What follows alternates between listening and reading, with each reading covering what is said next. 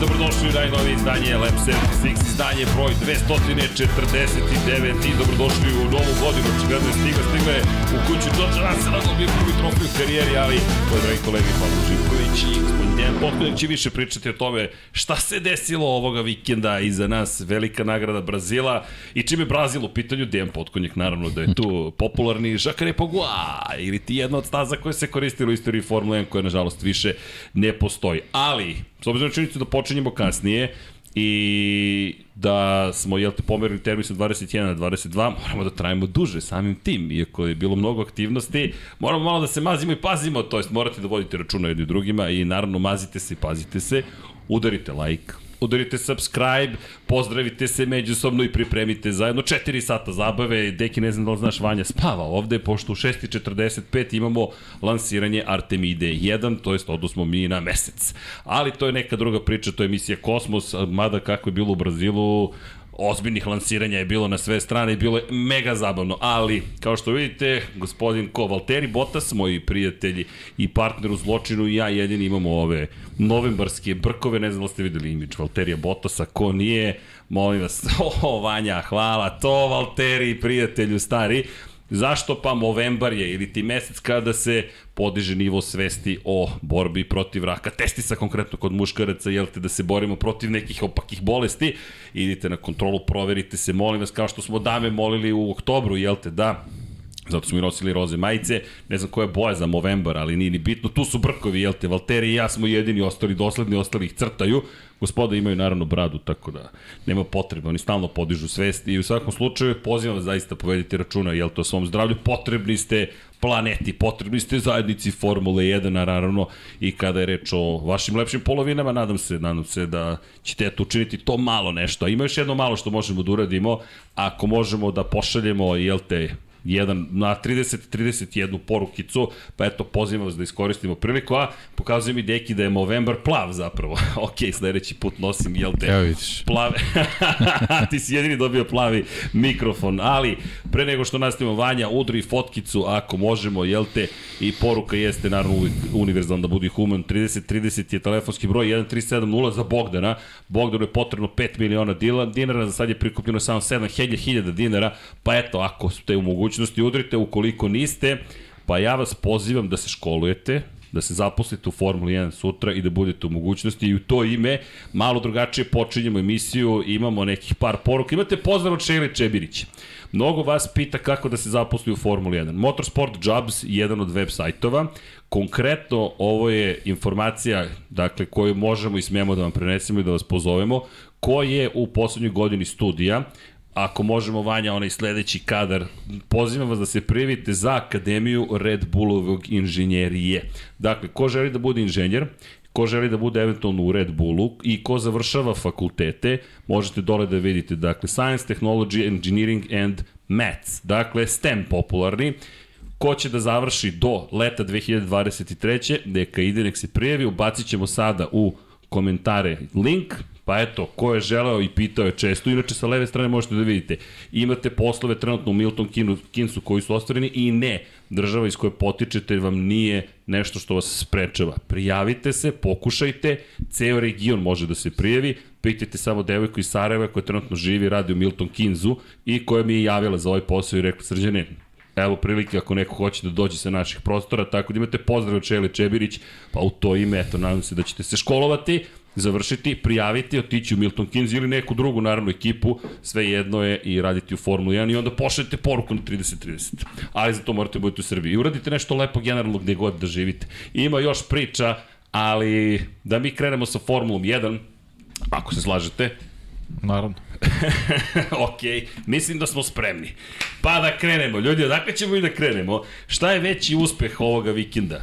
Prva pobjeda u karijeri Georgea Russella, konkretno u Mercedesu, ili prva pol pozicija u istoriji ekipe Hasa i Kevina Magnusena. Šta vi kažete? Pa krećemo od pobednika. Naravno. Ovo ozbiljan mi je Paja večeras. Pa da, nema, seriozno samo. Krećemo od pobednika. George Russell, ljudi. Slažem se. Prva pobeda ove sezone za Mercedes, prva pobeda u karijeri za George Russella, dvostruka pobeda i George Russell koji ne samo što je pobedio u glavnoj trci, pobedio i sprint kvalifikacijama. Ili ti osvojio pol poziciju. Ili pa, ti da. osvojio, pa više nije, ali jeste zapravo, pošto to jeste pol pozicija i evo ga pogled na prelepi pobednički bolid koji je pred ovom publikom za one koji su na audio platformama, verujte, ispunjen startno ciljni pravac. Brazil je poseban i neko kaže titula je rešena, nema šta da se gleda u Formuli 1. Kakva greška. Ljudi, u Brazilu uvek ima šta da se gleda. Ova atmosfera, koliko pa je bilo? Preko 270.000 ljudi. Ne, ne, nije. Nije, 230.000. 238, 238, ali opet Ali fenomenalni više nego prošle godine, 181 je bila prošle godine, tako da. I potpun uspeh Georgea Russella. Dakle, što kaže Deki pol pozicije, to je skrenuo je prvi u glavnoj trci, najbrži krug trke je postavio i pobedio. Pa da, I pobedio Luisa Ajde Hamiltona. da pričamo, da pričamo o Russellu i Mercedesu, da, da, da, Da krenemo od glavne da ne priče. stavljamo onako u isti koš neki greške koji su pravili drugi, već Mercedesov sjajan plan generalno za trku i Russell koji je od početka do kraja bio dominantan, dakle njegova pobeda nijedan momenta nije bila ugrožena. Uz onaj incident Verstappena i, i, i Luisa Hamiltona, jedna kontrola puna i prilikom restarta i napravio onu razliku e, kod onog e, izlaska sigurnosnog vozila kada je napravio razliku već jedne sekunde, nije dao Hamiltonu da budu DRS zoni nijednog momenta, tako da je jedna savršena trka za, za Georgea Russella koja će mu mnogo značiti u budućnosti. To je ono, ono kad probiješ led, kad dođeš do prvog triumfa, nema, mislim, nema boljeg osjećaja za, za, za vozače. Eto, došao je do, do momenta da može sebe da onako da bude ponosan na sebe, da, da ima tu pobedu koja će mu dati neki elan u budućnosti i ono što je meni impresivno je način na koji je to uradio.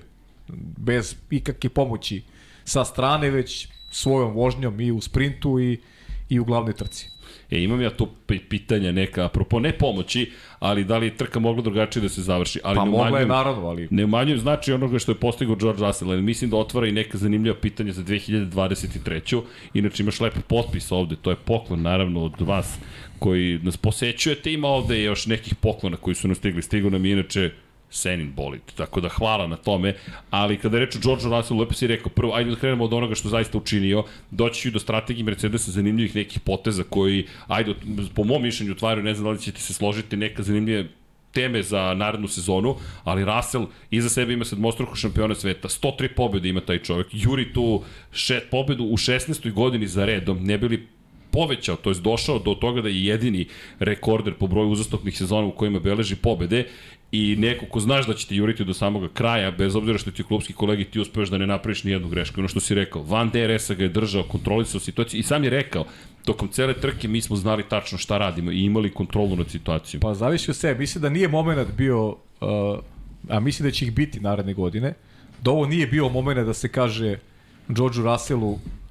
imaš iza sebe Luisa Hamiltona, važnije je da Hamilton dođe do svog prvog triumfa i da nastavi niz od 16 godina. Mislim da da bi to bio absurd da, da, da u jednom ovakvom trenutku vozača koji nikad nije pobedio da ga negde, a, a, a važan ti je za neku projekciju budućnosti. Tako da, Pričali, pitali smo se u prenosu, ali, ali realno, Čak- realno nije bio moment za, za tako nešto. Čak nisam ni na to mislio, nego da budem konkretniji. Hamilton koji je žela da A ostane ja na sam srednje... pomislio u prenosu, zaista. Da, da će ga da pa će ne, pomislio se da može da bude, dođe do toga. Ali realno, stvarno nije moment da uradiš tako nešto kad razmisliš vozaču koji ti perspektivno znači kad ide, ide ka, prvoj tri, kad ide ka prvom triumfu, a ti nemaš neki veliki ulog u celoj priči. George Russell koji, evo, gledam igrice. Ne, nemaš pogled- veliki ulog iz, iz, iz pogleda Luisa Hamiltona. Pričali smo o tome, evo, je, evo ga napredak. Dakle, 2021. godine imamo Hamilton u sredini, Verstappena sa desne strane, njegove sa leve strane Charles Leclerc.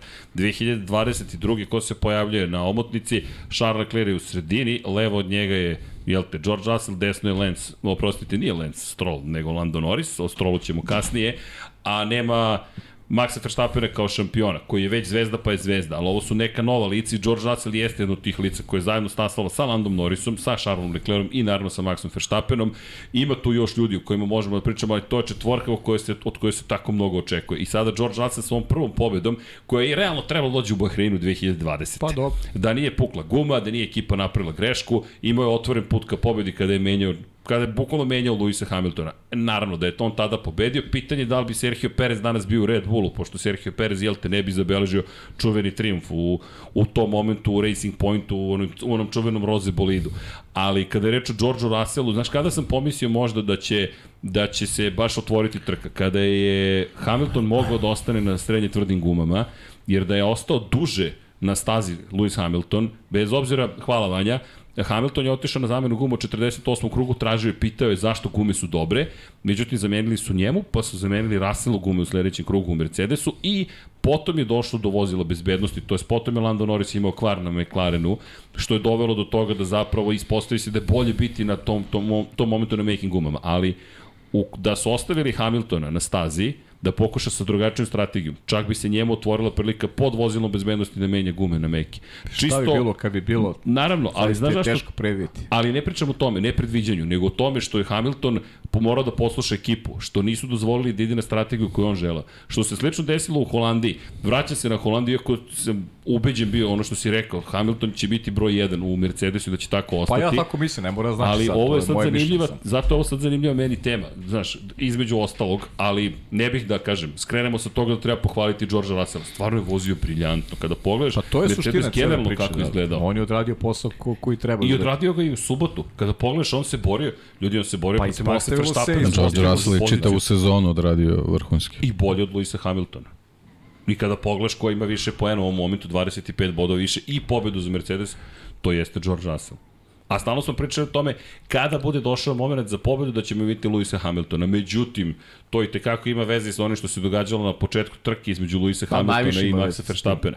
I kada su Ali zato niste pričali namjerno o tome, već da tamo Russell, George Russellu naznačio. Vanja, Vanja, da. slobodno vrati, slobodno vrati. Imamo mi subotu gde je jedna ekipa pogrešila s izborom guma, pa možda ne bismo imali ništa da je jedna ekipa imala, imala meki gume u sprint kvalifikaciji. Ali pogledaj ove krugove, od, od, tamo od poslednjih, dakle, zaustav, to jest, nećemo reći zaustavljanje, kada je otišlo vozilo bezbednosti sa staze, 60. krug, 0, dakle 1.14.333, 1.13.785 je vozio kao najbrži krug trke i sve do kraja je bila kontrola tempa. Blagi gubitak samo brzine, ali ti kada pogledaš, najsporiji krug mu je bio poslednji 1.14.878.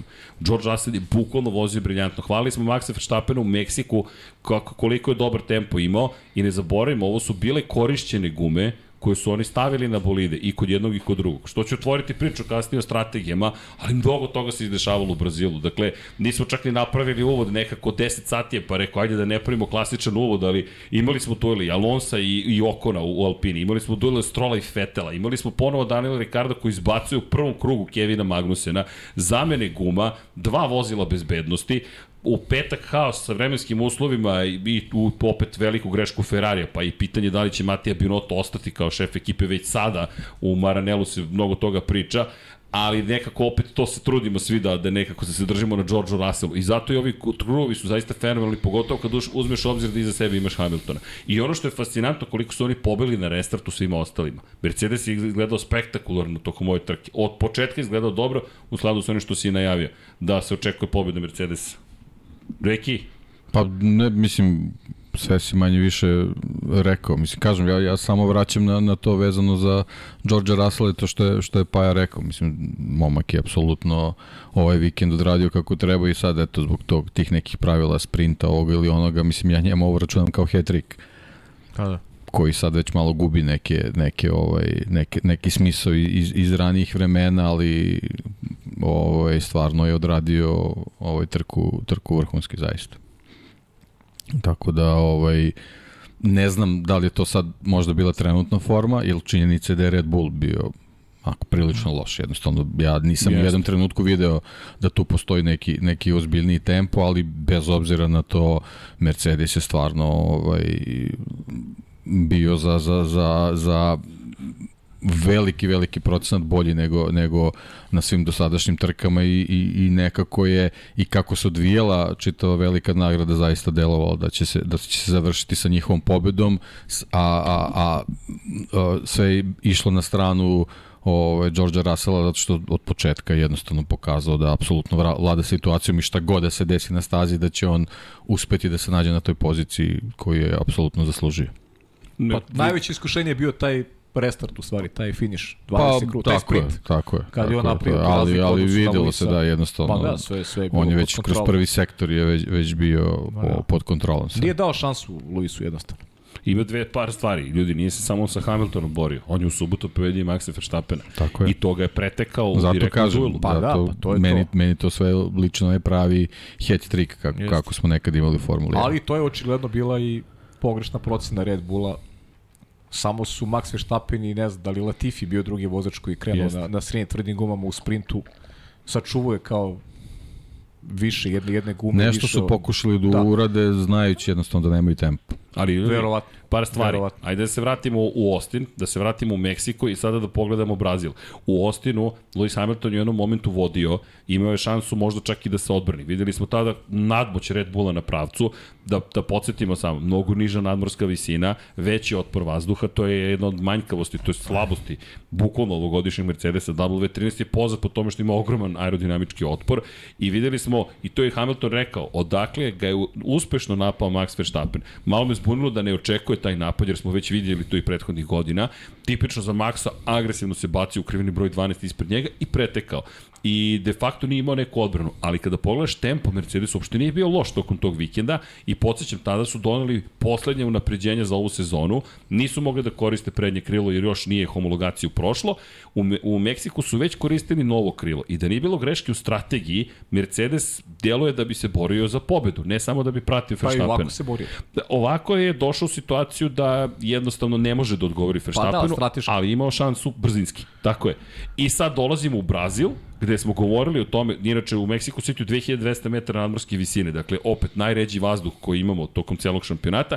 Ovde smo na preko 750 metara i Mercedes A dobro, opet ne, znamo, izgleda. opet ne znamo pravo stanje stvari, realno. Ali zato je Abu Dhabi mnogo bitan, zato Jer što tu idemo na nivo Nije mora. ti, nije ti Sergio Perez reper uh, nekog realnog stanja Red Bulla, a mi nismo dobili realno stanje Maxa Verstappena. Ali pazi, Max je i u glavnoj trci nije bio na tom nivou. Učio se, ali on nije bio na nivou uopšte od momenta kad imao taj incident. A, Ali Znaš, pa, to je sad pitanje nekog, možda i nekog njegovog, ovaj, neke njegove forme stava nakon incidenta i tako dalje. moguće, evo ga Prosto inače nije bio, incident. prosto nije bio u, u, u nekom, u nekom ovaj, Pazi, ajmo da vratimo. Dobrom ritmu. Vanja, samo vrati, molim te, prethodni kadar. Ne, ne, ne, ne, to, to, to. Dakle, evo ga prvi moment, ovo je već kontakt. Inače, hvala Hasanu Bratiću, geniju, koji ima ove fotografije i koji nam je dao na raspolaganje. Kao što možete vidjeti, vrlo ozbiljan kontakt kada je reč o, Da. sa leve strane, Luisu Hamiltonu, s desne, Maxu Verstappenu, ozbiljne izjave. Ne možemo da ne dođemo do ovog incidenta. Prosto njih dvojce su magnetom se lepe jedan za drugoga. I lep kadar ovde iz perspektive toga gde se nalazi Max Verstappen, gde je Lewis Hamilton. Pričat ćemo o tome zašto su smatrali da je ovo greška, to je zašto je kažnjen Max Verstappen, ali ljudi, neminovno je bilo čim smo ih videli da su jedan pored drugog da će se ovo desiti. I ako pogledam iz drugih kadrova, Max Verstappen je u temenu krivine. Međutim, specifične su ove krivine 1 i 2 u Brazilu. To su prilično uske krivine. Ti ideš levo, podmah desno, čuvene senine krivine, pa nazad levo. I evo ga moment kontakta. Inače, ako obratite pažnju, dakle, i Hamilton gleda u desnu stranu, znaju jedan i drugi da su tu. Međutim, najoštrija izjava je bila Maxa Verstappena koji je rekao čim sam ušao u prvu krivinu, dakle sa spoljne strane, znao sam da mi neće ostaviti prostora i rekao sam, ok, ne ostavljaš prostor, nećeš da se trkamo, onda ćemo se sudariti bukvalno direktna izjava i tipično za Maxa koji inače ima te manevre gde ili ili tvoj izbor. Ja ti kažem da posledica frustracija je i ono što se dešavalo dalje u trci. I ovde je pao On, na osmu on prvi put poziciju ove godine nije bio svoje, na njega uticao taj incident. i delovo je inače kao da nije klasičan Max Verstappen. Inače, u sličan Pa i one kasnije reakcije do koje ćemo doći tokom, ovaj, tokom podcasta, mislim da su posledica celog tog stanja svesti koje prosto nije nije bilo na na nivou onoga što smo navikli da gledamo tokom, tokom Dvostruki ove svetski sezone. šampion mora drugačije da se ponaša. Potpuno. Šesta pozicija, na kraju trke sedmi je bio Sergio da, Perez. pričat ćemo o treći tome, da ne skačemo ne, ne, sada ne, ne, sa- sa bez brige, teme na bez brige. Nećemo otići tamo, ali samo da napomenemo gde smo bili. Dakle, Sergio Perez koji jeste bio sedmi, Carlos Sainz koji je na poziciji broj 3 završio trku ispred Charles Leclerca u drugom Ferrariju i Fernando Alonso koji je bio peti. I ne zaboravimo na, tamo na začelju, dakle na začelju, ljudi koji su osvajali poene kada pogledaš i Lance Stroll koji je osvojio poene, Esteban Ocon je inače bio osmi, deveti je bio moj čovek, Valtteri Bottas u Alfa Romeo i Aston Martin taj jedan poen. Samo da ne zaboravimo osvajače poena sve. Dakle, kada pogledamo kako se završila trka, Red Bullov najgori rezultat još od Bahreina. Od Bahreina prve trke sezone, ovo je 21. ove godine, se nije desilo da ne stoje na pobedničkom postolju Red Bullu. Aj, pošto To je pričali smo ti, a kako si ti deki vidio ovaj, ajde, ovaj incident sad, imali smo sliku Max i, Luis. Pa dobro da ove slike možda ne pokazuju Mm. u celosti. u celosti ovaj, tu, tu situaciju, mislim, imamo samo taj, taj fragment, ali generalno se videlo od, od početka tog manevra da on jednostavno ide tu, ne mogu sad, sad kažem na sve ili ništa, nego jednostavno ide u taj manevar znajući da, da to ne može, ne može dobro da, da, da. se završi, posebno kad imamo istoriju ovaj dešavanja, ne ne samo njihovih incidenata, istoriju dešavanja u, u tom spletu krivina. To je jednostavno je uh, kao što si rekao tak tak takav layout čitavog tog tog dela staze da da ti ako ako uh, izađeš sa sa idealne putanje da da bi da bi ostavio prostor onome ko te pretiče sa sa unutrašnjeg dela ti ti posle gubiš bukvalno do, do četvrte krivine si si ono jednostavno glineni golubi svako će te proći ko, ko i ole bolje prošao kroz, taj splet i krivina i, i to se znalo. Sad jedino i ono što, što i Max pričao, mislim čita ova situacija uh, ne može se gleda crno-belo zato što ovde više Lewis Hamilton možda izgubio. On je možda mhm. izgubio te neke dragocene desetinke zbog oštećenja bolida koje bi kasnije možda mogla da mu pomogne u, u, u borbi za pobedu, ako bi uopšte bilo ovaj prilike da, da, da, da se bori sa, sa, sa Russellom, ali eto, generalno ovaj, nekako od samog početka ovog, ovog duela se videlo da moraće tu da leti neki karbon mm. i Pa odmah Tako smo i to i rekli, ali, da. ali ima tu par stvari. Tako Hamilton je. je rekao, čim je izašao iz bolida, pitali su ga o incidentu, rekao je, pa šta da vam kažem, znate kako je to sa Maxom.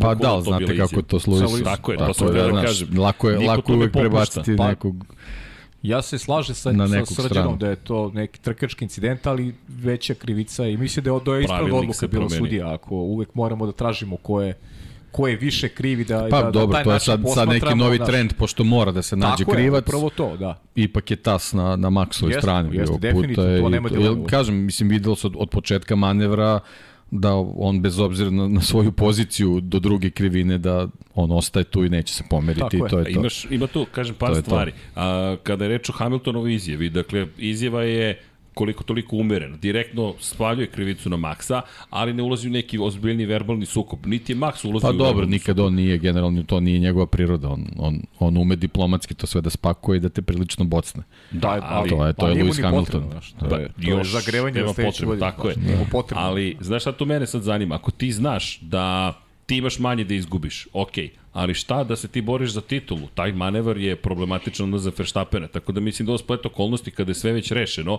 gde je ovo čisto trkanje. Pa, zato bismo jedan više, jedan. više bismo i pričali o tom manevru, možda bi i drugačije sudije gledale na isti da je to bila direktna borba za šampionsku titulu.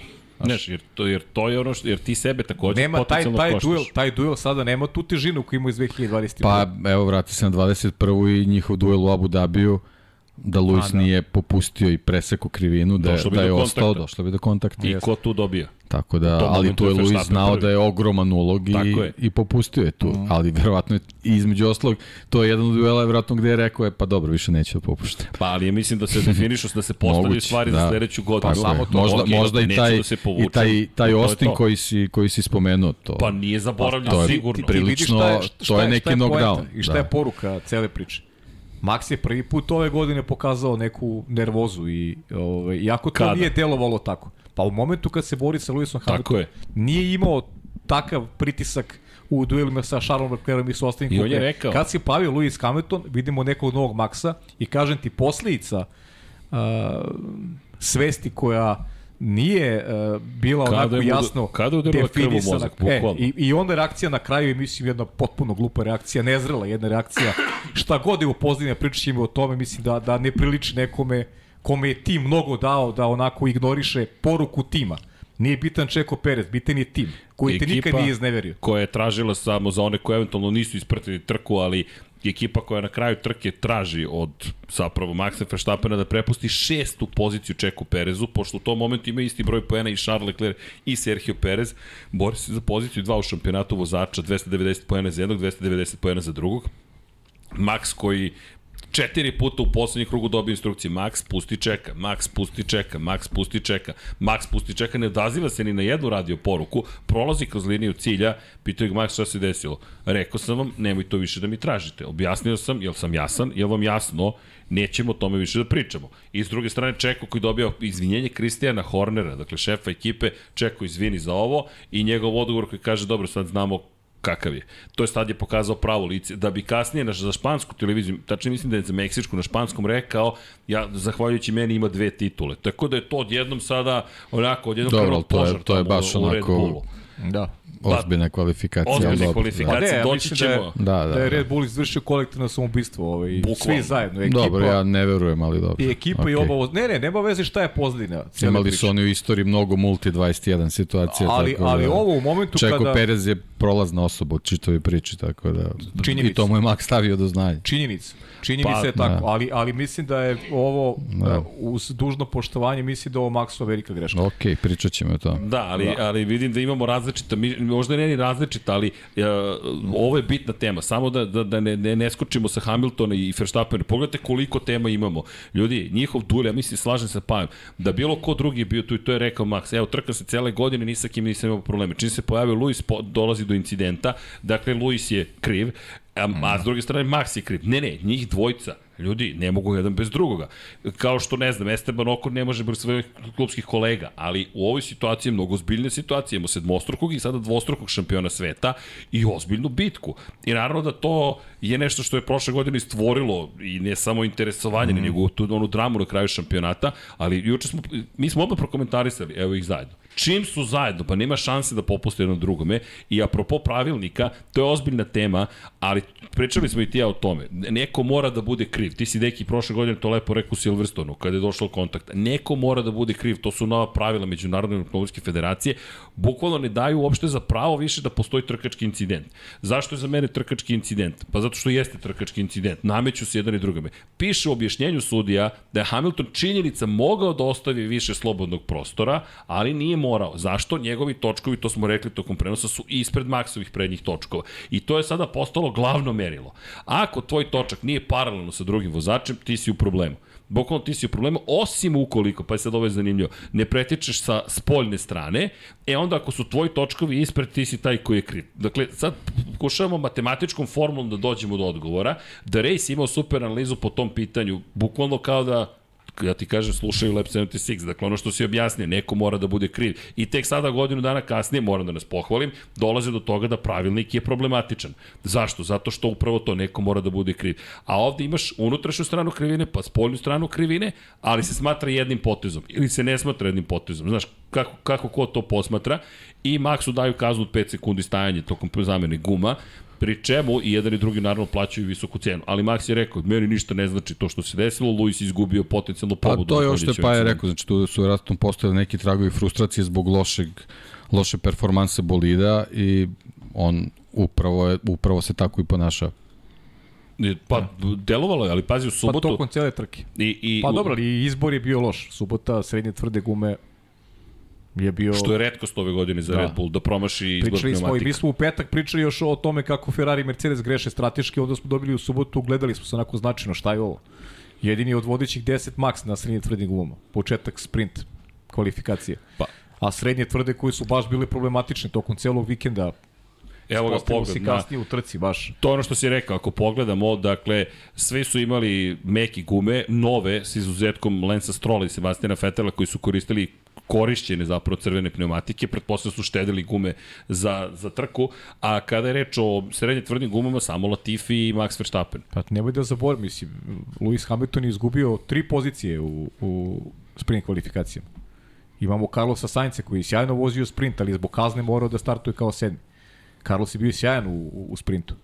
Jeste, su Sainz je odradio odličan posao. Maxi da, da je potreo sprint još jedno 3-4 kruga, izgubio bi još neku poziciju. Pazi, dotaći ćemo se Ferrarija, ali Ferrari koji, uprkos tome što imao dobru trku, odradio uglavnom dobro, izuzimam Charles Leclerc, o tome ćemo tek da pričamo, došao je do toga da zapravo Mercedes ima pobedu i ne samo što je smanjio razliku u šampionatu konstruktora, već u, drugoj, u drugom delu sezone jedini pored Red Bulla koji je slavio Mercedes. Ferrarija ponovo pa, nigde nema. Pa prekinuti taj niz, ništa od rekorda Red Bulla i misli da je to da je to bio neki cilj Mercedes i zato kažem da su pustili pustili po znacima navoda Rasela da trku završi do kraja na pravi način, da, da nisu ni razmišljali o nečemu što se zove strategija, već je bio cilj sam pobediti u trci.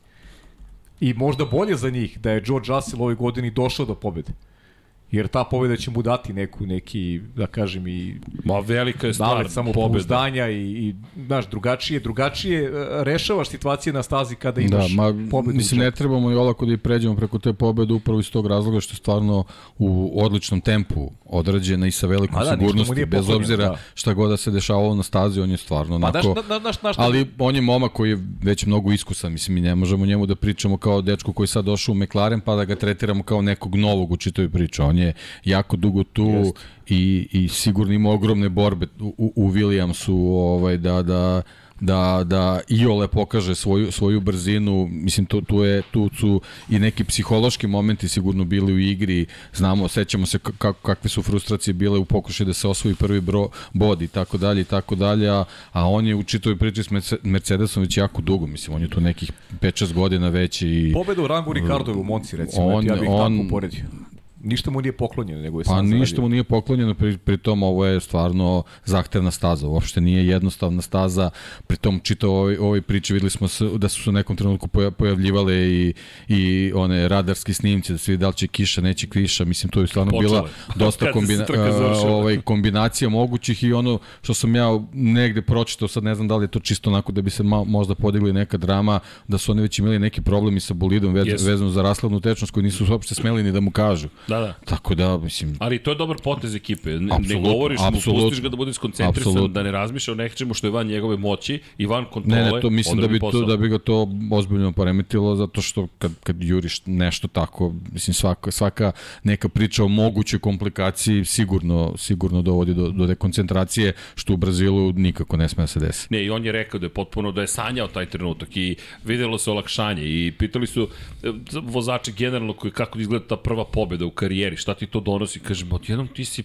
prešao na sledeći nivo. Tako je, ne, prvo što, što, što taj neki teret pada s pleća i Ma, ti si sad već u nekoj drugoj zoni potpuno. Tako je. Tako je. I Znamo, što je znamo prva. Sergio Perezu šta je donela ta pobeda. Kakav preokret u karijeri. Ma potpun preokret u karijeri. Mi, da nije bilo te pobede, kažem da je Russell tog dana pobedio, svi bismo pričali o Russellu. Kakav triumf, zamenio Luisa Hamiltona u prvom pokušaju Mercedesu došao do pobede.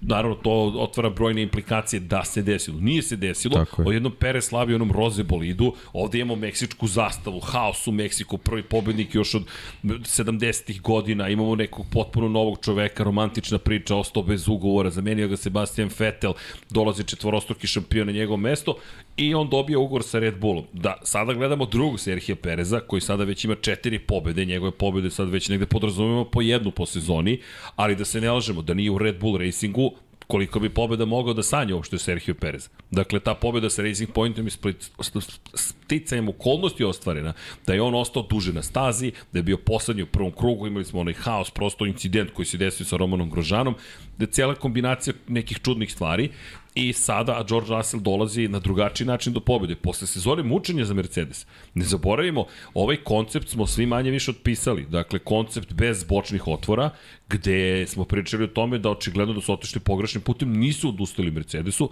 uložili su ozbiljna sredstva, potrošili sav budžet za razvoj bolida za ovu godinu i sad čekaj, ako su oni dobri bili u Ostinu, ako su dobri bili u Meksiku, ako su dobri bili u Brazilu, što su drugačije staze, da ne zaboravimo, ovo je krug u levo takođe, to isto treba dodati, dakle, koliko god to smešno možda izgledalo, nije, to nisu česte staze, dakle, ti na drugačijoj konfiguraciji staze dolaziš do uspeha i još jedna bitna stvar, ukoliko u Abu Dhabiju koji nam dolazi, budu ponovo konkurentni, ja mislim da je platforma za 2023. shodno onome što si najavio spremna. Pa I mislim sad, da je spremna svakako. I sad imaš pobednika, sad ono što je zanimljivo, imaš pobednika i šta je rekao Damon Hill, šampion iz 1996. Inače, sin Grema Hilla, dvostrukog šampiona sveta. I jao, jao, da iskoristim priliku. Jao, Vanja, treba Šlagvort. šampionima, kakav šlagvort. Molim te, Petrovo remek delo. Dragi ljudi, imamo lepe vesti. Dakle, pričali smo o ovome, ali da vam pokažem kako će knjiga izgledati. Dakle, šampioni Formule 1, legendarni vozači F1. Trenutno je na prodaju u našoj prodavnici novo izdanje Infinity Lighthouse Biblioteka Lab 76, 3273 dinara, to je popust od 30%, traje do 21. decembra. Mi čekamo dozvolu da se promeni, to je da sačekamo novu naslovnu stranu. Dakle, još veća je od Rosijeve knjige ko je kupio Rosijevu knjigu može da vidi dakle o čemu pričamo. Kod nas samo veće i veće, dakle samo rastu knjige, tako da je monografija u kojoj imate sva, svih 34 šampiona između ostalog, evo, Alan Jones, ne znam ni kako da držimo ovo, ima 2 kg knjiga otprilike, i naravno predivne fotografije, monografija i tako dalje, preko 200 strana, 200 40, ovo je 227, Niko Rosberg, Max Verstappen, 238 strana. Tako da znate ko želi, shop.infinitylighthouse.com, još jedna knjiga stiže, a bit će ih još kako smo krenuli, nećemo tu stati, evo ga Niki Lauda, ko je bio na našoj izložbi, neke slične fotografije mogao da vidi. Inače, sutra će biti postavljeni i fotografije koje su na prodaju Andreja Isakovića i Miloša Cvetkovića u dobrotvorne svrhe. Uhu, iskoristio sam za EPP. Tu čitajte o Grahamu Hillu i o Damonu Hillu i nadam se da ćete uživati. Posetite, naravno, time podržavate cijel podcast, ne samo podcast, cijel Infinity Lighthouse. I ne samo to, dobijete do predivnu knjigu. Kako? Slack. Vanja mi nešto javlja na Slacku da sam dobio poruku. Ali uzbuđeni smo, pošto knjiga izgleda sjajno, tako da u skladu sa onim što su i, na, i naša nege želje i očekivanja. Elem, Damon Hill šta je rekao? Rekao je, to su ti stepenice. Zabeležiš prvu pobedu, onda idu više, više pobjeda, onda ideš juriš šampionsku titulu, onda juriš više titula. Pa I to ti je život generalno. Tako je. Kao da igraš igricu. Uh, koliko donacija, čekajte. Bojan Gitarić, 500 dinara, veliki pozdrav za sve. Da li mislite da će Max izgubiti simpatije jednog dela navijača zbog poteza sa Perezom? Neće svojih navijača, ali pričat ćemo kad dođe vreme ali za to. ništa se neće desiti. Pa neće se desiti, naravno, ali je potpuno je Pa sad... Suštinski neće. No, Pričat ćemo. Okay. Doći će novi Perez, nije sporno, ali poruka koju je poslao nije dobro. Da, inače... To zavisi s kog ugla gledaš. Pa dobro. Ba... Ajde, pričat ćemo. Da, ali vidi sad, pa, a, doći ćemo, do, ne znam sve kada dođemo, možemo i sad odmah, ali ja sam dobio dosta poruka rezigniranih navijača Maxa Verstappena, razočaranih njegovim potezom. I imam i pro i kontra. Kada kažem pro, a, ne, nemam nešto kao zašto je to pozitivno što učinio, ništa to nije pozitivno, ali imam objašnjenje možda kako je bio rezon iza svega toga i da nije to tako strano šampionima, kao što se dešavalo tokom godine iza nas, nego je malo zaboravljeno. A inače, Nik, Nikola Niksi je novi svetioničar, ili ne, on je već duže svetioničar, ta, ima neka pitanja. Markan je donirao 5,99 eura, hvala. Kaže, svi ti incidenti Max Lewis se događa kada Maxu nije značilo ništa ili mi je bilo ok da obojica ne završe trku. Zanimljivo je bilo da je obrnuto. Pa Markane, to je upravo to. Šta će sledećih godine biti, ali pazi kakva se scena tu sad postavlja. Jer neće biti samo njih dvojica. Ova Russellova pobeda mnogo znači, pri čemu smo videli da Mercedes na početku sezone dozvoljava trkanje. Tako da ako Russell može da se pa nametne ja, ja mislim godine... Da, ne, samo je to pitanje. Kakva će biti relacija Russell-Perez? Russell Perez ili Russell Hamilton? Ma Russell Perez. Mm. Ja mislim da neće biti dilema uopšte oko toga. Ko je vodeći Ma, vozač? Da. Nemam uopšte dilemu oko toga. Beki, imaš ti dilemu. Russell, O, Russell Perez. Hamilton. Pa to, drugi vozač, kako Da li se će ponaša Russell biti naš- vozač dva? Perez ne može da, da, da, da, da priđe Georgeu Russellu. E, pa to ti kaže, to je da pitanje priđe. podrška drugog vozača. George se Russell je ozbiljan vozač. Ali ne mislim da, da ne može u da mnogim bude... parametrima. Sergio Perez koristi svoju situaciju, koristi Red Bull, međutim pokazao je da na određenim stazama jednostavno ne, ne može da parira. Pa zato i kažem, I relacija kako je, će da bude To je jednostavno tako. E, b- ali mene zanima da baš ovo da li će se desiti zaista da Russell bude deklarativno broj 2 odmah do početka sezone ili ne u Mercedesu. Znaš, ja, Pa, to, ja to, mislim to da će da će... se nametne samo po sebi. Ja mislim da će to da, da će to biti zanimljiva priča na početku sezone, pošto mislim da ima priliku da se nametne, da da i, i malo se vraćamo mišljenju koji sam imao u Holandiji, mada mi se mi dalje pokolebao da da je da je Pa zna to je se ko je ko. Zašto su te pokoli? Imaš svoje mišljenje. Ne, ne, imam, ali, ali ima smisla u ovome što govoriš. Naterao si ga da dodatno razmisli. Da, da. tako je, neki, tako je, kapisla. Ja sam ubeđen da će, da će za, o tituli da se bore Max Verstappen i Lewis Hamilton i da ćemo se nagledati ovakve dule. Da, i inače, um, MS13, dakle, 1000 dinara donacija, mislim da ga to ne dotiče Gazi Max, to je ono što si rekao. Dakle, da, svoje na, naši navijači navijači. Maxa će biti uz Maxa navijače Maxa. Verstappena biće kao što sam ja bio u 7 mogu napraviti šta god hoće, ja sam to video kao je dobro. Znaš, šta god uradi i loše, ja to vidim kao dobro. da ti to Znaš, često to je- navodiš kao primjer, i Pa to je da, sjajan to- primjer to je-. To je to, znaš, ti nemaš, strašni. ti nećeš nekom za koga navijaš da uzmeš za zlo bilo šta. Razumeš? Da, ne kažem da je to pozitivno, ali to je tako. To je tako, to, je, tako, to je prosto navijanje. navijaš za znaš, to je- nekoga to i tražiš navijanje. objašnjenje. Deki Pa nam se sme, sme mu se cela brada, ne samo brk. Pa je Deki Gospodine to Deki Potkonjak. zna iz primjera Liverpoola, znaš. On će uvijek da gleda svaku novu utakmicu. Ti izgube 3-0, gledat će sledeću i to je, to je Nisu navijač. izgubili, ne pa znam. ne, kažem, karikiram, znaš. Alo, svetsko prvenstvo u fudbalu počinje. da, da, da, svetsko prvenstvo, izvinjam se. Da. Slobodni smo do Boxing Day. Ne, Do Boxing Day. Ne, Znaš nemamo, to nerviranja E, do Znaš tada. kako se zove Boxing Day u srpskom jeziku? Je li ima Boxing Day u srpskom? ima, jeziku? ne, ne, ima, to je prevod, naravno, to je... Znate kako se zove? Kako se zove? Dan kažeš? Darova. Pa da. Pa Dan dobro, Darova, da, bukvalno, da, to je, to je zvanični naziv, Dan Darova, Boxing Day, tako da znate... Pa zašto je Boxing Day? Zašto je Boxing Day? Da, zašto se tako zove? E, koliko znam, to je dan posle Božića po Gregorijanskom kalendaru i to je bio dan kada su mogli da, kada se zapravo da, darivali valjda da, običnim za, radnicima su se da, da, davali Tako je, da, tako da je prevod je sasvim okej. boks, u smislu ne, Kutije, ne, ne idu u poklon, boxing, da, da, ne idu da, da se tako je, tako boksuju, je. nego boks kao kutija, čisto da se razumemo, Tako niko je. ne ide da se tapa Tako ni sa kim, tako je. nego se dele darovi u kutijama i zato je Tako da prevod je skroz okej. Pakovanje, dan pakovanja, je. dan darivanja. Tako da eto, Čak i 26. prevod lepši, viš, uvijek Evo, imamo lepši prevod. darujte sebi... Imaš e, sad fore da budeš miran do dana darova. To, to. Ne, čekaj, sad mi pokvariš šlagvort. Darujte sebi šampione Formule 1. Jedini sam ja ovde u EPP-u, ali stvarno, ljudi, A pomozite malo. ti jednom da budeš EPP-u. Jednom, pa da, man. Udrite like i udrite subscribe. A, da, zašto? Zbog Šejli Čeberić, sad se hvatam za Šejli. Jao, Vanja, daj mi nešto. Pričali smo da su titule odlučene, ali znaš koja titula nije odlučena? Nećemo ostaviti samo za kraj. Evo, 30 sekundi za Prancing Horsa koji vodi trenutno u fantaziju. Dakle, zvanična liga Lab 76, Ček, Luka gotovo, M. gotovi Ne, ne, ne, ne, polako, polako. Kaiser F1 je drugi Mihajlo, zatim Master Blanc Puštaj Šejla, muziku. Weekend Warriors, Praneš Cene. Sve teme Vanja, otvorene, gledam te, zatvorene. Šurikeni su ovde. pa Mačak from Čačak, pa Brusnički munje ninja ratnici, Šumi Weltmeister. Opa, Šumi Weltmeister, ovo je novo ime u među vodećih 10. Majkelele 1 i Tim 1.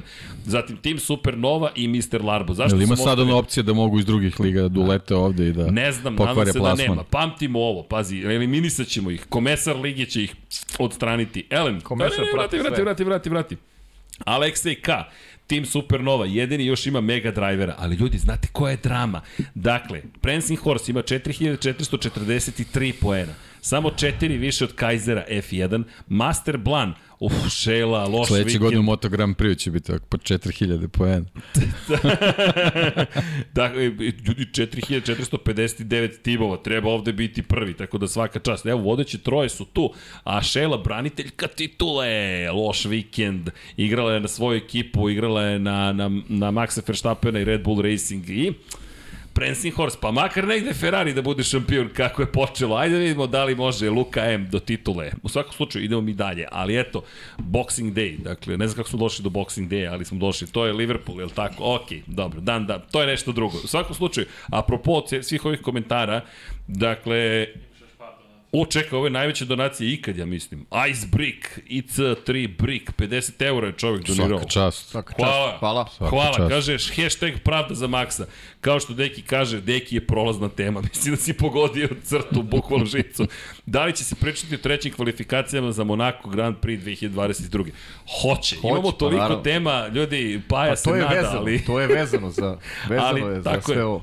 Da, inače Zoran Cimeša donirao 100 norveških kruna, pozdrav sa u trojici i malo razočaranje mene, Maksa. Mene strašno zanima ovaj, čovjek sa preko puta mene, ovaj, Dobro. koji, koji, hejtuje, koji hejtuje Flavija Briatorea Dobro. i zanima me sad razlika između Flavija Briatorea i Serhije Pereza.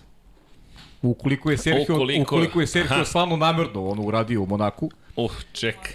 Koja je razlika između Serhije Vanja, Pereza i Flavija Briatorea? Vanja, daj troplan, da ne kažem Koja daj. je razlika? Nema razlike. Samo da vam pokažem. Nema razlike. Crno, Zato je, zato je dobio što je dobio. Pa- sivo. Tako? Okej, Pre čisto svega da se sportski. razumemo. E, e, Potpuno pas- me ignorišu. i- i- lobuju. Da li je Max Verstappen nešto nesportski uradio? Slušaj, slažem se s tobom. Znaš iz kog pogleda gledam? Uh, samo iz jedne stvari. Max Verstappen, šalješ poruku, uh, ekipa koja je uradila za tebe uvek sve. I mislim da su Red Bullu, oni su znali taj stav Maxa Verstappena, ali verujem da su gledali malo i ka drugom vozaču. Moraju nešto da daju tom drugom vozaču koji konstantno kada mu se uh, u radiokomunikaciji kaže skloni se Maxi to nikada nije pravio zato što bi dobio naravno i otkaz kada bi, kada bi se suprostio ekipi. Ali ti si neko je šampion. I pitanje je tvog imidža. Ti treba da prepustiš poziciju u šest. Ne bi ti ekipa tražila da si ti bio na trećem mestu, da je to pojedina ekipa, ti traži da šesto mesto prepustiš kolegi da bude sedmi. I, I to izgleda javno stvarno To je, veze. to je jedna priča. Sa, sa, ne, to je apsolutno samo jedna je to strana. priča Da. iz, iz Maxove perspektive. Meni je samo to priča. Jer sve ostalo nije priča. Jer Čeko Perez sledeći put, ako ne bude hteo da on će dobiti otkaz ovako. Dolazi neki drugi Tako je. vozač Red Bull uvijek ima na lageru. Tako je. To uopšte nije priča. Tako je. Ali ovo, ti si Max Verstappen, ti e, neko ko treba da misli o svom imidžu. Imaš ekipu koja za tebe radi bezuslovno sve. I prvi put je nešto tražila da ti uradiš za nju. Jer Red Bull nikada nije bio jedan i dva u konkurenciji vozača i ti e, nećeš da dopustiš, nećeš da prepustiš poziciju šest. Znači, da li si šesti ili sedmi, nema nikakve veze. Znači, razmišljaš malo o svom imidžu, a razmišljaš i o imidžu tima. Pritom, cela priča onda je povukla nešto što mislim da, da šteti apsolutno imidžu ekipe, da se vratimo na ovo Serkija Pereza, pritom izjava Serkija Pereza koja je stvarno, ne, ne znam kako bih je opisao, taj stav prema Maksu, pokazao je ko je, ja sam mu pomogao da osvojiti, ja sam zaslužan za titul, Pa dobro, to je meksička sapunica. Če- mislim, čekaj, je- prijatelju, je ko, okej. si, ko si ti ako si, ako si slupao namerno bolidom onako? Pa Znaš, ko si ti Upravo ako si to, zato što, zato što cela ona Maksova poruka ti govori da, da tu nešto postoji. Razumeš, znači, Mora da bude veće od toga. pa sve da je okej, veće ali to je, to je, sad, šampion. to je sad stvar njegove ličnosti. Da li je Mihael Schumacher trebao na A1 ringu da kaže ne, nemojte da me Rubens propušta? To je isto Nemoj to. da porediš. Ali ja, ne, ne, ne, ne, ne, ja uopšte ne, ne pravim poređenje upravo iz tog razloga, zato što sam uvek imao stav, to Srđan zna. Znači, u svim tim situacijama ne, ne postoje a, priče kako se jedna situacija gleda, kako se druga sta, situacija gleda. To je ono što sam sa Srđanom pričao, pričao znači, ovo je priča ko je sportista, a ko je džentlmen. Znači, ovde ništa nesportski nije urađeno. A da li on džentlmen? To je neka druga priča. Da li je, da li je Esteban Okon džentlmen? Naravno da nije. A da li je sportista? Apsolutno Nije on- jeste. Ne, ne, nije ovde pitanje to da li si Apsolutno džentlmen. jeste. Ti ignorišeš Ne, ne, poruku ne, tima. to Znaš, što si nema rekao, to, da to si treba da, ne, to treba bude džentlmenski potez. Ne, to treba da bude, to Šta? treba da bude reakcija na tim koji ti je sve dao. Pa koji potez? Znaš, to nije sportski to ili džentlmenski? Ne, ne, to, to je i sportski potez. Zašto je sportski? Pa, Pa nije sportski potez. Pa sportski je potez Kako zato što ti potez? daješ ti Formula daješ 1 dva je sport daješ na e, ivici. prijatelju, znaš, da, prijatelju, Pa timskom ne, kolegi. ne, ja Jer to interes apsolutno, tima. apsolutno u nijednoj situaciji ne pravim uh, uh, različite, različito poređenje. Znači, apsolutno je priča. Znači, da li je nešto sportski ili džentlmenski. Meni jedan i drugi. Jer, Okej. jer ovde je Perez, konkretno tim, izgubio poene koje mogu da budu bitni, jer Red Bull nikad nije bio jedan i dva u konkurenciji vozača, a očigledno Pa dobro, da im je da. sa tom porukom stalo da budu jedan i dva. Pa ne, mislim da je više sa tom porukom stalo da se Perezu ne znam, učini neki plezir, mislim, generalno Okej. ne, ne znam kakav, ali a, sad ono što sam i pričao sa Srđanom, znači a, a, da je on bio na repu Maksu u, to, u tim trenucima, pa da kažeš ok, znači on konstantno od, od restarta trke nije mogao da drži tempo, apsolutno. Tako da, Čeko inače bio na srednje tvrdim gumama, Zašto? tako da nije nikakvu šansu. Ne, znači to- to- zašto? to- To je opet, opet Ajde neka to, druga ajde to priča. da reši. Vanja, daj setove guma pred početak trke. O, sad ćemo da uđemo duboko u Pa Mini dobro, da, sad analiziramo Ne, neku nećemo- situaciju ne, ne, ne, ne, koja bez brige, bez više ćemo pričati Ne, ne, o tome ne, ne, nego ne, o Georgeu setovi Russellu. Ne, Ne, ne, ne, nećemo, strategije. Ne, ne, Da. čekajte sad, pa vas dvojica ste ispričaste, mogu ja nešto da kažem. Ma Čekajte. da, da, da, izvini, izvini, se molim te, što si ćutao malo. Da. Da. Eto i to se desilo. Zapiši Vanja. Zapiši, Segment Vanja. se zove Srđan Ćutao. Desilo se. Ne, ne, Vanja, ne ovaj skadar. Ne ovo, nego setovi guma pred početak trke. Nema veze. Po, a, možda sad poslaću ti. A nisi ti to poslao, sad ću ti poslati. Ali, ajde, apropo, zašto, zašto Čeko nema gume? Znaš šta mi je neki poslao? O čemu pričamo? Čeko koji spaljuje svoje gume na svim mogućim treninzima i ne čuva pneumatike, što je isto jedna od njegovih obaveza. Ako hoćeš zaista da budeš u trci neko ko, ko, ko može da, da ima različite strategije, pa moraš između ostalog i te stvari da uradiš. Inače, ceo vikend je mnogo kompleksan. E, Petak nekako toliko se stvari desilo u nedelju da smo subotu gotovo zanemarili, a petak još više.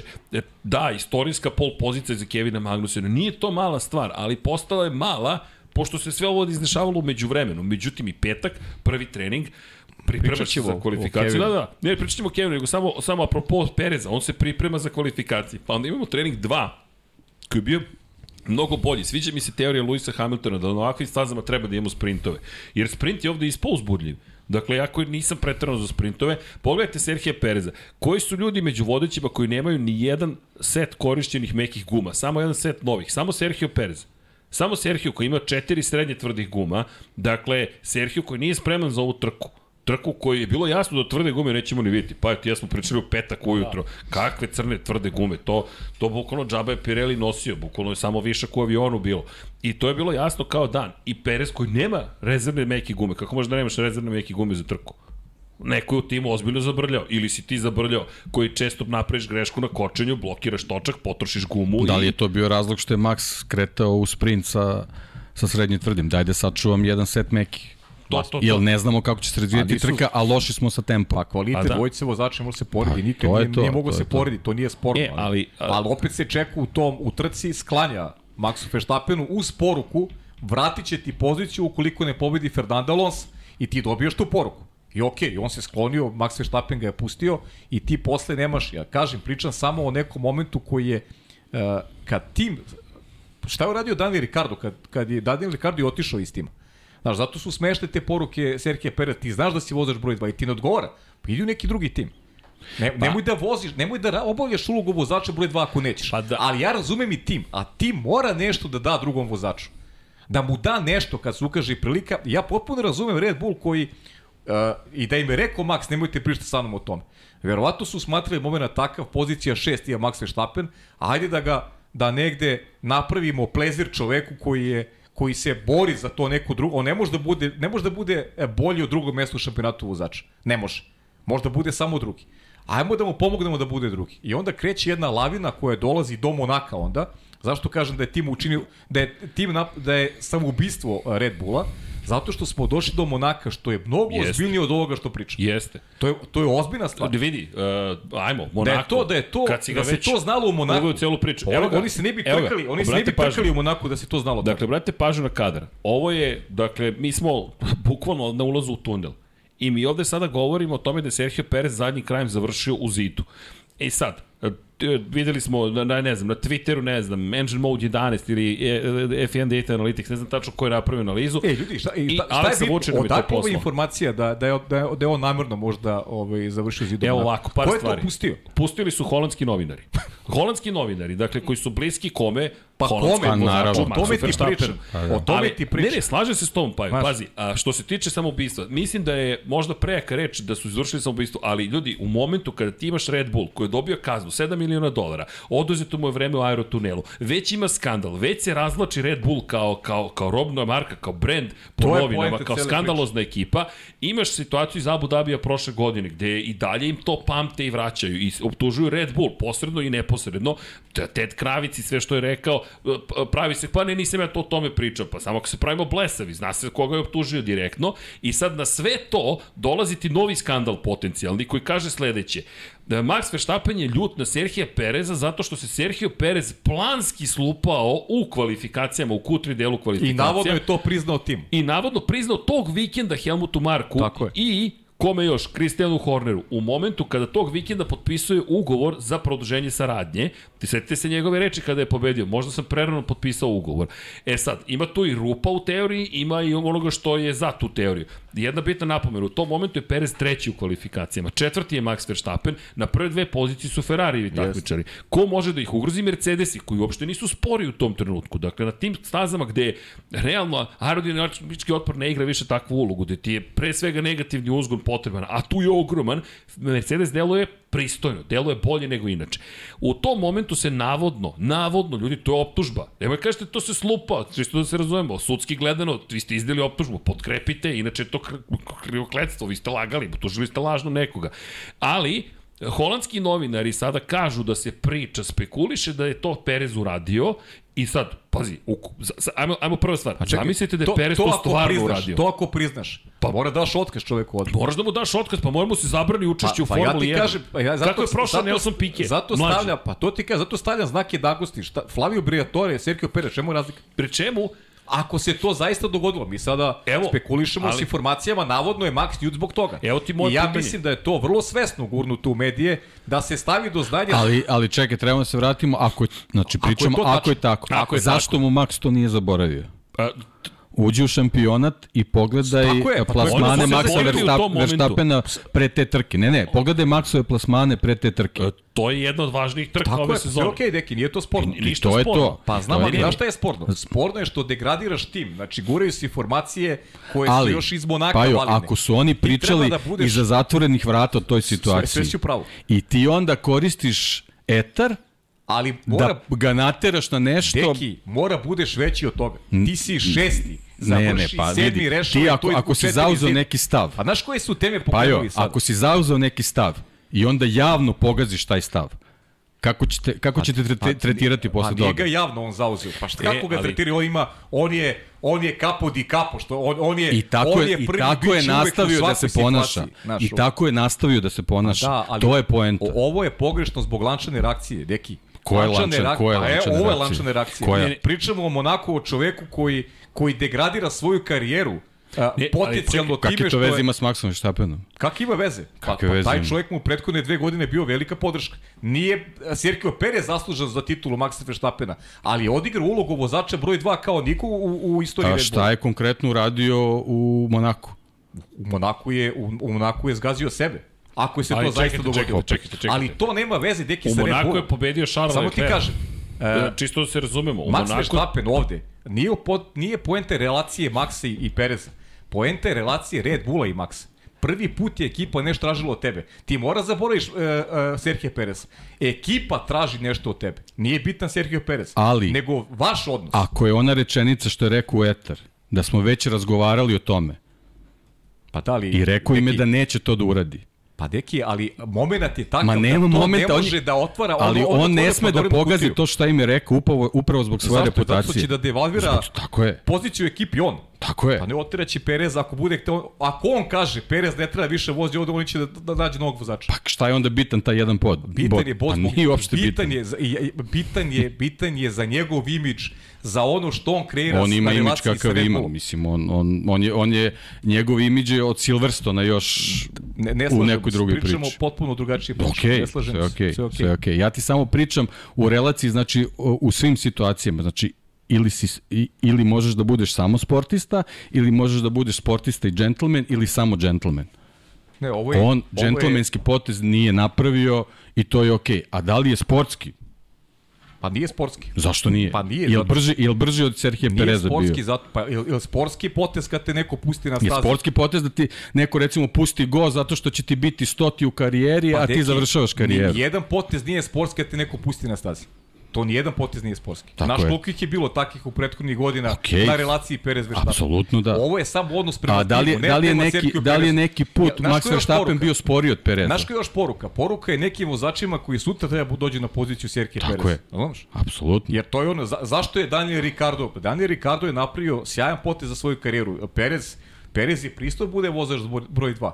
Zato što uh, nema karakter za nešto, za nešto i to smo pričali još u momentu kada je došao. Nije samo da se- karakter, njema karijera Okej. u nekoj... Ri, Ricardo u je nekoj išao, drugoj išao priči. drugim putem, ali ovde mislim da je potez samo relacija Red Bull, Max, Sergio Perez zaboravi. Zato je to poruka koja nije trebala da se dogodi. A pritom ovo što se gura sada priča... Da, ali ja Perez mislim da je to poruka koja ne treba se dogoditi sa Red Bullove strane. Pa, zato, Jer su okej. već su se u, u prošlosti opekli sa tim Pa situacijama. zato kažem, greška, je, greška postoji na sve tri strane. Mislim da nijedna strana nije uradila kako treba. A Pa, najviše dobro, razumem, znam, iskreno ti kažem, najviše razumem želju Red Bulla i Red Bull nekad mora da uradi nešto i da pomogne vozaču broj 2. U ovom slučaju ulog zaista bio mali, šesta pozicija i sedma, mislim da Maxu u karijeri ne znači okej, ništa. ali kažem ti ja kako god uh, uopšte ne gledam poziciju na stazi koja je da se neka odluka donese ili ne. Ne bi Samo ga- zbog toga. Zato što, zvali da zato što ne bih, ne bih uopšte, uopšte neću da pravim presedane u tim situacijama. Koja god da je pozicija na stazi. da uskočim. Samo izvoli. Sa, ti što samo- ne sa- pričaš. Samo uopšte. kratko, ne, ne bih da, ne bih da prekid, Ako pokušam nisi nešto vanje spreman, da deki, praviš presedane. Nemoj da očekuješ nikad da ti neko pomaže. E, ali Pajo, Pa Pajo, ako nisi spreman da praviš Ali, presedan, Bajo- nemoj da očekuješ podršku da, da tim bude apsolutno uz tebe. mislim da... ni- Ako nisi spreman za presedan. Mislim da nisi realan. Ja, ja, te, po- ja poštujem šta govoriš, ja bih volao da je tako, to što ti pričaš je neko čojstvo. Ali ovde pričamo o... Kad nije prič- čojstvo, ovo je odnos između ali, vozača ali i upravo ekipe. to, ali pazi, nije to nije, čojstvo. nije, ovo, znaš koji je odnos? Ovo, ovo je zvezda, to je kapricioznost već. On ima pravo na ovo. On nije donio, ko je poslednji šampion sveta pre Maxa Verstappena Red Bulla. Pa čekaj, ima, ima svako Sebastian pravo Vettel. na to, ali nije poenta u pravu, nego u poentu poruci kako šalješ. Pa, zato ti kažem, To se mislim, ne radi javno, To Srđane. deki, Znaš, ja se to slažem, se javno ne radi. ali vidi, ima, ima, ob- znaš kako, gledam sa strane. Pa ne možeš da se slažeš li, ili se slažeš ili se ne Pa slažeš. ne, ne mogu, pa šta sad crno-beli Ili se svet? Ali ko se je, ko je javno započeo priču? Zato što Deki Započeo je- govori o Pa sporu. Red Bull. Pa Red Bull. Pa Pa Red- Nastavio Max, pa a, a zašto ulaziš u tu priču? Ko? Ali to je Za, pitanje. Max Verstappen. Ne, ne, ali Ispoštuj Red šta Zato što im govorio objasnio zašto neće da ga pusti. Jer su oni to već iza zatvornih vrata diskutovali i rekao im je. Ja ga neću pustiti. Zbog toga, toga i toga. Mi ne znamo. Nagađamo da je Monako u pitanju. Rekao je da to neće da uradi.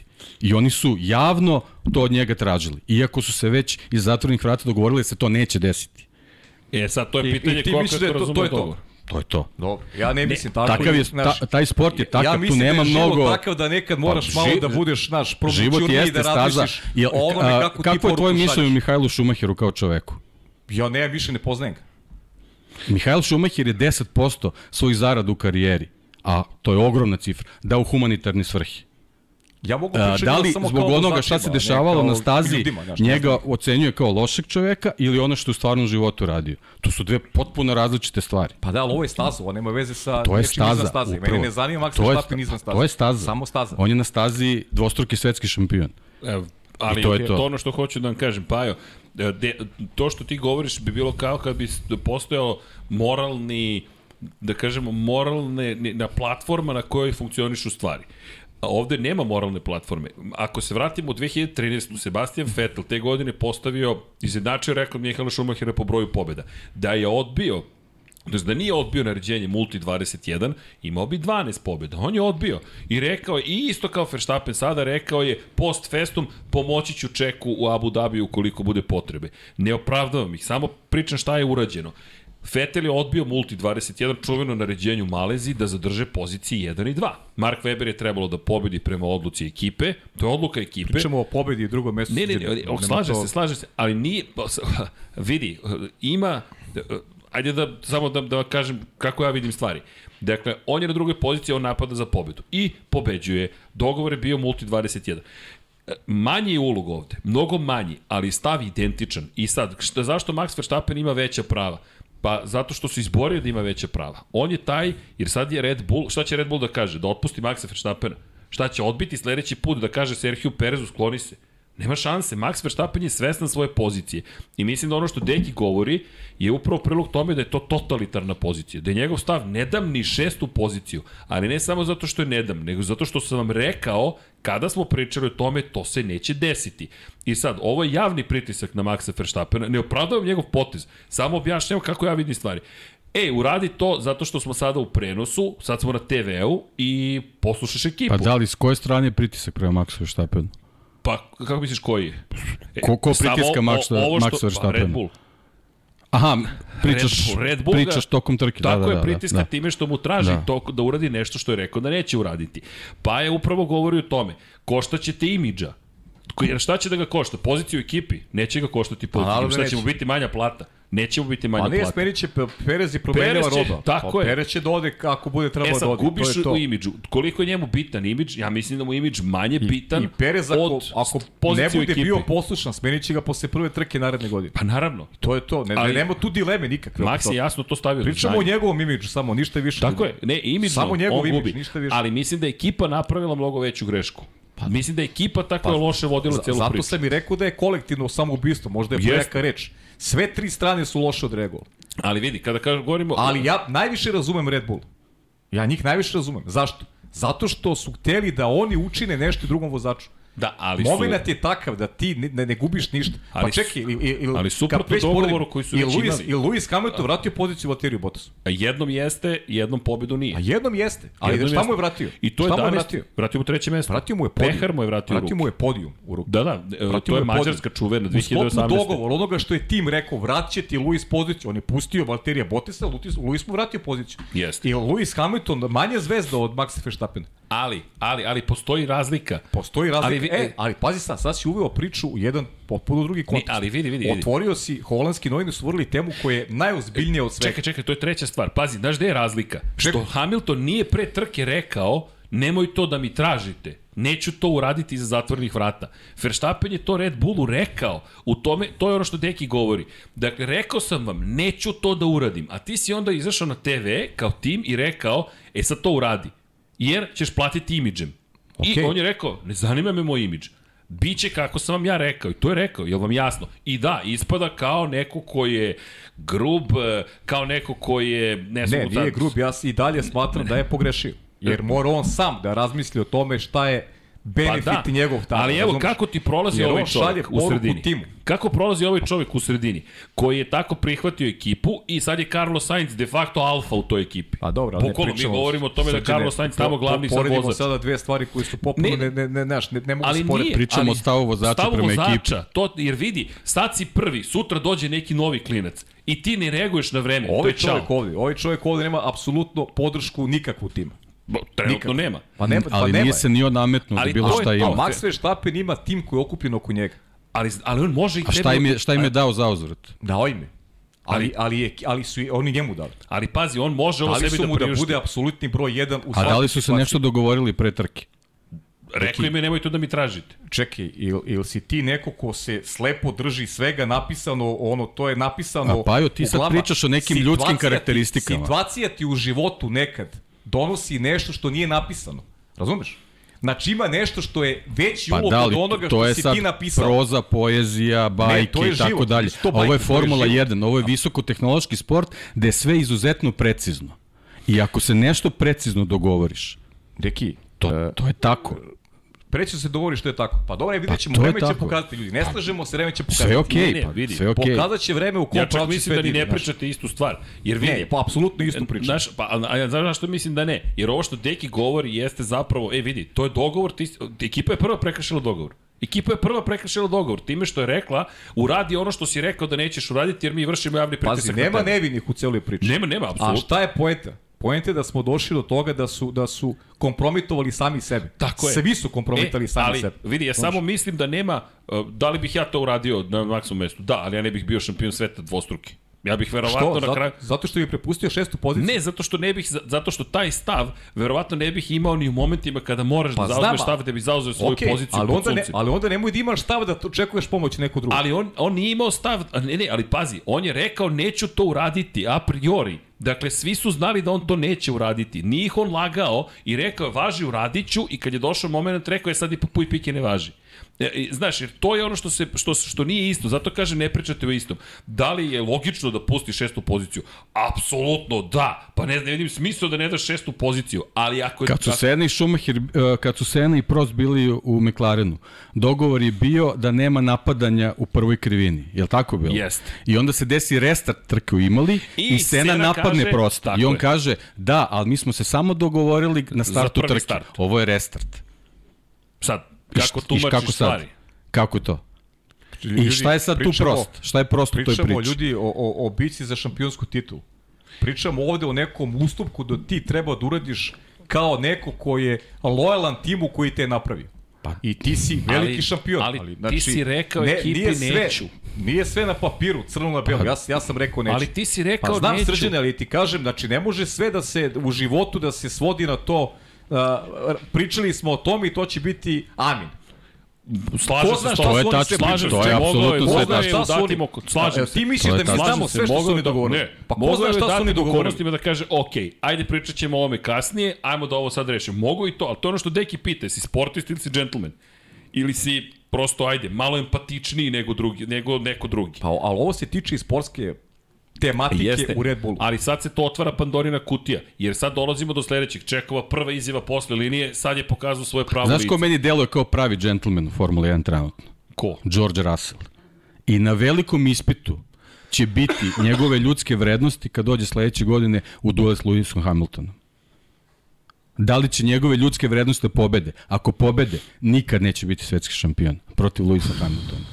U, Ako, čekaj. nje, ako, ako, ako, ako o, odluči da zadrži svoje ljudske vrednosti, nikad neće biti svetski šampion protiv Teška Hamiltona. tema, ne poznajem ih da bih Eto, od njima je- sudio nekim je- ljudskim vrednostima zaista Ali- ali, i nisu mi ni toliko ni važne. Pravo ti kažem i ne zanima šta ali, ali, iznad ali, staze. ali nije, ali ovo što ti govoriš jesu ljudske vrednosti. Pa, to su ljudske Ključna vrednosti. stvar to su, da bi bio uspešan vrednosti. u Formuli 1 je da si egoist. Ako nisi egoista, nema šta da tražiš u Formuli 1. Nemaš šta da tražiš u Formuli 1. Ne, vidi, uh, ovo treba zapamtiti. Sla, vidi, pa ja te razumeš šta govoriš. Ja bih postupio tako, ja bih pustio šesto mesto. Čak i da sam rekao ne, ali zašto bih to Mali uradio? ustupak praviš, ovaj, ne, ne, ne. praviš ustupak u stvari. Ne, otvaraš Pandorinu, ali isto tako bih ekipi rekao, vi ste ovo napravili. Jer ekipa je prva povukla potez. Ovo je, ovo je Red Bullovo maslo. Apsolutno. Dakle, Red Bull koji zna koga ima, zna kakav je Max. Šta, nisu znali kako će Verstappen da reaguje. Šta, šta se desilo? Pa isto što i sa Sebastianom Vettelom. Seb, nemoj da ga napadaš, Seb, nemoj da ga napadaš, Seb, nemoj da ga napadaš. Važi što neću. Bum, pobeda i onda jao, pa, ipak sam pogrešio, izvinite dve nedelje kasnije. Ali nema više nazad. On je pobedio Marka Webera, stavio ga na svoje mesto, bukvalno, čoveka, bukvalno, ljudi, to je kao primati. Zašto sam rekao alfa? Nisam se šalio. To, to je krvnički tamo posao, to što Deki priča. Ti si spavio u pravu, bilo bi lepo. I Naravno, apsolutno. I ako pogledaš, Svi bi, svi bi aplaudirali. Ali nije to ni Danny romantično Halm, uopšte. čekaj, ali ljudski je, ajde. Danny Halm, Juan Manuel Fangio, Peter Collins, to su Slušaj, neka da druga kažem, vremena. To, to, To se više ne pa te- dešava. To, ne, ne. Znaš, Ne, ne, ali ne- čekaj ne sad poredimo. ovako. Znači, Peter Collins se zaustavlja, daje automobil Juan Manuel Je li Fangio. to sportski? Ne znam. Da li je to sportski u odnosu na rivale na stazi? Nije, to je džentlmenski. To nije sportski. Zašto? Zato što je Juan Manuel Fangio već pretrpeo poraz. Realno ti ne treba da mu daš bolid. Ali zvuči romantično, ljudski jeste. Dajem svom Zašto je to pravilo promenjeno? Zato što nije sportski. Razumem te šta govoriš, bukvalno odvajaš sport i ljudskost. To ne, život i trkačka staza su dve različite Meni stvari. ovo je sport. Potpuno. Jer ovo je, ovo je bitka za ambicije tima. A ti se ne povinuješ toj bitci. Ali bio je dogovor pre, mislim, ne, ne mogu da tvrdim, znači prema njegovoj izjavi preko radija, oni su se već nešto dogovorili. Ko zna šta je dogovor? E, ali... to ali, mi ne znamo šta je dogovor. Ne znamo pa, šta je, ali on je poslao tu šta je poruku. Ljudi, ali ne samo da A zatvorimo... mnogo je bitna tema. Tako je. se pojavljuje ta Šta je priča? sad s Monakom? Šta je pri... kako se to pojavljuje? Šta ćemo sad čega s Monakom? pojavljuje? Red Bull je kriv što se to uopšte Tako pojavljuje. je. Red Bull Krivi je, su svi. Ali, ali slaže se, nije Krivi samo. Red Bull. Red Bull je najkrivljiv. Tako To je je. Ali reakcija, nije kriv samo Red Bull. I onda dolazi Perez. Jer pazi ovako, Red Bull Jer pripremi Max kao, roštilj. kao šampion je mogo to da spreči. Upravo ovim stavom.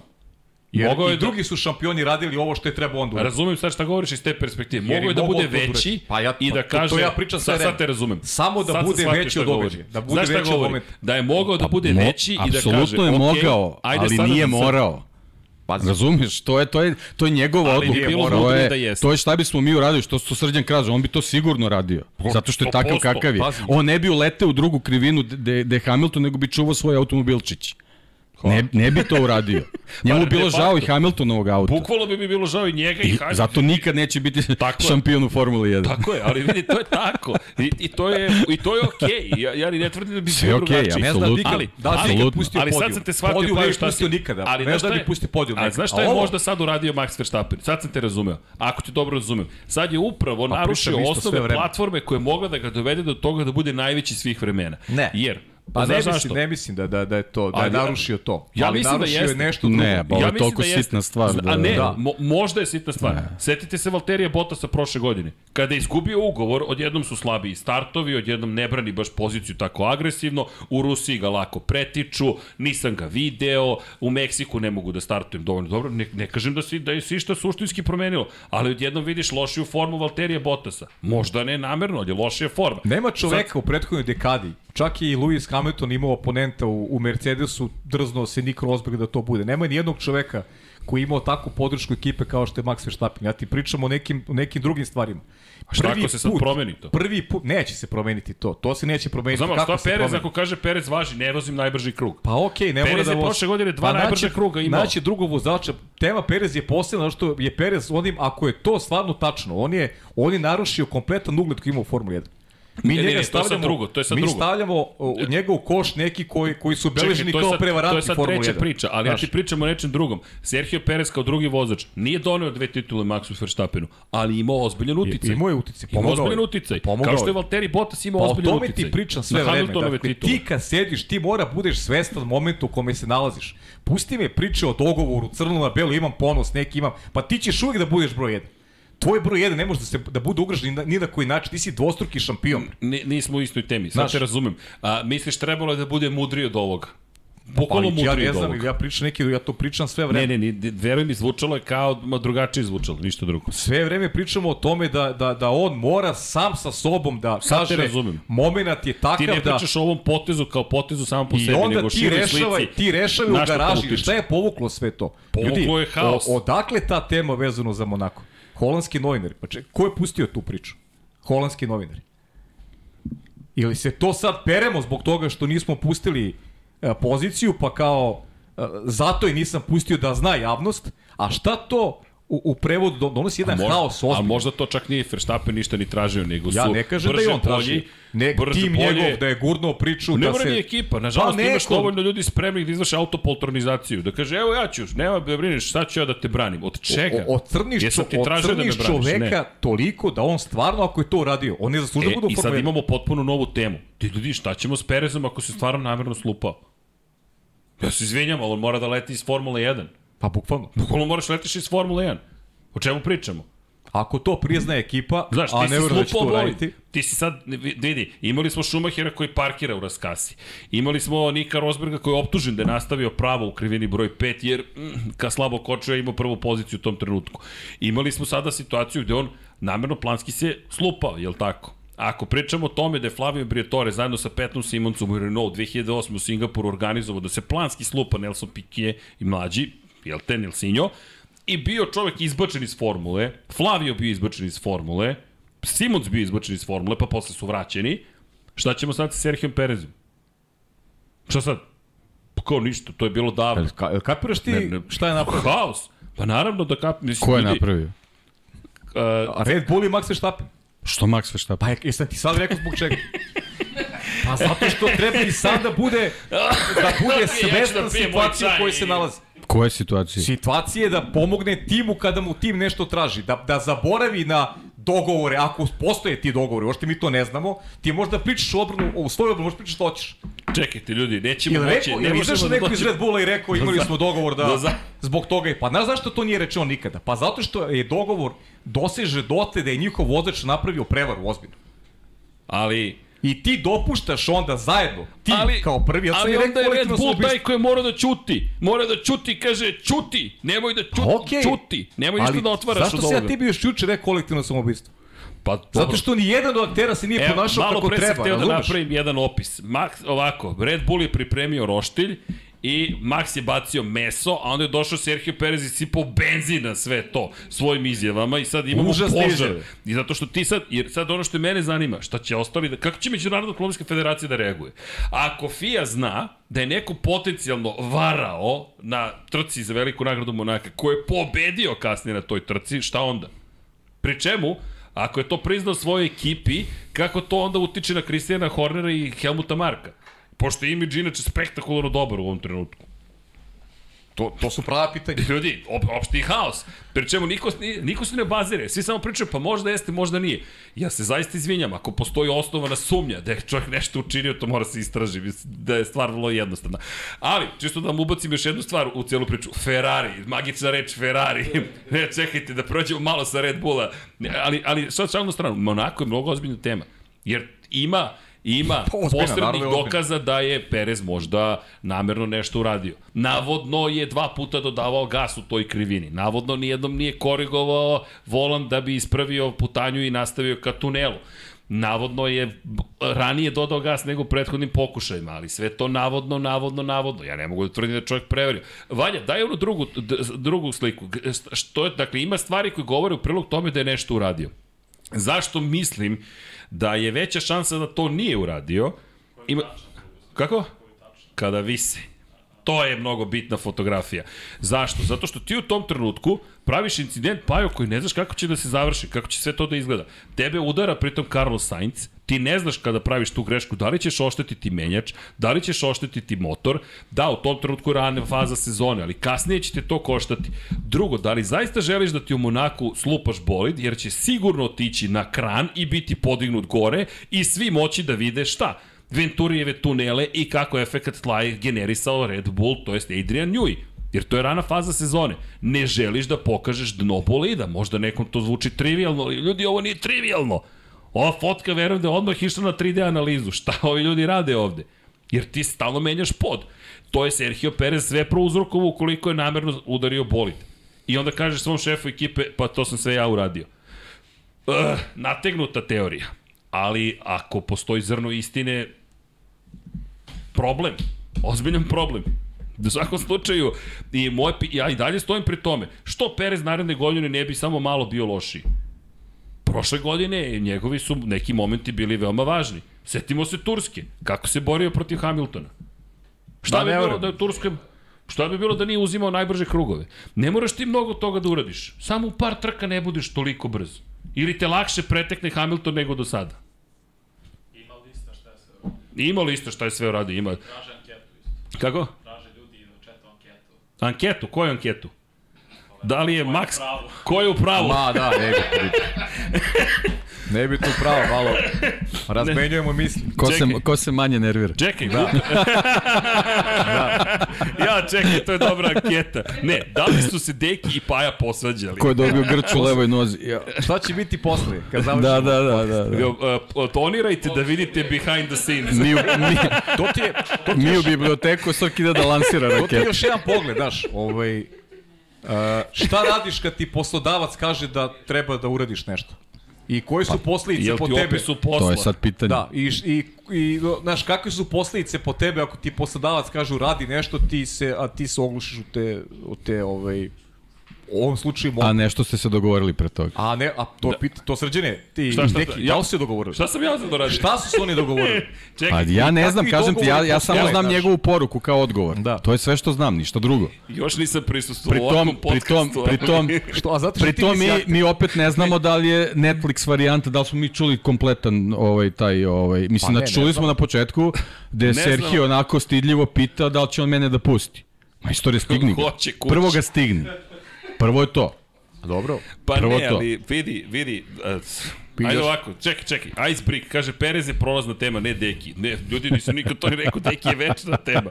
Dakle, Da. nemojte ljudi, molim vas, nisam to zaista mislio. Čovjek je doniraš 10 eura, Ajmo na hvala. Ferrari da pređemo. Evo, Matija Binotto nam je donirao 76 švajcarskih franaka. Dakle, Eto, časti Ovo je čovek, najveća časti. donacija, dakle, čekajte. Bonasera, mili moji. Svidela im se ova tema. To, to, to. Kaže Bonasera, mili moji. Gledajući Bonasera, bonasera. vozačko umeće, vožnja po kiši subom, napad i odbrane, drugi elemente, koji su po vama top 5 vozača hronološki? Au, čekajte, ovo za kraj neka ostane odgovor, molim vas. Ma da. PS, ne pamtim da se ikada desio false start, tipa neko krene pre vremena, ili se tu krije neka tehnologija. Bilo ih je, ali sad se krije tehnologija, to je tehnologija je, drži na, ne znam, 11.000 obrta i pusti kvačilo. Byte point uhvatiš u krugu za zagrevanje i to je to. To je kada već staješ. Elem, ali doći ćemo. Hvala Matija, šta da ti kažem, nadam se da dobro ide razvoj bolida. E, mili A, naši... ili ti se smeši otkaz, ne, znam, ne, Matija, a? Jel ovo, ovo je otpremnina? Premnina, da. Od otpremnine, da. A Inače, Luka Jezrčić je dva puta donirao po 11,99 eura. Hvala, Svaka Luka. čast, hvala, Kaže, hvala. pozdrav za najbolju ekipu na svijetu, užitak vas je slušati i gledati, najjači ste Forza Ferrari. Evo, vidiš, Ferarijevci su se, evo ga, je, Ivan Toško. vidiš, Oni su čekaj. mirni sad, da. Čekaju svoju temu. Čekaj, da, jesu mirni zato što je Matija navodno otpušten? Čekaju svojih pet minuta. Ili, pa čekaj, ali da, nadam se. Evo i Nemanja Bračko, 20 dolara. Zakasnio sam večeras, pa nemam pitanja, moram prvo da odslušam podcast kako se neki poticajno ponavljao, samo da vas pozdravim. Ništa Nemanja, imaš jedan duži period priču o tome, ko- pro, kontra, uh, red. Duži period Srkijevog čitanja imaš. Da, Do sad neviđeno, ljudi. To, to. Kaže Srđan nije ćuto ovako dugo. U životu, osim kad spavam. A i tad bunca. I tad puncam. Priča o snu. O, dobro. Da, u svakom slučaju, da. Ali ozbiljna jeste tema. Ja sad stvarno ne znam šta Pa, će nas, biti. pa vidjet ćemo. Ali, a ja sam te neka, je. neka banalna pitanja. Šta je veći uspeh, Russell ili Haas? ne, evo, postavit ćemo pitanje. Ej, da, i stavit ću link. Evo ga pitanje za početak. Dakle, uh, start a poll. Ko je u pravu? Ko je u pravu, čuveno? Ma daj. Nis, nemoj da deliš tako. Nemoj to, ne. Ne. Ove, pa šta Ko da postavim kao pitanje? De, za koga navijate? Za Deki ili za Panj? Za Liverpool ili za Juventus? To, to. Evo, Dejan, Deki Paja. Malo se igramo, ljudi. Ni- Ništa drugo. Ej, Vidiš ti kako on koristi Da, ovaj. da, vidiš. Pa dobro, igramo je se, dijalog. kakve veze ima. Pa jeste dijalog, ali super. naravno da je dijalog. znaš Pa drugačije šta, ne moramo se slažemo, šta to je. Inače nije planirano, ali dobro. Evo dao sam anketu, Milorade, imate priliku. Paja 73%, kida Oho, Paja. ja sam- Paja kidaš. Kidam.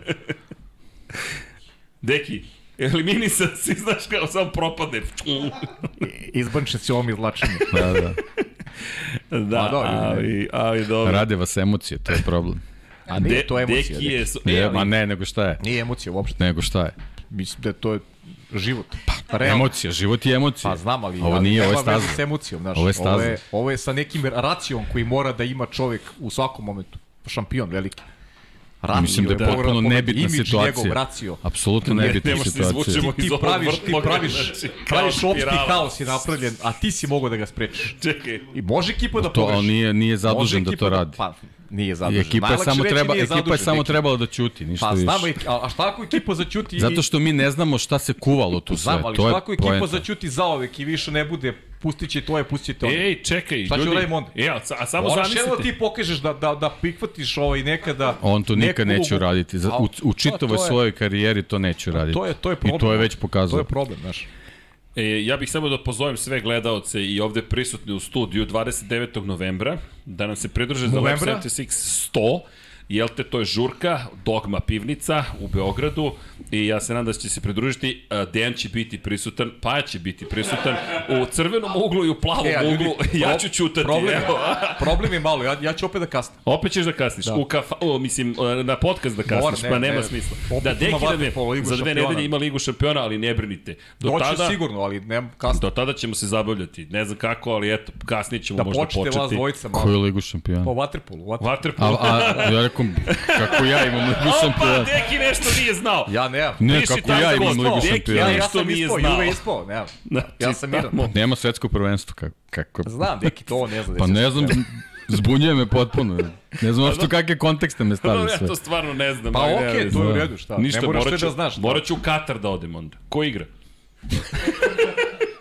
Pa neki futbaleri Nešto, trče neki za vodu. Znam da će Hasan biti u, u, Kataru. Pozdrav za Hasana. Da, E, a- psili smo se, znam da je tamo. Kako? I Andrej će biti tamo, da, da, i Andrej. Ali, u svakom slučaju, da pokušamo da izađemo iz, iz, iz, iz, iz, jel Iz te, kože Red Bulla. Kože Red Bulla. Ajmo u kožu Ferrari koji, u, ja, ne znam gde je bolje, ali da, Ferrari koji nije zabeležio pobedu, Mercedes jeste. Pa mislim da je usled ovih novih informacija, mislim da je to važnija tema nego, nego sama trka. Iako je Ferrari demantovao ovo što se dešava, ali evo stižu i dalje Pa informacije. da, ja, gledam, ali, ja pratim ali italijanski kako je medije. demantovao? O, pa da, ali da, Jesi video demanti prvi? video sam, ali Prvi sad... je ovo nema veze s Matijom Binotom, onda je to obrisano, pa je stavljen drugi, ovo nema veze sa top level managementom. Srki, sa, sad sam pratio, evo, čak sam stigao i to da ispratim, Da. da. čak ima sada priče da će i Rueda i Meki da, ovaj, da odu iz Da, i Njaki Rueda, mnogo pitanja na temu šta zna, koju prljavu tajnu zna i Njaki Rueda, kada je čovek od 2014. zadužen za strategiju Ferrarija i samo napreduje. Dakle, to smo pričali pre, pre koliko, mesec Pa, jedan. možda, možda da zna da li, Rueda da li je Perez u Monaku ovaj nabrano.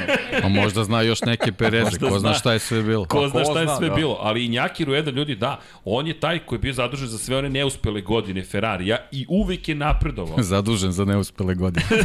da, dobro, zadužen za strategiju To tokom zvuči. neuspelih godina. Da, okej. to je baš Ok, teška, teška. Baš heavy, da. Izvini, deki, pravo si. Zadužen za strategiju tokom godina neuspeha Ferrarija. Izvinjam se, moram da budem precizan.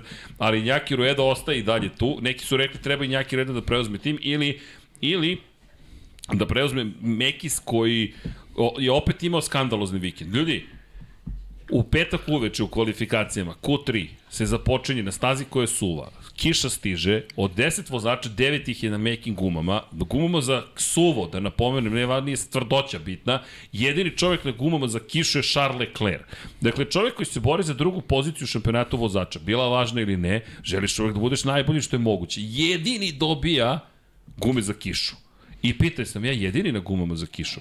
E, čini nam se da jesi. Ne, ne, ne, ne čini vam se. Vi morate da znate da jeste. Jedini. Dakle, još jedna katastrofa. Onda gume koje se prebacuju preko vozača. Skrivena se poruka. To, Pa, ali, je li skrivena poruka? Skrivena Gde poruka. smo sad stigli? Da, skrivena poruka. I, i pišu i trenje o tome da je, da je navodno John Welkanu došlo više ono preko glave i da hoće da se menja neka hijerarhija jer, jer pre svega rad tima je nešto što, što mu smeta. I to je ono što smo pričali, ima neko ko može da prekine. Pa da, to je John Elkan, on može to da, da prekine i da, i da se postave novi ljudi. Jer to je stvarno, i deluje kao amaterski tim, Ba da, da, ali, deluje smešno. ali ti ako otpustiš Matiju Binota, ko ti onda upravlja razvojem tog bolida? Ko sad vodi tvoj tehnički deo? Ti ćeš sada da smeniš Ne ceo tim, dovodiš ljude koji ne znaš da li znaju da voze ili da menadžuju ljudi ili Binotto je ne. zaslužan što Ferrari konačno ima dobar motor.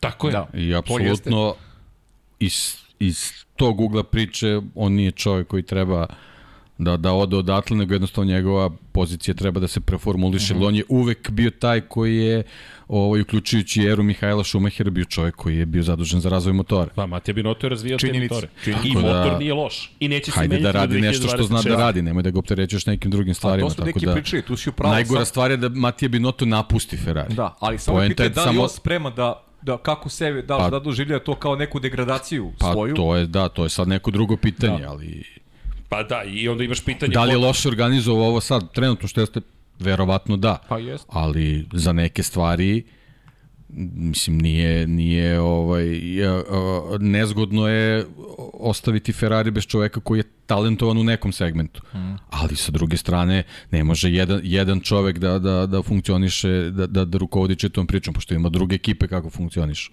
Ne može Matija Binotto sve da radi. A da ni ne pri tom treba ima, da ima dvojicu. Pa dvojicu najbližih saradnika koji se vrlo često spomenju kad se, kad se desi neki problem. Pa da, ali pogledaj, ti, a pogledaj sve ostale te, pogledaj Red Bull. Imaš Kristijana Hornera koji je zadužen da upravlja timom, imaš Helmuta Marka koji Tako je, je. savjetnik sa strane, to je bio Niki Lauda u Mercedesu, ako pravimo neke paralele, i imaš čoveka kao tehnički direktor, zove se Adrian Newey. Imaš Sabinu Šmic, imaš Sabinu Šmic koji je zadužen za koja je strategiju. ekstra talent, pokazala je kakav talent posjeduje. I to je struktura neka, i struktura ekipe. I, š, I s čime parira Ferrari, I Njakijem Ruedom, koji je bio... koji već gro- pa 8 ne godina ozbiljno. pokazuje da, katastrofa. da je taj segment najslabiji u Ferrari. Čekaj, to, ali ja, ja moram da se vratim na Ruedu. Meni je Rueda najveći problem. Zaista, to smo pričali već pre nekog vremena. Rueda je bio zadužen za 2014. Dakle, govorimo o čoveku koji je strateg u prvoj, u prvoj sezoni hibridne ere. Tada je Binotto pogrešio. Tada je ceo tim pocenio hibridnu tehnologiju, nije verovao uopšte da će biti komercijalno važna. Dakle, potpun promašaj na svakom nivou, dolazimo do toga da Injaki Rueda je tu i onda imamo 2015. Ajde, tu se još uvek vadimo motori, nisu dovoljno dobri, tek je stigao Sebastian Vettel, imamo neke pobjede i tako dalje. Međutim, šta ćemo sa 2017. 2018. To su godine kada je Ferrari mogao da se bori za titulu šampiona sveta. Protiv super moćnog Luisa Hamiltona i i i Mercedesa. 2016. nije bila niče godina, to su bili Nico Rosberg i Lewis Hamilton. Ali Rueda je taj koji mora da bude odgovoran za 2017. i 18. On je čovjek dobio napređenje posle tih godina. 2019. imamo sukob, to jest smenu Sebastijana Fetela, koga na jedan perfidan način isteruje iz ekipe. Inače, Fetel je za Binota rekao, nema ljubavi između nas dvojice. I rekao je za Binota, Binoto je izuzetno racionalan čovek. On ne gradi te ljudske odnose. Što odgovara nekome ko bi trebalo se bavi Što mašinama. odgovara Formuli 1. Što odgo... Pa, e, sad. Sebastijanu Fetelu nije odgovaralo, makar ne u toj fazi. Nije baš bio human prema Marku Weberu. A, tako da sve ima svoje, a to je ono što i Pa je negde spominjao. Ali u tom momentu Fetel želi neku drugu vrstu podrške, ne dobije, dobije čovek koji posle ne dobije, to je Charles Leclerc podršku. Inače priča se Frederik Vaser da će da preuzme. Pa da, to je priča, Frederik. To je Gazeta objavila. I Što ti je Leclerova imaju- veza? Da, imaju... Pa to je ono što kažem, i, i John Elkan očigledno da negde i on sa nekim svojim savjetnicima vidi Leclera kao neko ko treba da bude vođa tog tima. Tako da odatle i ta konekcija sa Frederikom Vaserom. Nije to slučajno uopšte. Jer ovo što su oni radili ove godine je katastrofa. Pogotovo naspram Leclera. Te gluposti, te gume za kišu. I, i ovo mislim da je bio test samo Leclerov, ovo sad se dogodilo na trci. Da nije on i očekivao da će Sainz da mu da će neko da mu prepusti poziciju. Pritom, tu ima mnogo više, nije bio ni blizu Sainca, nije bilo realno uopšte to, to je bilo nemoguće zameniti pozicije, način, i zato mislim da je to bio test. Više test Leclerc da vidi kako će reaguje tim, nego što je on objektivno mislio da to može se dogoditi. Leclerc je rekao Jer da on nije bio tražio. daleko. Da on nije tražio, nego da su pričali pre trke da će mu dati poziciju okay. Carlos Sainz. Zato je i pa, pitao. je slao poruke, ali šta znači kad pošliš poruke da razmišljamo o poenima? Šta, šta, to Hoće preneseno zamenu znači? pozicije, A to će naravno. zamenu pozicije. Ali Carlos Sainz je rekao, meni tim ništa nije rekao. Što ti opet, ako pričamo o Red Bullu, možemo da pričamo i o Ferrari. Ferrari nije, nije palo na pamet da traži od Sainca bilo šta. Nije, Sainz je ljudi nametnuo tamo. To je ono neki što Ne, ti pričao. a, jako je loša situacija da jedna od tema u Formula 1 bude da ćemo pred svaku trku u finišu sezone da pričamo ko će kome da ustupi, a pričao si o Moto Grand Prix koliko ti to ide na živce Ide mi na sa, živce. sa Ducatijem. Ide mi na živce, kako mi ne da, evo ih ovdje Ducati, Jel tako? slave osvojenu titulu, Znači, ali to, to su živce, priče koje u, u tim sportskim sferama apsolutno ne trebaju da postoje. ali postoje. Ali postoje. Postoje, postoje, kad je ali- sveta i veka ali- Formula Ali 1. ja zato ne odobravam ni jednu od njih, niti ću bilo koju od njih ikad odobriti. Ali Da, isto tako priča, možeš da ih razumeš. Ma, To se to je druga stvar, da postoje. li ih ja razumem ili ne razumem i da li u nekim idealnim svetovima bi to Ih bilo kako bi bilo. Ali ja neću, neću da to bude jedna od priča Formule 1, da, da kad krenem u, u, u, u strategije i priče o završetku sezone i razvoju tog nekog finiša, da uzimamo uh, kao element kako će neko nekog da propusti. Mene taj sport ne zanima na taj način. I Znači, kažem, apsolutno neću Ja u stojim ovoj poziciji sada iza tog Ferrari sporta. ne, nikad ne bi tražio od Sainca da, da izgubi podijumsku poziciju. To je trofej koji on zaradio. I sad ti njemu Tako uzimaš je. neki trofej. To je stvarno... Ali ima još jedna stvar. Za šta? to je ružno. Za drugu tako poziciju je. u šampionatu vozača. Nije, nije, nije Ja ulog. se izvinjam, ali to Nije stvarno nije ulog. toliko velika Nije. stvar. Da je titula šampiona sveta pa da razmišljam. Naravno. Ali ovako, ne vidim zaista potrebu za time. Leclerc, pri čemu Leclerc? Ja mislim da Leclerc sve više gubi. Da li će Vaser zaista preuzeti Ferrari? Pa će doći još ljudi Da, iz... to, to je pitanje, da. Pazi, priča se o tome da će doći i do smene. Kada Ja mislim da je to nužna stvar. Znači, prvo da dođe Vaser kao neko ko nije iz tog italijanskog okruženja, posle mislim da, da, da tu je stvarno veliki problem, jer tamo i, i mediji su dosta uticajni i svašta se dešava, da će, treba da dođe neko ovaj, e, kao, kao, opet se vraćamo tu Schumacheru eru, znači treba da neko dođe koji potpuno van tog područja, da dovede neku svoju ekipu i da, da probaju Da iznova. posao, pa Jel, da. mislim, teško je tako reći, ali generalno nemaju šta da izgube. Jel, Nemaju. jer ova, ova sezona koja je mogla da bude mnogo bolja, nije ništa na kraju donela. Kriminalno na kraju. Da, i znate da. ko se još može da vraća u cijeloj priči? Simone Resta. Čovjek koji vodi Haas trenutno kao tehnički direktor. Haas koji je napravio od malo para mnogo ozbiljan bolid. Ozbiljan bolid, Nemoj da. zaboraviti, Resta stoji iza tog uspeha i Simone Resta koji ima blisku vezu i dalje sa Maranelom i Resta koji, koji inače Sergio, Mar Sergio Marchione postavio Jeste, svoje vreme. jeste. To su, evo vraćamo se verujte mi, istorija Formule 1, pričali smo o, o Forgeriju, o Maru Forgeriju prošle nedelje i kako je Forgeri zapravo ostao bez angažmana u ekipi Ferrarija Formule 1 kada se razbolao Enzo Ferrari. Bukvalno su ga sk- sklonili jer im nije odgovarao u Ferrariju i 72. i 3. je proveo van Formule 1. Kada se oporavio Enzo, evo na se vratio je Forgerija i oni osvajaju titule sa Nikim Laudom. Dakle, isto se dešavalo pre 50 godina. Dakle, sada je neko Restu sklonio, gde? U Haas. Ili u Haas. Odradio je super posao Pa to film- i sad čistka. Filmo, filmovi o Ferrariju možda pronađeš ovaj, jasnu konekciju sa onim što se dešava i danas. Ma- Ta neka struktura ovaj, nije se mnogo promenila. Da, ali sad je problem što je Formula 1 mnogo sofisticiranija Jeste, i pa ne, ne, ne možeš, ne možeš neke stvari da ušuškaš samo iza snage bolida. Da, da, da. Nego, ne možeš. Tu mnogo, mnogo veća organizacija mora stoji za toga. I sad to se postaje sada kao pitanje. Uz Mercedes koji se oporavlja, koji ne menja svoju strukturu. Ti imaš, dakle... Da, ti praktično da to ni, nismo iz tog aspekta ni gledali. Ferrari je u ovoj poziciji gde je zato što se Mercedes oporavljao. Tako je. Da je Mercedes sezonu počeo na bolji način. Tako je. Ovo bi još gore bilo. Jeste. Jeste. Još I, gore. I sad, šta će Ferrari naredne godine? To je peta godina za Leclera, da se podsjetimo još hiljaditi put.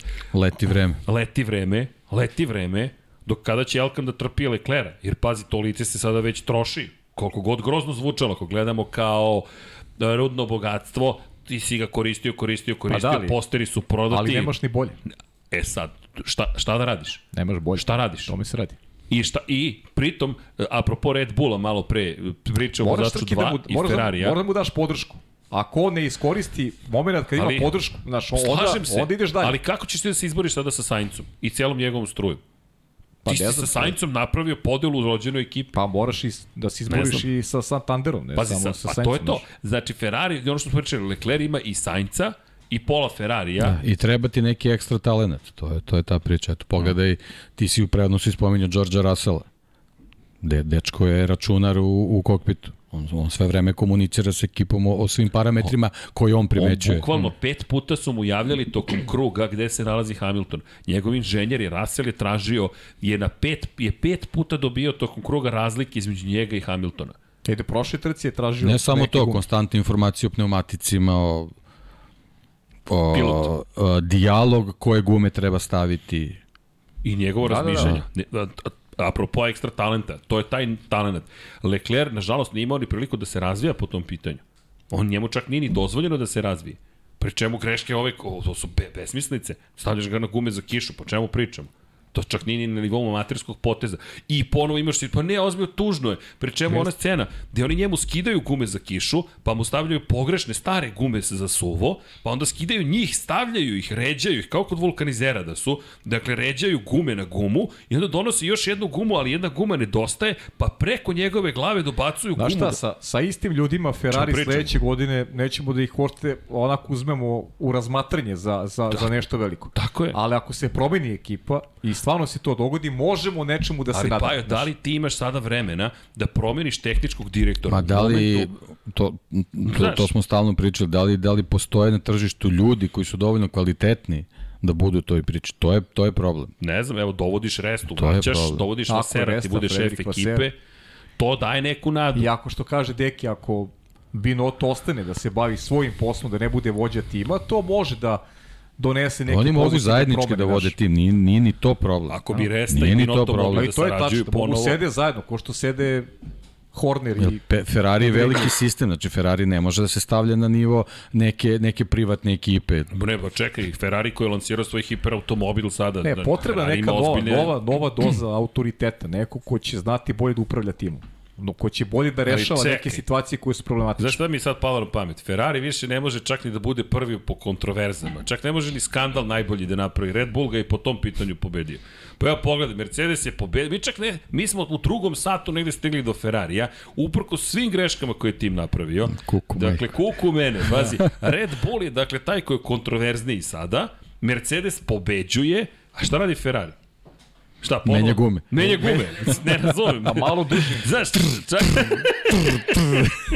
Znaš, dok je došao Ferrari, sebe je potpuno desetko u ovoj godini. Imaju noćne more s gumama, to je, to je problem. Ferrari, da, ima noćne more s gumama. Pa ima noćne more s gumama. Dobro, ali Lando Norris je uništio Charles Leclerc u trku ovu. Kada pričamo o samom rezultatu, Dobro, jeste. La, Lando Norris koji, koji dalje tvrdi da ništa nije pogrešio. Ja zaista, ja, ja razumem stav, okej. E, inače, to je isto zanimljivo. Evo, apropo, Lando Norris je dva puta dobio ponudu Red Bulla, prema rečima Kristijana Hornera, svaki put bi sutradan potpisivao ugovor sa McLarenom. Gde, kao da je samo istraživao kakvo je stanje na tržištu, ali da li želiš da ideš u ekipu gde se odnosi znaju? Ja mislim Pa to da ti ne. kažem, da, e, ali to je- zato mislim da Perez ima neku svoju poziciju koju je stidljivo može nešto da radi i koliko god da je prolazna priča, pazi, nije on loša prolazna priča. Jer oni su se namučili da nađu drugog vozača. Alex Albon nije izdržao to, Pa da, ali Pierre Gasly ono nije. što kaže Deki, to se slaže, potrošna roba, apsolutno. Nažalost, sutra, ako bude odbio poslušno, sutra će biti bivši doviđenja. Čekaj, dve Pa, pa, pa. pobjede ove godine u Monaku i Singapuru. okej. Ako mu ostane ovo iz Monaka. Ba, ba, vidi, realno, ako, ako ne pokrenu istragu, tek Pa pa da, što to- nešto to govori o FI. Kako Teško možeš da zanajmeriš takvu dokazati, informaciju? Ako najđeš na zid ćutanja, to mora neko da ti prizna. Znaš, Ali mora FIA da pokrene istragu. Mora, da, i mislim da mora, svakako da mora. Ja se nadam da će pokrenuti istragu. Ok, postoje osnovne sumnje. Ako nisi, nemaš čemu da nemaš razloga da brineš. Zaista nemaš razloga da brineš. Pri čemu, ukoliko bi ga diskvalifikovali, Carlos Sainz bi bio pobednik velike nagrade Monaka. Jeste. Kakva ironija. I prva trka će mu biti, prva pobeda u karijeri, pobeda koju nije proslavio. Ali dobro. Pa, što je tipično za Ferrari, možda ni kriv ni dužan u celoj priči. Ali opet, Carlos Sainz, svaka čast. I stav Carlosa Sainza u kvalifikacije, sam rekao da izađemo na stazu.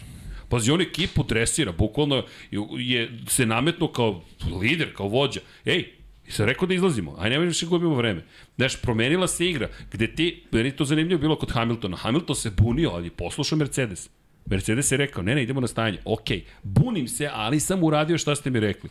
Slično Leclerc A razmišlja. znam, ali opet On se, on se buni da je bilo notirano da se bunio. Ma da, Da, ali, da, da, da. A mislim, ali, ali, kažem ti, kad se poveći ulog, drugačije će da reaguje i Lewis Hamilton. ali mislim da se Leclerc uklapa u tu vrstu ekipa kakva je Mercedes. Leclerc A, se ne uklapa u Ferrari. Tamo je teško preživeti. Zaista, tamo je, tamo je drugačije. Ako hoćeš da uspeš u Ferrariju, Znaš kako bi, Druge bilo, veštine bilo bi da lepo da znamo onako hijerarhiju kompletno. Mi sad, znaš, tumačimo na osnovu nekog iskustva i onoga što, što mi smatramo da se dešava, ali znaš, nisi unutra, pa neke stvari ne možemo onako da znamo sa, sa 100% znam, ali istorija dosta dobro govori. Naravno da govori, Istorija otkriva, dosta dobro otkriva govori. dosta toga, ali ponavljaju se stvari i kod Red Bulla i kod Ferrarija, pa i kod. Mercedesa.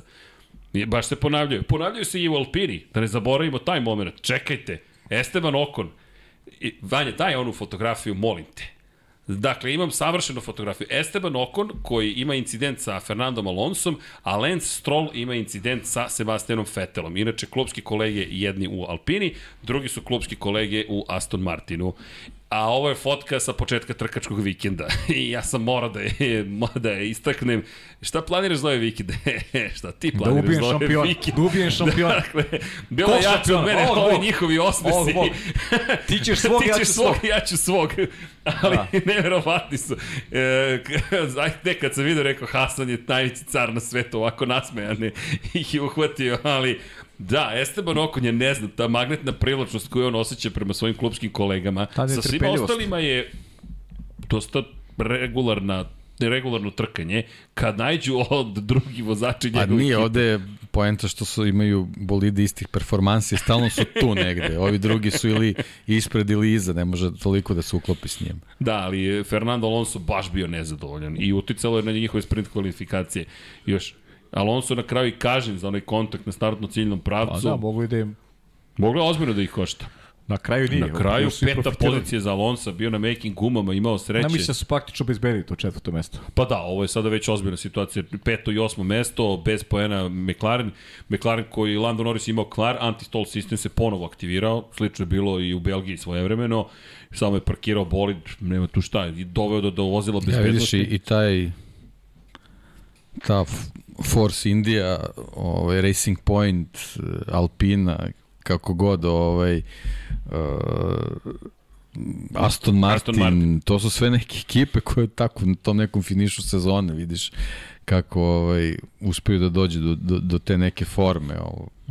To je jako zanimljivo i treba tu možda malo, malo pod lupu staviti te neke njihove inženjere koji očigledno na početku sezone možda onako malo, malo ovaj, uzdržano krenu u razvoj pa onda tokom godine dođu do nekih elemenata možda slikaju nešto drugo pa uklope kod sebe ali generalno su Aston Martin i Alpina da jako to. zanimljivi bili ovog vikenda kako, kako, taj, kako se taj tempo popravio.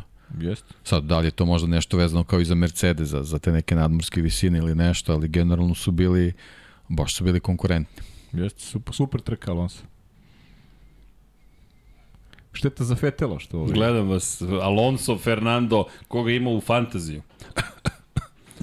Tako je. I Ali Fetelu je pričat ćemo pretila jedna toga. dobra trka da nije bilo, ostaje na srednje tvrdi gumama, Pa. to je bio njegov peh.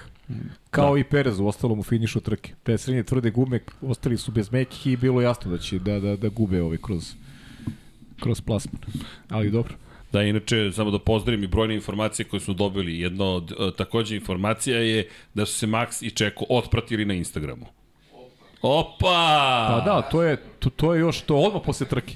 Sad je odmah posle situacija postala tek Da. zanimljiva. Ne zamerite što se žalim, ali što... E, Pa da, morate to da pratite. Hvala svim gledalcima što nam ima- pomažu. Pa da, ima ozbiljnu dimenziju, ima cela priča. Mi to olako gledamo, kao to je... Ali stvarno Ti moraš da potražiš nekoga na Instagramu i da klikneš unfollow. A da. Kako, ko je prvi koga otpratio? Možda API Instagrama to dozvoljava da se vidi, da vidimo ko je kad neko vreme.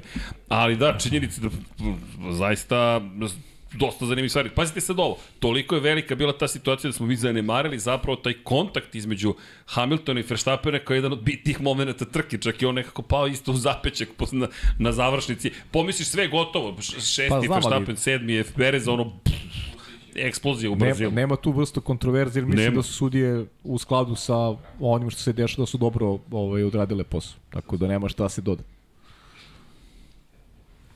Da, ok, samo gledam da nisam nešto propustio. Inače, apropo te cele priče, ajde da vidimo Abu Dhabi. Rekli su da će se ponašati kao odrasli ljudi u Abu Dhabiju. Toliko o tome. Mislim da to dovoljno govori tome kako su se ponašali u Brazilu. Ali dobro. Deki mi je vrlo Na ozbiljno. koga misliš? A, Perez, i, Perez je rekao ponašat ćemo se kao odrasli ljudi u Abu Dhabiju. Kažu da je dosta bilo glasno kada je bio interni taj razgovor između Pereza, Verstappena i čelnika ekipe. I tako. Da, ali mene i dalje zanima, apropo Ferrarija, kak, kak, kako će situacija biti za Leclerca naredne godine i Sainca, zato što sad dobijaju Russella i Hamilton i to i dalje meni ostaje kao zanimljiva tema, Pa to je možda i posljednje godina da gledamo taj tandem u Ferrariju. jer pa upravo to, šta, Može šta da bude sada? posljednja godina da gledamo taj tandem u I Ferrariju. ukoliko ne uspe, šta je za jednog, šta za Da? Pa iako taj stvarno. tandem generalno se nije nešto ni, ni sučelio Ne, ove nije. godine. Nismo Pa imali... nije. Oni praktično svako je vodio svoju politiku. Jeste. Pa da, podeljena ekipa. Da, da, da. Baš podeljena ekipa. I ti kada pogledaš, nema, nema, nema tu mnogo radosti. Baš nema neke... Ne, i prošle godine su sarađivali, sve izgledalo bajno, sjajno, ali to su bitke za treće Pa, da, pozicije, mislim. povratak. Da, ove godine vrha. bukvalno svako ima svoje probleme i bavio se sobom. Uopšte nije nije bilo situacije da, evo, osim ovog pitanja Pozicija. oko pozicije, ali to je, Razmišljate, mislim, da. to je onako toliko mlako bilo da, da je i Ma zanemario. nije, nije ni realno, stvarno. Gotovo je relevantno. Ali zanimljivo bi bilo ti dueli između klubskih kolega kada pogledaš oko na Alonso. Alonso koji je rekao još samo jedna trka. Jedva čekam otprilike da odemo Aston Martin. A i dodao je da ide tamo zato što će se boriti za titulu. To su njegove reči. Nemamo namjeru da budemo četvrti, peti, šesti. Pa ne- Ja ne vidim to, ali okej. Da, Čak i to baš treba ogroman skok da bude. Teško. Trenutno to nije. Ali dobro, da. Da konstatujem, Okej. Alpina 167 poena, 19 više od McLarena. Inače, Ferrari trenutno ima samo 19 poena prednosti u odnosu na Mercedes. Šanse su male, ali nisu nepostojeće da Mercedes na kraju bude na poziciji 2 u šampionatu konstruktora. McLaren koja je... I da, moram da prokomentarišem Daniel Ricard. Ljudi, to je, ja razumem i, i, i emocije i ono što je Paja rekao, kad navijaš za nekoga, voliš ga šta god učinio, ali ono je početnička greška. Ona je na nivou početničke greške, najgore mi je od svega bilo po završetku, to jest odmah posle, dok je trajala trka, prva njegova izjava je bila, moram da pogledam još jednom snimak da vidim da li je malo drugačija situacija. Ne, nije Danile, dodao si gas na naj besmisleniji mogući način izbacio Kevina Magnusena iz trke. Veća šteta za, za Haas i Kevina Magnusena, kod je svaki point toliko važan i koji su odradili fantastičan posao. Zaista ne bih da zaboravimo Kevina Magnusena. Da, splet okolnosti je pomogao da zadrži pol poziciju petak uveče, ali ljudi, prvi Pa da, izašao na je, stazu, odvezao to je sjajan bilo krug. 8 minuta pre kraja. Da, kada se George Russell okrenuo, izletio sa staze, ali već počeli kiša da pada, ali Kevin odvezao najbrži krug. Vidiš šta ti je, ovaj, šta su ti okolnosti? Imaš 8 minuta do kraja, koliko je važno bilo za Kevina Magnusena, toliko je bilo važno i za George Russella, ko zna kako bi se završilo sve da, da su imali ovaj, suvu stazu, da su mogli da nastaje kvalifikacije. To je start, ko zna sa koje pozicije i ne bismo pričali danas. To je Tako je. sport. Znaš, I kako pa je život, pitanje, to ti ti za nosi. Hamiltona takođe je pitanje. Pa da, S obzirom pa na činjenicu da on isto izgubio dosta, zahvaljujući tome što je bio poslednji na snazi u tom Jest, momentu. Da. I on je odvezao odlične sprint Ali kvalifikacije. to je baš onako romantična priča, to Kevin Magnussen prvo, prvi Jest. pol u karijeri, stvarno jedan vikend nezaboravan, još nagradio Pa je si sa romantičan poenom. večeras. Da. je. Nagradio Pa se sa poenom. Daj Vanje malo svetlo. Ovo. Da, pri- priguši malo. Smanji. Ma Vanja nam pušta klimu, znaš, ono, ono, Reka, reka Vanja, sve u redu. on nam pušta klimu umesto da nam ovaj priguši malo svetlo. da nemoj da se šalite na kraju da nam priguši svetlo. Kako, kako, evo. Da, evo ga. Evo, evo, evo, evo, romantiku, to. pravi, pravi. dobro. E, hvala ti, Vanja. Pa ponoći, u redu je, znaš. da, u- svetlo. ulazimo u treći sat da- zbivanja. Dobro. Alfa Romeo, dva poena, Valterija Botasa, Val, brkati Ima Valterija, Ajde, ga, više, ima ga ajde. Valteriji. Ajde, ga bravo. Valtteri, tako Koliko je je, dosadno sa Bottasom. Ja, A pustio brku iz Pa Busa. to, brku je, to, pa Samo da zbog ti kažem. Bottasa pustio brku. E, vi se šalite, ali Valtteri je odvezao odlično ovoga vikenda. Imao je onaj moment koji sad svi dele na društvenim mrežama, Valtteri Inače, na prethodnoj trci bio 10. sada 9. Da se ne zaboravim, dva puta za redom Alfa Romeo. ne sme se zaboraviti. Zahvaljujući, tako je, da, da Valtteri u samom vrhu, u vrhu, pa, među vodećih 10. Ali Bottas koji inače šalje poruku ekipi, Gvanju Joe poruku šalje, kaže, "Gva- recite Joe da pretekne u 10. krivini Latifija, tu ranije koči. A majstor svog zanata, vidi šta se zbiva, prenese svom mlađem kolegi, šta ti je radio komunikacija. Joe, šalje Valteri pozdrave i kaže u desetoj krivini napadni Latifi. Joe, Joe nisam vidio na utrci. Pa, da, Ja bar. 12. pozicija na kraju. Ali dobro, po- sad se sve dešavalo napred, bilo je teško da, da možemo da ga vidimo uopšte i baš je bilo mnogo zanimljivih momenta. Interlagos predivan. Ali zato smo rekli, mora, inter, jao Interlagos, daj nam, znaš koga? Opet se nešto Daj nam znaš koga, ja, setio sam se kako nisam. Kad imate Hasana Bratića, dakle, radost je uvek beskonačna na, na, na Ayrton Sena. pogled na Interlagos i pogled na, kao što možete vidjeti, izlazak na startno ciljni pravac. Da li bi se Sena složio s Paja? Da li bi se... Pa da li, Sena, Sena se... Čekaj da vidim Sena se anketa. nikad nije borio za šesto mesto. Ej, Paja, da, da, 857 glasova, 63 od 100 Paja, Deki 37. Bravo, Paja. Bravo. Pajo! George ajo! Russell, 63, bravo. Ugasio, ugasio nas Bravo. je. Lepo smo se ispričali ti ja. Da, i, Idemo posle na piće. Ej, da, da, ej, i podsjećaj me ljudi, ne zaboravi Srkicu Nodu. Ko zna šta sam još zaboravio, ali čekajte, Jukicu Noda, inače, pazite sad ovo, Witching hour, neko je rekao, da, počinje taj sat, ušli smo u ponoć, ali Međunarodna klubovska federacija i sudije su rekle, e, inače, ljudi, udrite like. Ajde, molim vas, pa ajmo Ali da, da digresirao, palčiće. bravo, za- za Ajmo, digresiju like, ovu. Čekajte, prvo like, sad sam Ja čekam šta Pa sad, čekaj, čoveče. 548 like, ajmo malo. Aha. Fija, Witching Hour, udrite like. To je sve povezano negde u mojoj glavi. Ali, pojent je u sledećem. Međunarodna automobilska federacija, to jest sudije su rekli da Yuki Tsunoda, za one eto, koji nisu možda ispratili celu trku, ne znaju, u poslednjem momentu kada smo imali, to je poslednji izlazak vozila bezbednosti na stazu, se desio u momentu kada su za krug zaostali Alex Albon, Nikolas Latifi i Yuki Tsunoda. Međutim, samo su Latifi i Albona poslali da se vrate u krug sa vodećima, što i tekako podsjeća, a Yuki Tsunodu ne, na Abu Dhabi prošle godine završnicu sezone 2021.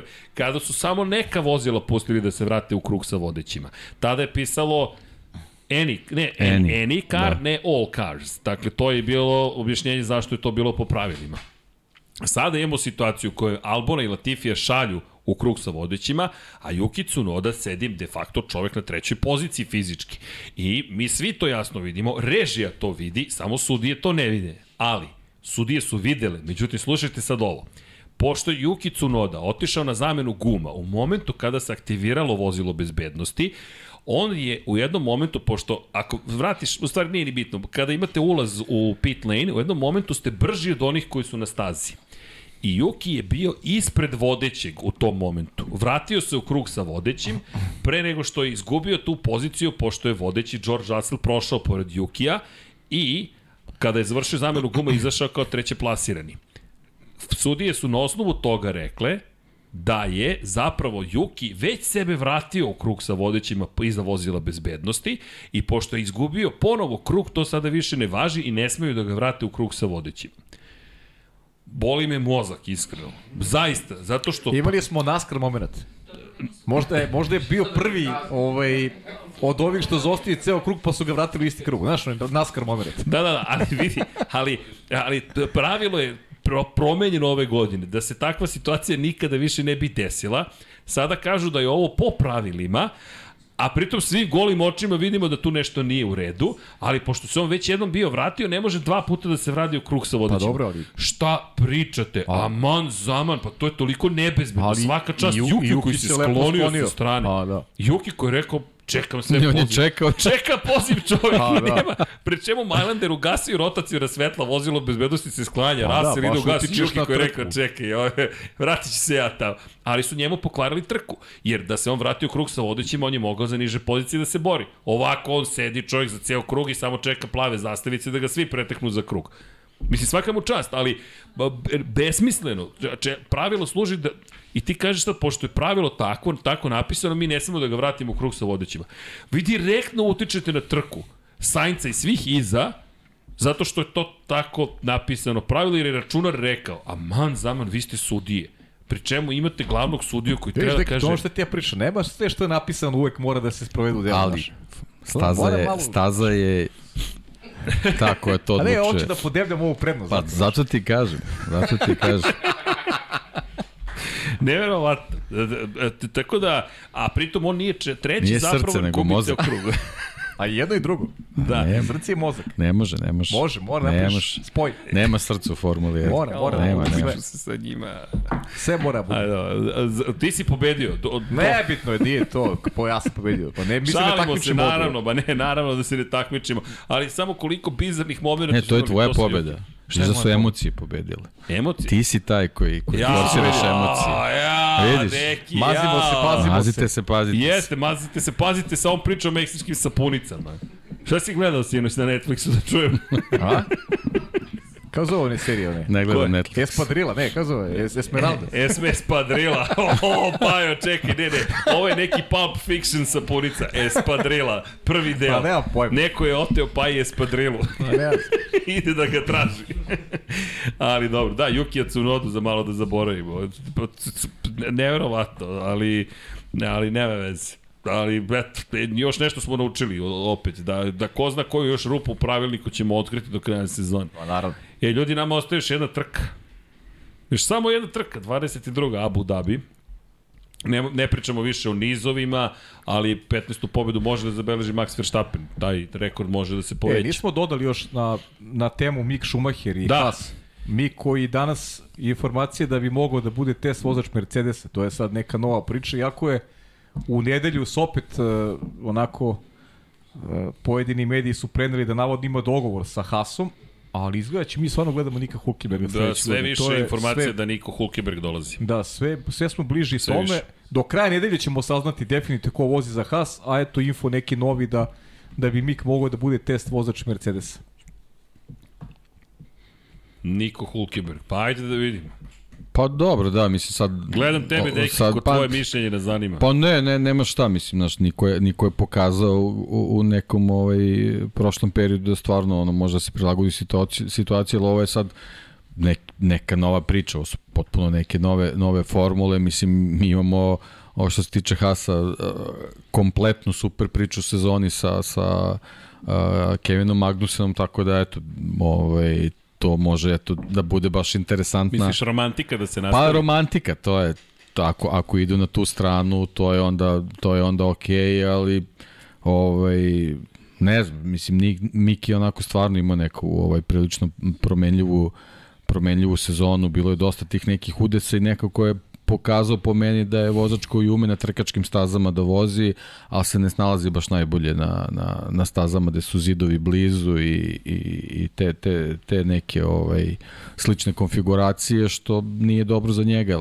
jer, na taj način pokazuješ da ipak nisi ovaj, da kažem, dovoljno kompletan vozač, što, eto vidiš, u, u, u ovaj današnjoj Formuli 1 to baš ne, ne, ne prolazi tako lako, bez obzira kako je ovaj, i, i reputaciju imaš i to ne, neke neke porodične gene to ovaj jednostavno za, za njega za njega nije nije dovoljno i mislim nekako kako bi rekao nit sam za nit sam protiv jednostavno ovaj bilo bi interesantno da ga još vidimo u Formuli 1 čisto da vidimo kakvi su njegovi dometi on je ipak šampion ovaj Formule 2 tako da da nek, neki kvaliteti očigledno postoje, ali e, iza njega je veliki minus bio taj odličan rezultat Kevina Magnusena koji čovjek eto, iz, iz, iz ne, ne mogu kažem ni iz penzije, nego jednostavno Da, da. iz neke potpuno druge priče mm. se vratio u Formulu 1 i uradio to što uradio i stvarno pokazao taj ovaj, talent koji, koji je posjedovao i u trenutku kad ga i McLaren angažovao. I sad Hulkenberg tu je dosta dolazaka, odlazaka i tako dalje, tako dalje neke, neke situacije kad se dobro snaša nije dobro, ipak ima i tu reputaciju pobednika 24 sata Le Mana, tako da, mislim, interesantno je za Formulu 1 da, da se ponovo pojavi takav neki vozač koji potencijalno može napravi interesantnu priču pa da to bude zanimljivo. Ali ja sam, eto, čisto da, da, da, da me da se tu nekako pogrešno ne shvatim, ipak sam da se mlađim vozačima pruž- pružaju šanse, ovaj, ali i kad se pojavi tako neko ime koje već znamo, zašto da ne ako, ako a, bude imao potencijala da, da može da pruži neki bolji rezultat. Tako da, kažem, niti sam za, niti sam protiv, nego jednostavno, eto, njemu treba dati šansu, a Mik sad ako, ako dobije priliku nekog rezervnog vozača u Mercedesu, eto, na, na njemu je da, da to iskoristi. Da, tamo je tamo je ozbiljnija priča gde moraš da pokažeš stvarno šta vrediš. Pa ima, I znaš da nisam da. razmišljao, izvini, ovo sad, slušam te i taj moment Kevin Magnussen, da oni možda žele, nadaju se da će im se ponoviti priča sa Kevinom Magnusenom. Pa da, da, da. Nisam razmišljao uopšte u tom pravcu. To, Da. to je to. Pa ne, Da, da, nego da. da. kao da izvučeš tako nekog iz penzije i da ti da. i on poput Kevina donese nešto da što... bude neki pouzdan vozač koji može da, da, da, da, završava, da završava trke, da se skupljaju neki bodovi, da se ostvari što bolji plasman, pa da se za, za neku mm. budućnost pripremiš sa nekim boljim budžetom od tih nekih nagrada i tako, mislim, Ne, ne, znam, ne znam šta drugo može da bude. Zašto Ali spominjem, izvini, Bila Beliček, glavnog trenera New England Patriotsa, njegova filozofija je često bila da nađe igrače koji su pred penzijom, koji su svi otpisali, koji su se svi odrekli i da im da poslednju šansu i zahvaljujući toj motivaciji, ne novcem, dobio od njih najviše. Kao Sergio Perez. Kao Sergio Perez, kao Sergio Perez, koji je dobio, ali vidiš kako se povampirio, šalim se, ali to je sasvim prirodno, vozače, trkače, hoćeš više, sad ti je prilika, sad tražiš da vidiš dok li možeš da odeš. A s druge strane, par stvari, Mick Schumacher, ne bih previše da ga branim, imao je dovoljno grešaka, ali isto tako, ko je bio partner Mika Schumachera prethodne godine? Nikita Mazepin. Njih dvojica su se našli u nebranu grožđu. Ljudi, ulazite u Formulu 1 koja je mega kompleksan sistem, to vozački je mega kompleksno vozilo u pitanju, tehnički gledano takođe, koje sve te elemente imaš i na koje... Pa ne, ne se, da upravo utičeš. si, ta priča je dobar smer je ta priča. I još jedna stvar, ti ulaziš u politiku Formule 1, koliko god si ti sin Mihaela Šumahira i odrastao, ti si dete bio kada je tvoj otac harao tom Formulom 1. Ti nisi imao priliku da te otac nauči. No, nije ta, to je neka druga To, je još Da, da. neka druga, da, da, ali da imaš Mihajla u sebe da te savetuje. Znaš, to, to, to, su, to su ozbiljne stvari. Koga ti imaš? Imaš Mazepina. Koga Mazepin ima? Ima tebe. da. Znaš, njih dvojica I nisu ne imali samo da to, uče. znači prošle godine su ušli u Formulu 1, učili, a Mik se ove sezone e, zadesi u dodatnoj situaciji i susreće se sa novim bolidom. Potpuno promenu Znači možda, možda kad bi već mogao da se prilagodi i onda naravno dodatni pritisak od ekipe, od, od ekipe one Steinerove izjave Mm. kako ih mnogo košta zbog udesa. Mislim, jako je teško voziti u situaciji kad moraš da vodiš računa da, da ti se ne desi neki kiks. Tako Sve da, stoji, sve stoji. Sve stoji, ali kažem, mislim, ni, sam za, niti sam protiv, jednostavno dobio je priliku koju drugi sanjaju. Mislim, da, da, da se nađu u Formuli 1, prošlo je tako kako je prošlo, da kažem da je ove godine imao iste uslove kao i Kevin Magnussen, možda i bio u boljoj startnoj poziciji. Ali ono što si rekao, potpuno se slažem s tobom. Uh, ja sam veliki fan Nika Hulkenberga, uh, ali mislim da nije tajming za njegov povratak. Više bih volao da vidim da. nekog Prošlo mlađeg je vozača. to vreme. Pa da, Prošlo je- tolika pauza, Ali zato da nema kažem, potrebe, ali i, dobro. e, to upravo hoću da kažem. Ti si prošle godine imao Mazepin i Schumachera zajedno. Ko će tu od koga da uči? Nema tu niko od koga da nauči. Oni da su ostali zajedno ove godine, ti ne možeš da se pomeriš. To je ono što si ti lepo rekao. Kevin Magnussen tebi pomaže da se pomeriš u napred. Kao što je Kimi Raikkonen neprocenjiv bio za Antonija Đovinacija. Oni su postali na kraju prijatelji. Mislim da je tu Gene Haas odigrao ključno. Te izjave Gina Haas mislim da su išli u smeru da Mik neće ostati. A nije ni troškovi, sebi, znaš, nije troškovi, sebi ni pomogao, troškovi, pazi. da. Saudijska realno. Arabija, Monako, Japan, Japan ga je dotukao. Ti praviš grešku Da. u momentu kada je trening završen. To, to je neoprostiva Više greška. te greške nego plasmani. Da nije bilo Tako je. toga, da to da nije koštalo ekipu, mislim da ne bi su pričali uopšte o tome da li ide Mik ili ne. I sad u celu priču dodaj na sve to zašto mislim da treba da ostane još jednu sezonu Mick Schumacher. Imaš Kevina Magnusena, koji je evo sada donao i pol poziciju, što sebi, što ekipi, tim je radostan. Imaš sve što ti je neophodno, Ferrarijev motor očigledno funkcioniše, očigledno je da je ekipa napravila bolid koji je dovoljno dobro da se bori za vredne poene, skoro 40 poena ove sezone, i ti dolaziš u situaciju da ćeš dovesti Nika Hulkenberga. Koja je tvoja budućnost sa Nikom? Ok, osvojit ćeš nove poene. Ajde da pogledamo šampionat konstruktora. Ti sad dovodiš Nika Hulkenberga i čemu se nadaš da ćeš sa Nikom postići? Da ćeš imati isti broj poena kao i Kevin Magnussen? Pa ne, Nemoguće. ti sad već gledaš, znači moraš da imaš, ako, ako, Ako je to neko razmišljanje, moraš neku lesticu podigneš. Znači ekipa iznad je već, to je već ozbiljen. Aston Martin je na 50 poena. Aston Martin ima malo, malo veći budžet. Da, Da ne kažem mnogo veći budžet. Ne, zato je ova godina uspešna. Tako je. Ali I ti si sledeće da ponoviš još jedno, Ja, je, hoćemo, jesmo sigurni da. Da. da će oni pobediti Nika De Vrisa, Yukija Tsunodu sledeće Ma godine? ne, nismo naravno. Znaš, to su, to su stvari koje, a Mik ti je možda neko ko može, jer pazi, lepo si rekao, šampion Formule 2. I to je poslednja šansa za Mika. To je treća godina. Antonio Giovinazzi je dobio tri sezone. Ne, Evo, Toto Wolff kaže za Georgea Russella, možda je sezonu predugo ostao u Williamsu, jer tri godine je bio u Williamsu. I činjenice, rekli smo, ako ostane još jednu, gde George Russell posle ide? Zašto? Pa evo spiska ljudi koji će Ja, ali testirati u Abu sad kad si spomenuo George Russella, uh, njegovi udesi u Williamsu, on nije imao pritisak da neko kaže Što si, što si Što slupao, si slupao šasiju. Da, što si ovo šasiju, što Ali si ko ono. je stavio ali- iza njega? Pa to je Pa, to, naravno, to, to je je to. razlika velika. To je I to. zato ako Toto Miki je, Wolff- Miki je ostao bez podrške Ferrari. Tako je. Jeste. Ali ako ga Wolf, Jako je Wolf bilo uzme to pričao, svoje, vidjet ćemo kao šta će biti na kraju godine, ali očigledno da su te kažem, priče mislim, jednostavno rezultati su ti više. koji govore, ali generalno mislim da nije sve na njemu bilo, ali eto jednostavno. Pa evo sad u tako je. kvalifikacijama, nije samo do Nema njega. romantike. Ekipa je, haha, polako deki, mi romantičari, mi udaramo kad se najmanje nadaš. Kad pomisliš sve je racionalno, onda padne jedna romantika. Ko, onda, ok, romantično, ko pobeđuje Abu Dhabiju? Sebastian Vettel, ljudi. Zna se ko pobeđuje. Evo, spremanje boli da Aston Martina za vožnju Abu Dhabiju. Samo jedna osoba. Čekaj, sebi je vozio zaista spektakularno rezultat, to ne pokazuje, ali prema što pobegnu na seba, samo da spomenem, ko su ljudi koji nam stižu? Čet, dakle, mi imamo dan, četiri dana po završetku trke testiranja za mlade vozače, ne jedan, imamo testiranja. Liam Lawson u Red Bullu, Robert Schwarzman u Ferrariju, Frederik Vesti u Mercedesu, Jack Duan u Alpini, Pato Ward u McLarenu, Teo Pourchaire u Alfa Romeo, Felipe Drugović u Aston Martinu, Nick De Vries u Alfa Tauriju, Pietro Fittipaldi u Hasu i Logan Sargent je u Williamsu. Svi su zasluženi tu. Imamo trku Formule 2, znači u petak. Tako je, i u petak imamo formu, dve trke Plus Formule Pato 2. Ward. Plus, Plus Pato Pato Ward u da. celoj priči. I sad, ta cijela priča o Schumacheru, on sad ako izgubi priliku, ja ne vidim kada će ti se više otvoriti vrata. I mislim da je ovo poslednja šansa da ostane u Formuli 1. Ako je ne dobije, sva ova imena, znaš, su svežija. I koliko god bio A Schumacher, dobro, to je, to je potpuno prirodan proces. Tako nema je. šta. Zato, zato ne treba da bude nikako patetična priča kod Daniela Ricarda.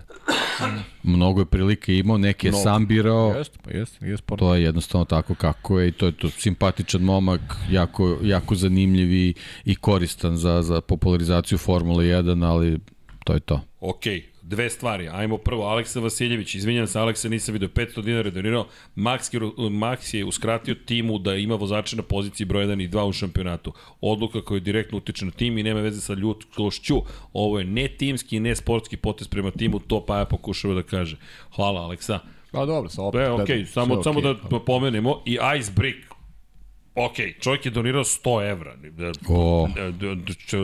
Ne znam šta da kažem, hvala ljudi. Svaka čast, Mislim, hvala stvarno, puno. hvala, da, ne da. znam šta da kažem. Kaže, najbolji ste, evo da se smiri tenzija.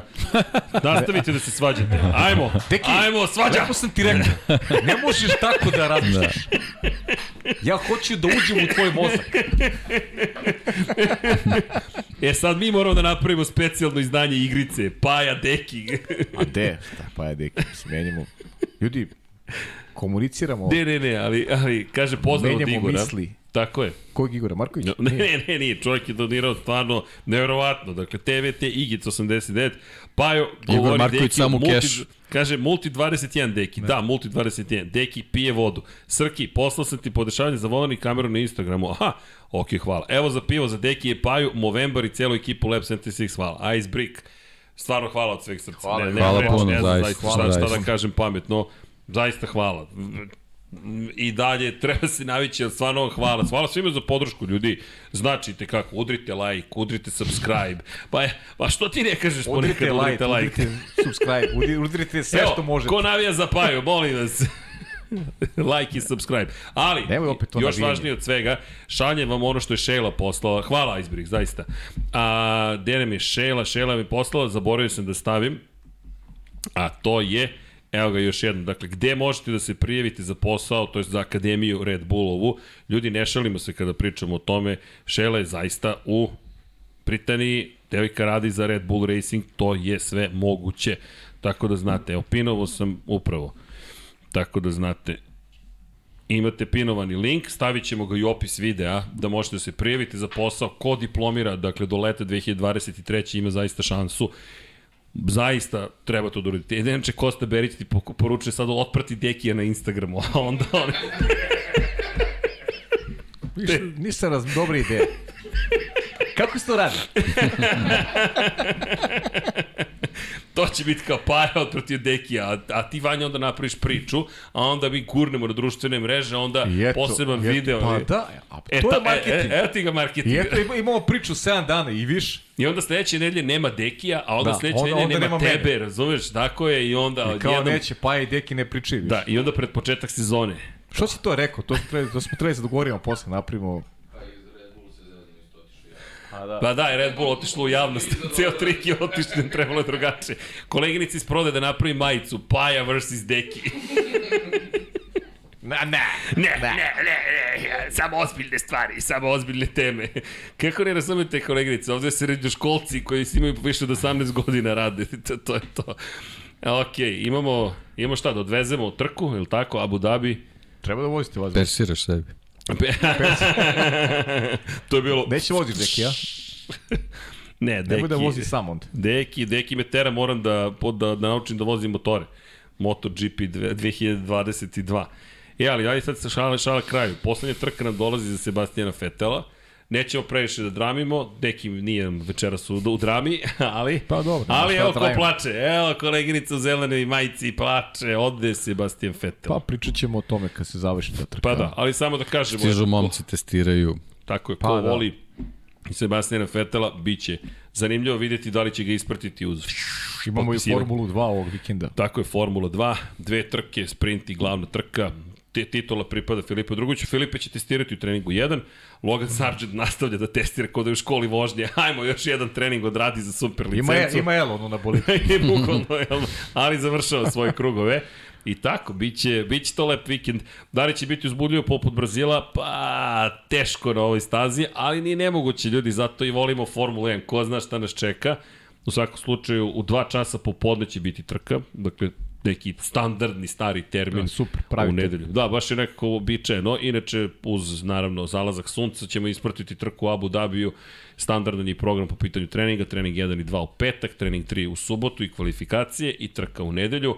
U nedelju pre toga trka glavna Formule 2, u subotu pre da, podne u trka petak, sprint. U petak kvalifikacije. Petak to ćemo kvalifikacije Formule 2, tako je. Drogović jeste svoju titulu, ali ima tu zanimljivih bitaka. Jack Duan, Teo Puršeri. A ne, meni je mnogo interesantnije što što će biti gomila vozača iz Formule 3 koji ćemo naredne godine gledati u Formulu 2. Pa da vidimo ko su ti momci na koje se računa, ovo će za njih biti test da da odmere, ajde da kažemo, ovaj, neke snage i, i, i ovaj, da se upoznaju sa, sa nekim novim iskustvom i zbog toga mi je Formula 2 interesantna. Dakle, da rešeni šampion i bolje što je rešen, nakon smo zaboravili posljednju trku koju smo gledali, Ne, ali ovo baš je ogromna drugačije. pauza bila. Stvarno. Jes, zaboravili smo da, da voze uopšte, Da. da. a sledeće godine će biti još veće. Za jednu nedelju. Inače, Oliver Berman je potpisao sa Premom za, za sledeću godinu za Formulu 2. Apropo tih priča, Pa da, Oliver, Oliver se sprema? to je verovatno Berman i je- najveći projekat ovaj I. Hauger je beše promenio ek- ekipu, tako? da, Denis Hauger Otišao iz Preme, da. Da.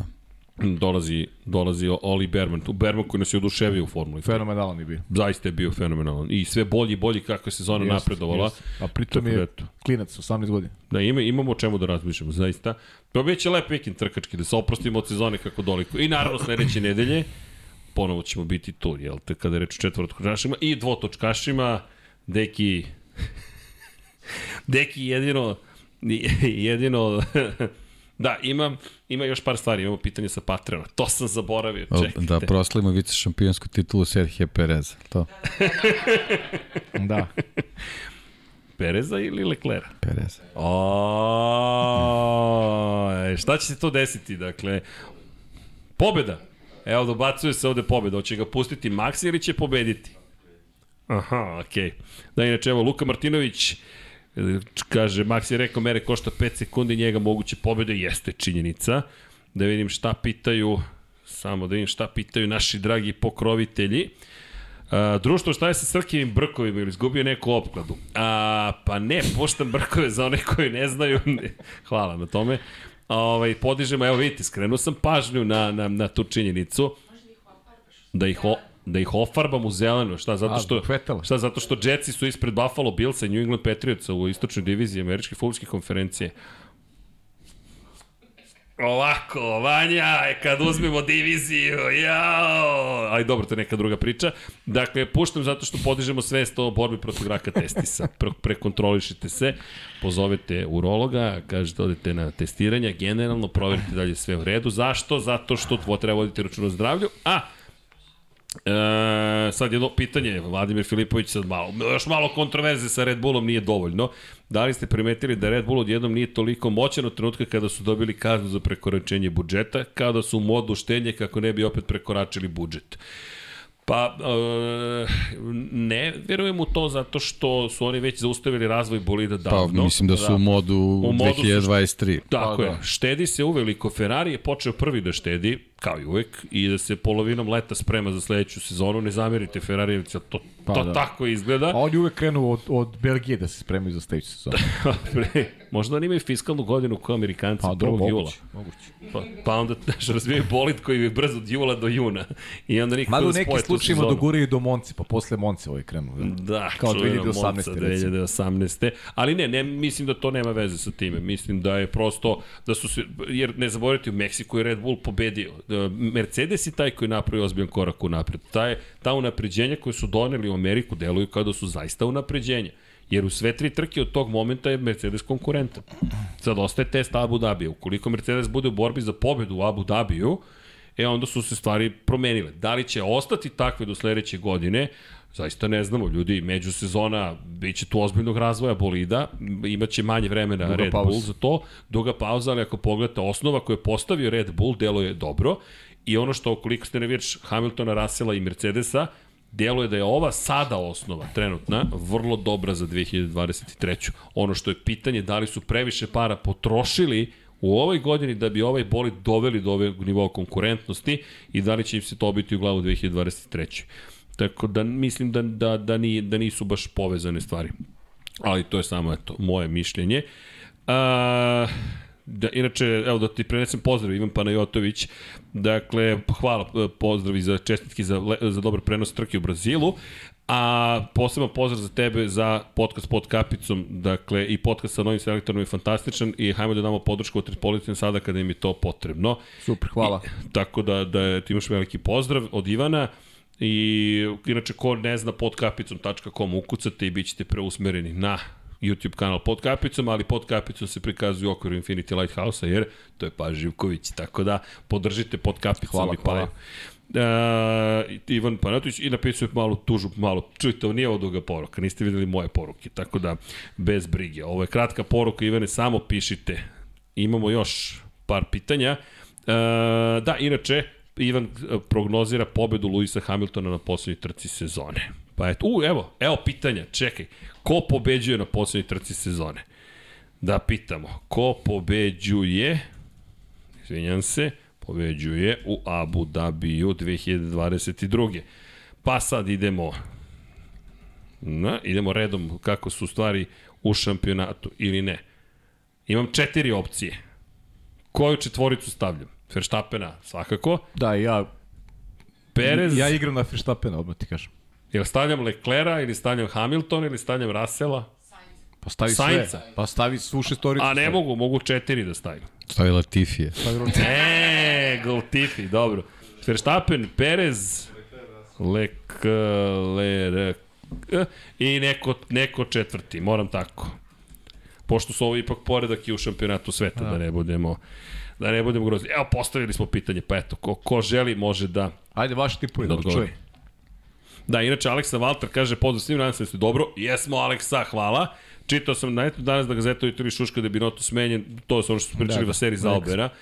Da, dali smo eto i mišljenje i o toj odluci, još ne znamo dalje odluka. Ukoliko Ne, ne, nije jeste, potvrđeno, nije potvrđeno to, ali u gazeti, kad se pročita tako nešto, znajte da, da ima realnu osnovu. Dakle, ozbiljna novina i ozbiljni ljudi koji prate Formulu 1 i informacijama, tako da ima realnu podlogu svakako. Da, inače ima još dve stvari koje bih napomenuo, vraćamo se malo nazad na puštanje, ne puštanje. Pošto dosta ljudi poredi ovo sa Ayrtonom Senom i sa Lewisom Hamiltonom. Hamilton u Mađarskoj 2018. kada je vratio treće mesto Valteriju Bottasu. Prva stvar, dakle da, za mene romantičan verovatno potez, ali ok, i rekao je tada, nadam se samo da me ova tri pojena neće koštati titule na kraju, ne brini, nisu te koštala ta tri pojena, desilo se Nemačka i Monca, ali Sena u Suzuki je pustio Bergera da pobedi. Dakle, iako je ubedljivo vodio, to je jedna od onih čuvenih situacija, upalit ću Vanja, e, Sony, ne brini. Dakle, Nemanja Miloradović kaže, pošto sam 98. godišnji, kaže, ne sećam se, ali mi je snimak pokazao njegovu veličinu, što mi je tata i pričao, a uvek ispomenjete Ayrtona Senu, tako da pozdrav veliki, svajcarski pozdrav veliki, zaista Nemanja. Pa da, to je bila Bergerova prva pobjeda u McLarenu, njih dvojci su bili tandem te sezone i Sena Pa, ne znam ni kako bih prokomentarisao, sad plašim se Dekijeve racionalnosti, ali šalno stranu, meni je to bilo romantično. Sad, da li je ispravno ili nije, ne znam šta bih rekao na tu temu, ali prosto, A meni je neuporedivo. pa verovatno neko drugo ovo je baš znam. romantično, ovo je baš ne znam, to je neka emocija, definitivno, znaš. A ovo je, ovo nema ničega, nema ni, ni racija, nema ni emocije, nema ništa. Ovo je baš jedna, ono, znaš, ja se kao držim nečega, neću razmišljam ni o čemu, a kao robot, robotizovan. E, to je, kako bi ti rekao, ja ne mogu to da podržim nikako. U krajnjem slučaju ima malo i ono korporacijske priče. To je kao sad, ne znam, mene zove direktor i kaže mi sutra radiš, a ja kažem neću. Mislim, znaš, ne ide. Ne ide mu, kažem neću. Mogu da imam, ja imam i stav i šta god, ali ne mogu da kažem neću nešto da radim ako nema ko da radi ili ako je to interes nečega što je korporacija. To, je, to je jednostavno. Eto, to je moj pogled na to, na celu priču. Da, inače, Beto, samo komentar apropo. Da li imamo neki komentar na Suzuku 1991. Deki? Pa ne znam, ne mogu ni da se... Ma da. Pa, Pa dominirali su da. trkom, na Pa kraju da. bukvalno su vozili jedan Pa dobro, opet drugog. ljudi, neka druga vremena, mislim, stvarno nisu, nisu uporediva. Dobro, u Nema svakom toga, slučaju. nema toga više. Inače, samo da napomenem da je to i poslednja trka u kojoj smo na istu, istom trenutku imali scenu, prosta, to jest neću da gledam, uh, Sena, gde ima neki prostovac ovde, slabo, Pikea i Mensela. Naredne godine, 92. godine, prosto nije vozio, Pike se penzionisao na kraju te sezone, je li tako? Da, to je bila posljednja trka. poslednja da. I to je bilo to, tako da eto, Suzuki 1991. godine. Specifična trka i apropo Hamiltonovog poteza, što se meni tiče naravno, mega da li sportski sad, mega, mega ljudski, ne znam. Samo čekaj, to je... Tu smo imali Schumacher. Uh, Da. Schumacher je vozio, da. Jeste. Schumacher Pošto vozio. ako, ako 91., pričaš o toj jeste. konstelaciji, ni Mansell nije imao ta titulu. Ne, nije imao titulu još uvijek Znači, Nigel Mansell. imao si tu petoricu na stazi te godine. Da, da, od velikana. Jeste. Da, Schumacher je kasnije osvojio sedam, Mansell jednu svoju, ali je osvojio, u, mogu bi brkove poput Mansella da stavim za sutra.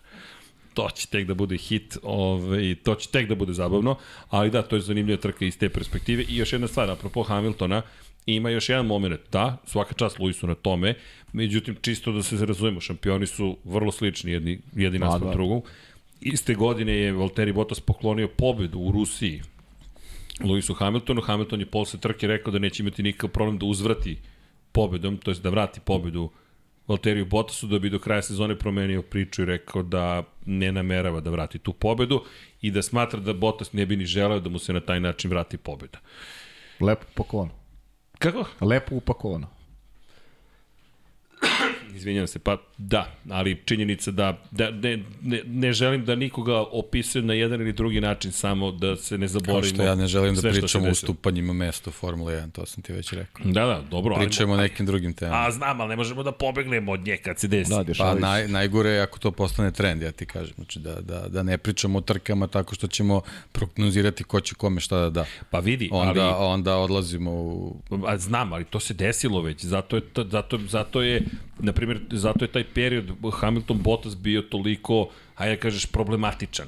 Zato što ti znaš da će Bottas da pusti. Isto kao što sad Perez znaš da će da pusti Verstappena. To ti znaš. Kod Ferrarija se neće desiti i sad ostaje pitanje Mercedesa. Što ne znači da naredne godine Max upravo zahvaljujući tome neće biti ozbiljne prednosti. Jer u Bila je Mercedesu... situacija, ne mogu sad da se setim koje godine to bila. Hamilton je odbio da propusti Rosberga. Jeste. Rosberg Tako nije da odbio možemo propusti. sad to Ne, da- ne, samo vidi, ne, ne otvaram ti- temu, samo odgovaram na pitanje. Ja samo, samo podlačim crtu da u, u kontekstu sporta kojeg ja pratim, meni apsolutno nije sportski da uopšte pričam o, o ustupanju pozicije. Ali se dešavaju. I Da krenemo do onog ozbiljnu- ekstrema prva trka sezone kada Coulthard propušta Hamilton. O, Hakinena. Hakinena. Prva trka sezone. Deki, ja, ja bi najviše volao da Znači nikada već niko neko ne je već prepusti napravio projekciju znaš, ko je to šampion te godine. A, da, to, ali- Meni to nije sportski uopšte. Da, da, ali to moramo da spomenemo. Pa nije, to je naš naravno da posao. nije sportski. Moramo da pričamo o tome. Tako da ti, bi ne bi da voleo da, ne bude, da bude trend da mi iz trke u trku pratimo te klubske neke A- kombinacije, ali to onda... A to će se dešavati, Deki. Pa Da, znam, ali- onda odraz, odlazimo u neke druge krajnosti. Pa šta da, da, radimo, ali- ne može bežimo od teme. Ali to je, to je tako ne, trenutno. sve okej. Znaš, Nije Ne ono možemo što je pitanje, ali evo moje pitanje, šta će se desiti ukoliko Mercedes ne definiše ko je vozač broj 1 ili ukoliko Ferrari ne to bi definiše bilo ko je sjajno. vozač broj 1. Pa to je bilo super. A Red Bull je definisao. To je, to je problem za njih. Pa naravno. Red Bull je pa, povukao u- u potis, tom kao što je Ferrari svoje Ali u vremeno tom povlačio taj kontekstu i potis. pričamo, ali Srki, a, ne možeš ti I sada... McLaren. Ne možemo mi da kudimo Red Bull zato što je tako Ne, ne post, zato kudim, što je takav ja sam- postaka stvari, znaš. Pazi, nivo kuđenja, ovo I je to je pitanje. ono, tako je, ali ja, ja bih volio, svi bismo mi volili da nema podele na, na prvog i drugog vozača. Ali znaš i sam da je to jedini put uh, da pobediš nekog ko je dominantan u šampionatu, kao što je bio Mercedes svoje vremeno, kao što je sada Red Bull, znači ti moraš da pariraš na taj način. Ok, da pustiš početak sezona, da vidiš ko će se profiliše kao broj 1. Ne moraš ti a priori da, da podržiš neko pre početka sezone, ali ako se on nametne na stazi, pa onda je red da ga podržiš u nekim nastojanjima da si, da si kao što je bio slučaj ove godine sa Leclerom. Lecler se nametnuo u Ferrari. Nije to bio izbor Ferrari pre početka sezona, on se sam nametnuo kroz trkanje. I ako vidiš da je to model, da se, da se boriš na taj način za šampionsku titulu, pa onda moraš da poštuješ taj način.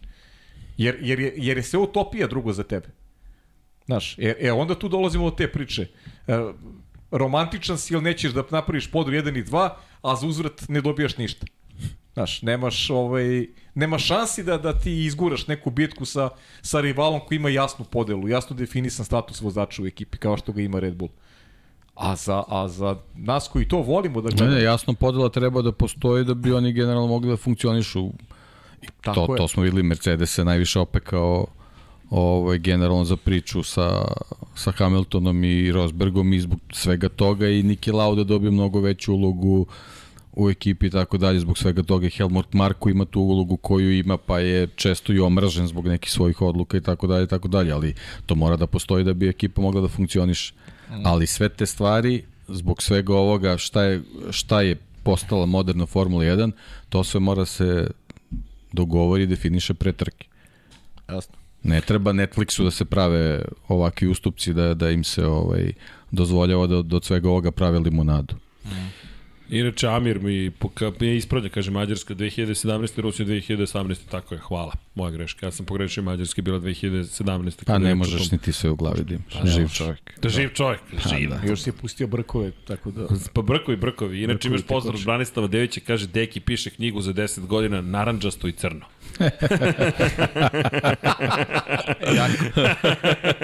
Evo je Branislav, on je već počeo da je piše. Tako da eto, Deki vidi, sam znaš šta se... da, inače, evo, Mario Kro kaže, nemojte zaboraviti ono pitanje ko je najbolji vozač na kiši itd., to je kada osjeća bolid. Uf, uf, uf, uf, uf, uf, uf. To, A, znate šta, šta? to je mnogo teško kad se pita ko je A najbolji šta vozač. aktualni vozač ili... Pa, svih vremena, ako Ayrton Senna. možemo da, da, da izdvojimo. Znate kako? Uh, to je... Jedan je kišni čovjek. Ma znam, ali ako pogledaš celu istoriju, eh, to je teško izdvojiti. Ayrton Senna svakako, ja bih dodao Mihaela Schumachera, dodao bih Jima Clarka, Clark je zaboravljen, ali Clark je i sad, sad, znate šta, znate gde se vraćamo? Pa da, znaš šta je sad problem, što tu ulazimo u zamku, sad ti trebaš da odvejaš neke primjere, daješ, znaš, imaš Jackie Stewarta koji u Nürburgringu pobedio s 12 minuta prednosti. Bukvalno čovjek je... Po potopu. Ne, ne, njegova, Tako je njegova da- poslednja pobjeda bila, je tako? Ja mislim da se tad oprostio. To je ne, poslednja ne, pobjeda. nije, nije, nije. Mislim nije? da nije, mislim da nije. Ja mislim mislim da da, je je to ta- bilo 60 i... Ja mislim da je to 73. Nordschleife. Ka, u svakom slučaju, Jackie Stewart Ne, mislim da je Poto bio ranije, da je Poto bio na 68 ili Aha, tako okej, nešto. Nije, nije to pobrkao. ta trka, ovo je bila Ali- baš ono, remek delo. Pa imaš i Fanđa u, u Nord, na Pa Nordschleife. da, tako kažem, mislim sad ako izlačimo te primere trka, Koliko je bio brži, ne znam, Da. nešto, 40 sekundi od najbržeg kruga, nemam pojma, Da, ne znam da, koliko da. puta za redom. Tako da teško je, je- tako teško je. reći. Ali ajmo ovako, Ayrton Senna svakako bi ušao u tu priču. Mihael Schumacher bih stavio čovjek, jednostavno na kiši bio neverovatan. Da, sad, od novije generacije ne, ne mogu Pa šta je zaista... Hamilton i Sean? Hamilton je sam da, po da, kiši, Hamilton, da, da, da, Hamilton da. čovjek koji zna baš, baš da osjeća. granicu, ono, tako je. osjeća, da. Osjeća koliko bolid još može. Luis je svakako u toj grupi, koga bih još tu dodao. Ne znam, Alan Prost, zanimljiv, zanimljiv je opis Alana Prosta, ali Prost, znate šta, Prost je bio kalkulator, on je znao šta na bolidu valja, šta ne valja i do maksimuma koristio to što su nudili. Pa, Pa, znaš Kad je reč ja- vozačkim Kad se sposobnostima, setim, Pa znaš kako, kad se setim Monaka i sad sam kako to je htio da prekinuo kažem, trku naš. a, zbog tog Monaka i Monaka A, da. 82. Da, da je isto ovaj, da se slupao sad iz razno raznih razloga, ne samo zbog Da. lažne staze, Baš ne ne, bi ga stavio da baš da. u tu grupu. A meni onako prvi u glavi. Da, Da, ne, da, ali da, pazi, da. Clark, ko, ali sad to su opet neke, neke s- stare godine. Teško je sad ovako, da, mislim, Stewart bi morao da upadne u tu grupu. Pa, Pa zato kažem, Mora da, Stewart, da. Stewart koji inače nikad gotovo grebotinu nije imao u svojoj karijeri u ono vreme super opasnih trka. Inače Stewart je u Belgiji s- svoje vremena imao taj incident čuveni koji je kod njega probudio potrebu da se pozabavi bezbednošću. E, Dva druga vozača su morala da se zaustave dok je bio u Jarku i pazite sad ovo, da traže od gledaoca ključeve, mašinske i okaste ključeve, da bi skinuli volan, bukvalno, sa bolida Jackie Stewarta. BRM se toliko savio bio da nije mogo da izađe, da bi skinuli volan, a onda, pošto nije bilo nigde medicinskog osoblja, da ga prebace zapravo, da ga pregledaju. Dakle, došli su kod gledaoca i pitali ga, čovjek je otišao do svog automobila koji je bio parkiran tu u obližnjoj šumi i izvadio alat, alat bukvalno iz automobila da bi spašavali vozača Formula 1. I tada je Jackie Stewart započeo svoj krstaški rat protiv da, i protiv zaista ozbiljno uticao na, Tako na razvoj bezbednosti. Ne, ne, ne, nije slučajno i proizveden u Viteza i on je baš, on je, on je, on je živa legenda, zaista. Zaj, apsolutna legenda. Jackie Stewart je poseban vozač, sad je to zaboravljeno, zato je to malo ma, malkice nezahvalno. Ja bih Fanđe uvijek ubacivao. Fanđe je taj jednak genera, Fanđe kog su zvali ga krivonogi, inače to mu je bio nadimak, i ovaj, ali je bio veliki gospodin. I mnogo su ga poštovali baš zbog tog svog nastupa, nikad na, ružnu reč nije imao ni za koga, šta god da se dešava na stazi. Jedino što je zanimljivo za Ferrari je rekao, nikad u Ferrariju nisam osjećao tu vrstu uzvrćanja pažnje. Čak ni 50. godina prošlog veka. Ali dobro, Enzo je bio...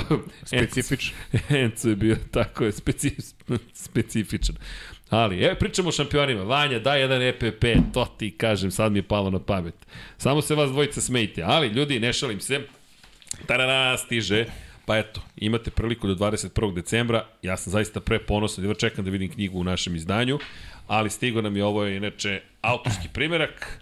Ima i veliki pečat, čekaj da vidiš, kaže... Kaže, nije za prodaju. Nemojte da brinete, ne nameravamo da prodajemo ovaj primjerak. Kaže, commercial sample, not for sale. Tako da znate, to smo dobili kada smo otkupili prava. Tako da, i svaka pomoć koju učinite i sa donacijama, Patreoni, YouTube članovi, kada kupite majice, kupite knjige, kupite bilo šta, pomaže zapravo da nastavimo da vrtimo točkove Infinity Lighthouse-a i da objavljamo knjige. Čekamo naranđasto i crno, deki, načekat ćemo dobro, to je se. za 10 godina. To je za 10 godina, dobro. A umeđu vremenu, ko zna, Deki ne spava. Jel ćeš spavati? I jel ustaješ u 6.45? Ja ne. Ja ne. A Jesmo Vanja se ja dogovorili pred- jesmo, pre jesmo. lansiranja. jesmo, jesmo, jesmo. Ne, ne, to se ša... sad sam ti uzmeo Red Bull. Ne, šalim se, ovo je samo šala. Ali Nisi izveo, rekao sam ti. Jes, Dogovorili smo se ti pre neću. lansiranja. sad ti paj ustani i reci sad se vidi tvoje pravo To, lice. to, to, to, to. Gde ti je emocija? Pa nije valjda sve. Za takvo lansiranje neću da ustaneš. Sram te je bilo. da, u 6.45 se Pustit vidimo ćeš ovde. ovog divnog čoveka da sam sa sobom lansira. Nemoj pa da mi braniš, pusti, pusti, pogrešno zvuči kad me braniš. Ali da, E, moj deki. i tako. Dobro. Ej, čekaj, i moram da odem da, da vozim uh, Pa ne moraš. Abu Dhabi. Ako želiš. Želim, naravno, pa čekaj, kako se oprostimo od sezone da, da odvezem Abu Dhabi. Ajde, ajde, odvesti. Izabrao sam Fetel. O, ne, Vanja mi ne da da se oprostim. E, najjača tačka kočenja na stazi u Jasmarini e, na velikoj nagradi Abu Dhabija, 16 krivina. Imamo šest tačaka kočenja, 13% kruga se jel te vozi pod kočnicama, 11 sekundi i kao što možete vidjeti, vrlo su snažno opterećenje za kočenje sisteme bez obzira na mali broj pozicije za kočenje krivina, broj to je pozicija broj 6 za kočenje kada govorimo o Pirelijevom opisu sa 322 km na čas, 168 kg paskala, pritisak na pedalu kočnice, 3197 kW se oslobađa energije, zaustavni put 120 metara, 2,6 sekundi, negativno ubrzanje, 5,4 sile zemljene teže, konačna brzina 74 km na čas, krivina broj 6, dakle povedite račun o tome i to je ta čuvena stani kreni, manje više staza, zašto je takva da se ponovimo još jednom, zato što publika onda može više bolide da vidi duže i pri sporim brzinama, zato se namerno prave tako spore krivine da bi publika koja tamo sedi mogla bolje da vidi bolide, bukvalno. Inače, prijanjanje na nivou 4 na skali od 1 do 5, kada je reč o kočenju, dakle na nivou 4, kada govorimo o, o stresu, to je bočnom opterećenju trojka, opterećenje guma trojka, razvoj staze, dakle ubrzavanje staze kako odmiče vreme, je 4, prijanjanje asfalta je 2, abrazivnost asfalta je 3 i negativni uzgon, to je nizgon na skali od 1 do 5 je na trojci. 58 krugova nas čeka 5281 metar dugačka staza skraćena je malo prošle godine, promenjena konfiguracija, ubrzane neke krivine i to je jasna marina koju ćemo i voziti, jel te? Inače, kada govorimo o upravo tom razvoju staze, samo da, da se razumemo, svaki asfalt naravno ima, mm, jel te, je, nikada nije super gladak. Dakle, govorimo o tome da imate mikro zapravo pore, mikro, ajde kažemo, proreze i zapravo guma kada govorimo meka tvrđa. Meka guma se bukvalno bolje utisne u asfalt, bolje prijanja, više se samim tim troši, povećava se koeficijent trenja, povećava se samim tim i temperatura, pa se zato brže troše, ali nam daju brže krugove. I sad ćemo tim mekim da. gumama da, da odradimo jedan krug. E, samo jedna informacija na da? dodatak na našu priču, sad sam gledao e, gazete, pre 45 minuta objavila veliku priču sa Frederikom Vaserom. U stvari, predstavljanje Frederika Vasera, što opet može da nešto Što znači. dalje implicira? Ha, tako je. Što dalje implicira da to što je Ferrari rekao, ovo nema veze s Matijom Minotom, ups, obrišite tweet, ovo nema veze ni sa kim iz menadžmenta, direktno da. ima veze. Jer niko nije porekao vest, da. samo su rekli da ne postoje osnove za te informacije. Tako je. Dakle, a, gaz, a gazet ide korak dalje. Tako znači, je. bukvalno od, od celoj karijeri I ima insider u Ferrari. Da. Da. Ma ne, nemoguće. Mm. Zašto inače kada pričamo o gazeti, to ovo što Deki upravo je rekao, gazeta ne piše tek tako. Kada gazeta napiše, to vam je zapravo saopštenje za javnost pre saopštenja za javnost. Pa manje više, da, bukvalno nemaju neke proizvodne informacije, već se temelje na, na onako ozbiljnim ovaj, kontaktima i, i, i pričama koje će gotovo sigurno ovaj, zaživeti. Da, zanimljivo. Vaser koji je zamenio Monišu Kaltenbornu u Zauberu, sada menja Matiju Binota u Ferrariju, ako je tako, i Lekle, pa Lecleru bi trebalo da bude super, on je da, doveo Leclera da, u Formulu tako 1 je, tako je. i ovo menja odnos Ili će stvari. da bude još veća podela u Ferrari. Ili će da bude tako je, još tako veća je, bravo, deki, mogući i to. Bravo. I to onda sad pitanje na šta će da liči Ferrari. Na Ducati. Ne, ne, sad je, sad je na Vaseru. Sad je na Vaseru. Sad je na Vaseru. Sada je, da. Ovo će biti baš zanimljivo sad. A Carlos Sainz stariji, siguran sam da neće baš prestati da lobira za sina, kao što naravno ni sponzori koji su stigli neće tek tako reći, ma sve u redu. Zanimljivo, oni su sebe uspeli već da podele. Ali dobro. Da, da, pa ne, neverovatno, ali, ali tek 2024. ćemo možda neke stvari videti. Mm. Dobra informacija, hvala pa. Da, da, pa mislim... Da, inače spominjao se, evo, jedna od poruka Amir i Andres Zajdl, ali Zajdl ne, Zajdl ima svoju priču u McLarenu. Zajdl ima, neš, nek, im, Zajdl ima nekog drugog posla, ja bih rekao. Inače, da, ne, šta se desilo 15. novembar, danas je bio poslednji, juče je bio poslednji, sada već juče, poslednji dan da se potpišu ugovori za motore, dakle, to moram da vidim, nisam ispratio da li su potpisani ugovori, sa 15. oktobra pomereno na 15. novembar, pošto dogovor oko para... Pa generalno, pošto niko nije spominjao neku promenu, mm.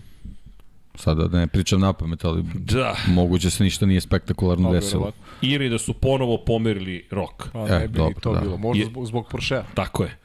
Zato što meni se čini da, da svi čekaju Porsche zapravo da Moguće. pokušavaju da oduže što više da bi Porsche mogao da potpiše taj sporazum.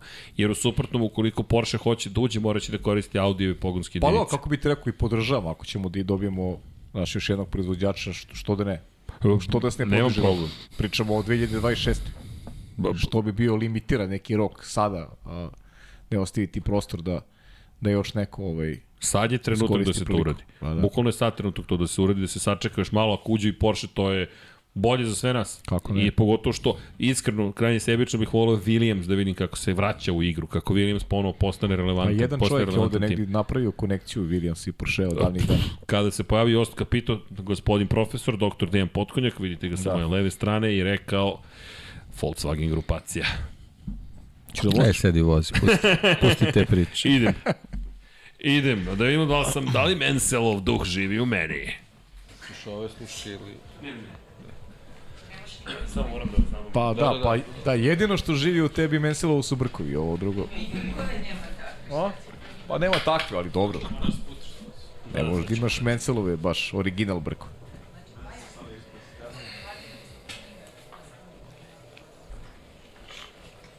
Nisam razumeo. Ko je? A. Roni? Ne. Nije još. Ajde, ajde, pričajte nešto, ljudi, dok se ja ovde spremim. I tako ti kaže deki taj Red Bull, stvarno, znaš.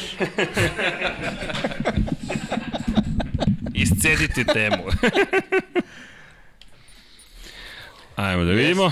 A, pravo, a? Ma jest. Ma da, pravo da li se neko igrao sa podešavanjima. Opet se neko igrao. Nije, nije, nije. Niko, niko se nije igrao. Niko, niko. Kao ja... Podigni samo setup, idi na... A, gotovo. Dobro. Ne slušam, vidiš, to su te timske Pa da, pa da. Mora slušati se malo. u potpunosti. E, RCŽ.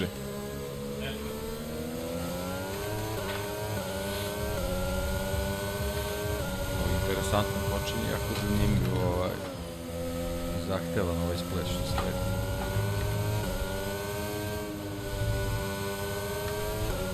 Posebno start ima malo mesta za, za mnogo bolida.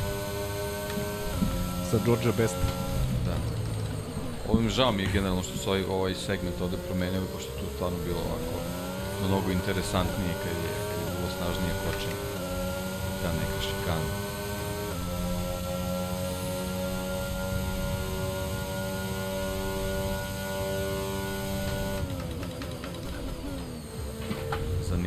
Zanimljivo mesto, posebno na startu trke.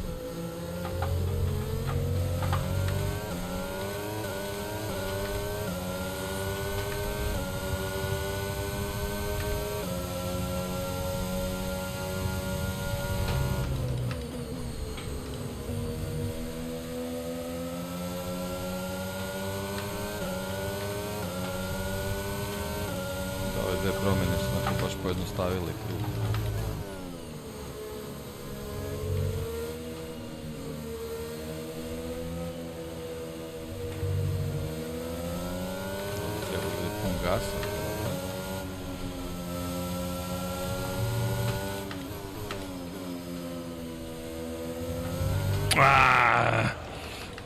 Dobro. To su te emocije, vidiš? Nadam se da Fetel ne gleda ovo. To, izveo sam Pereza.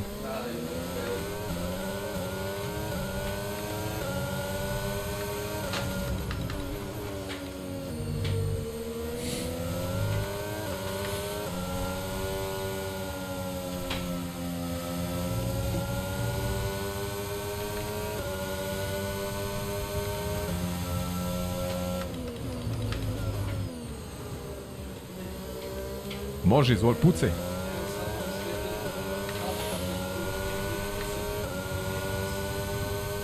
A, bravo. Dobro pitanje, vjerovatno bi. Pa da, ali upravo to da što ona šikana je bila stvarno nezgodna, jer ti je smanjivala Jest. mogućnost bila... Ovde mogu se da se postaviš jeste mnogo drugačije. Super. Ne, ovo je mnogo jednostavnija konfiguracija. definitivno.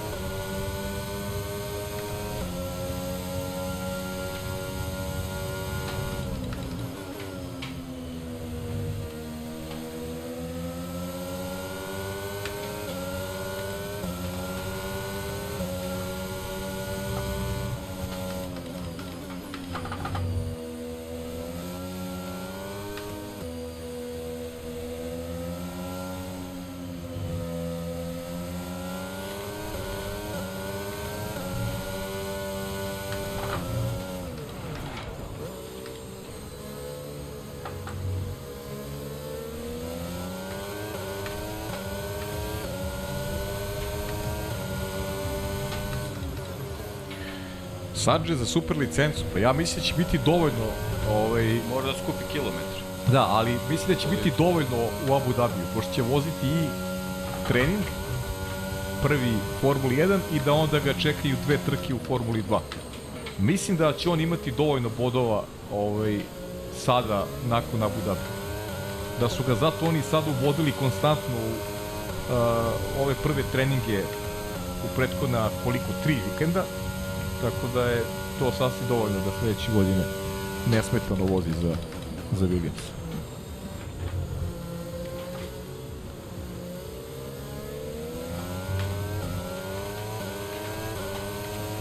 Da ćemo sad vidjeti Logan Sargent.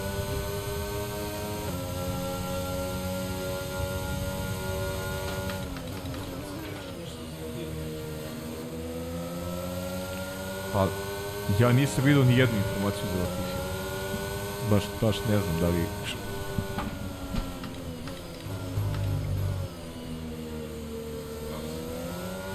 Da. Da. A dobro, znaš kako, on je generalno opušten u toj čitoj priči, mislim, njega porodica dalje podržava, tako da će, on će vrlo lako naći angažman, samo, sad je pitanje samo želje, šta će da, šta će da vozi.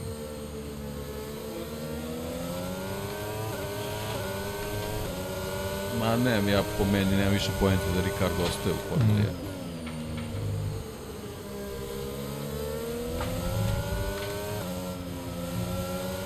Ah!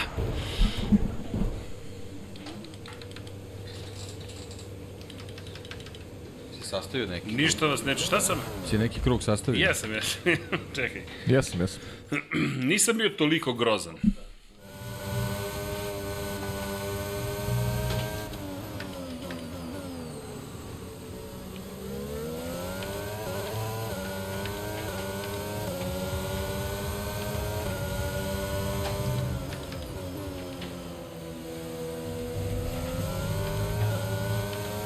Za tebe deki pitanje kako si video ovaj posljednji reli. Uh, VRC. Iskreno nisam, nisam ni pratio. Nisi, ja? A nisam, zašto je titula već bila rešena, ima mnogo ovih nekih dešavanja drugih, pa ja volim rally on kroz dane da gledam, tako da nisam, ovaj, ne znam ni ko je pobedio, iskreno, nisam, ovaj, baš nisam Nisi, ja, pa znaš ko ti deki Andrić? Da, da znam, deki to, da, nisam, nisam ispratio.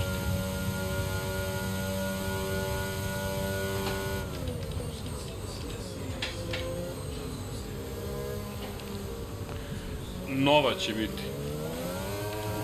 Da pitanje šta će biti sa, sa W serijom. Ukidaju W seriju, uvode potpuno novu pod okriljem Međunarodne automobilske federacije. I ona će se voziti kao Formula 2 i Formula 3 u, u sklopu Formula 1, ali neće biti više W serije. Svi što ih je Hamilton dosta kritikovao što je nisu spasili, ali što kaže pa i Jamie Chadwick mislim da je pomogla svojom potpunom, mislim nije devojka Da, da, da. da. kriva, Tako ali je. toliko izdominirala da nije bilo nikom zanimljivo to da gleda, jer smo znali svi šta će da se desi.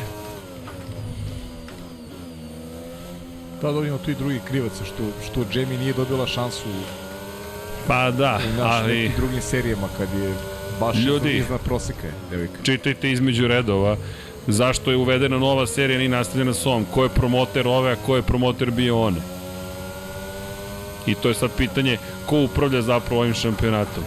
Sad je to mnogo više u vezi sa onima koji organizuju Ko šampionat upravlja Formule ovim 1. bolidom? Kako? Ko upravlja ovim bolidom? Pa Vettel nije sigurno. Dobro, dobro, ja još dajem komentar dok vozim, znači... Pa, Dobro. pa i oni pričaju I dok oni voze. pričaju dok voze. Pa je Max pričao E, sad ću vam reći Leave me alone, I know what to do. Ko želi može da kupi majicu u shop.infinitylighthouse.com A, prodaje danas, a? Pa kad od vas dvojice nemam vajde komercijalno. Opa! Te ekipa, te ovo, te ono. Ajmo malo promocije, drugari. U, lepo sam sad ovo izvezao. Zadovoljan si, ja? Ili voziš dok Može ne, to i bolje. ne odvezeš neki dobar krug ili... Ne, odvezao sam nekoliko dobrih Sad ću ja kruga. da probam, pošto nisam vozio ovu konfiguraciju. A hoćeš, a je, bravo. Nisam O, čekaj, dek, ja završam krug i predajem ti volan. Da mu poništiš ovaj rezultat.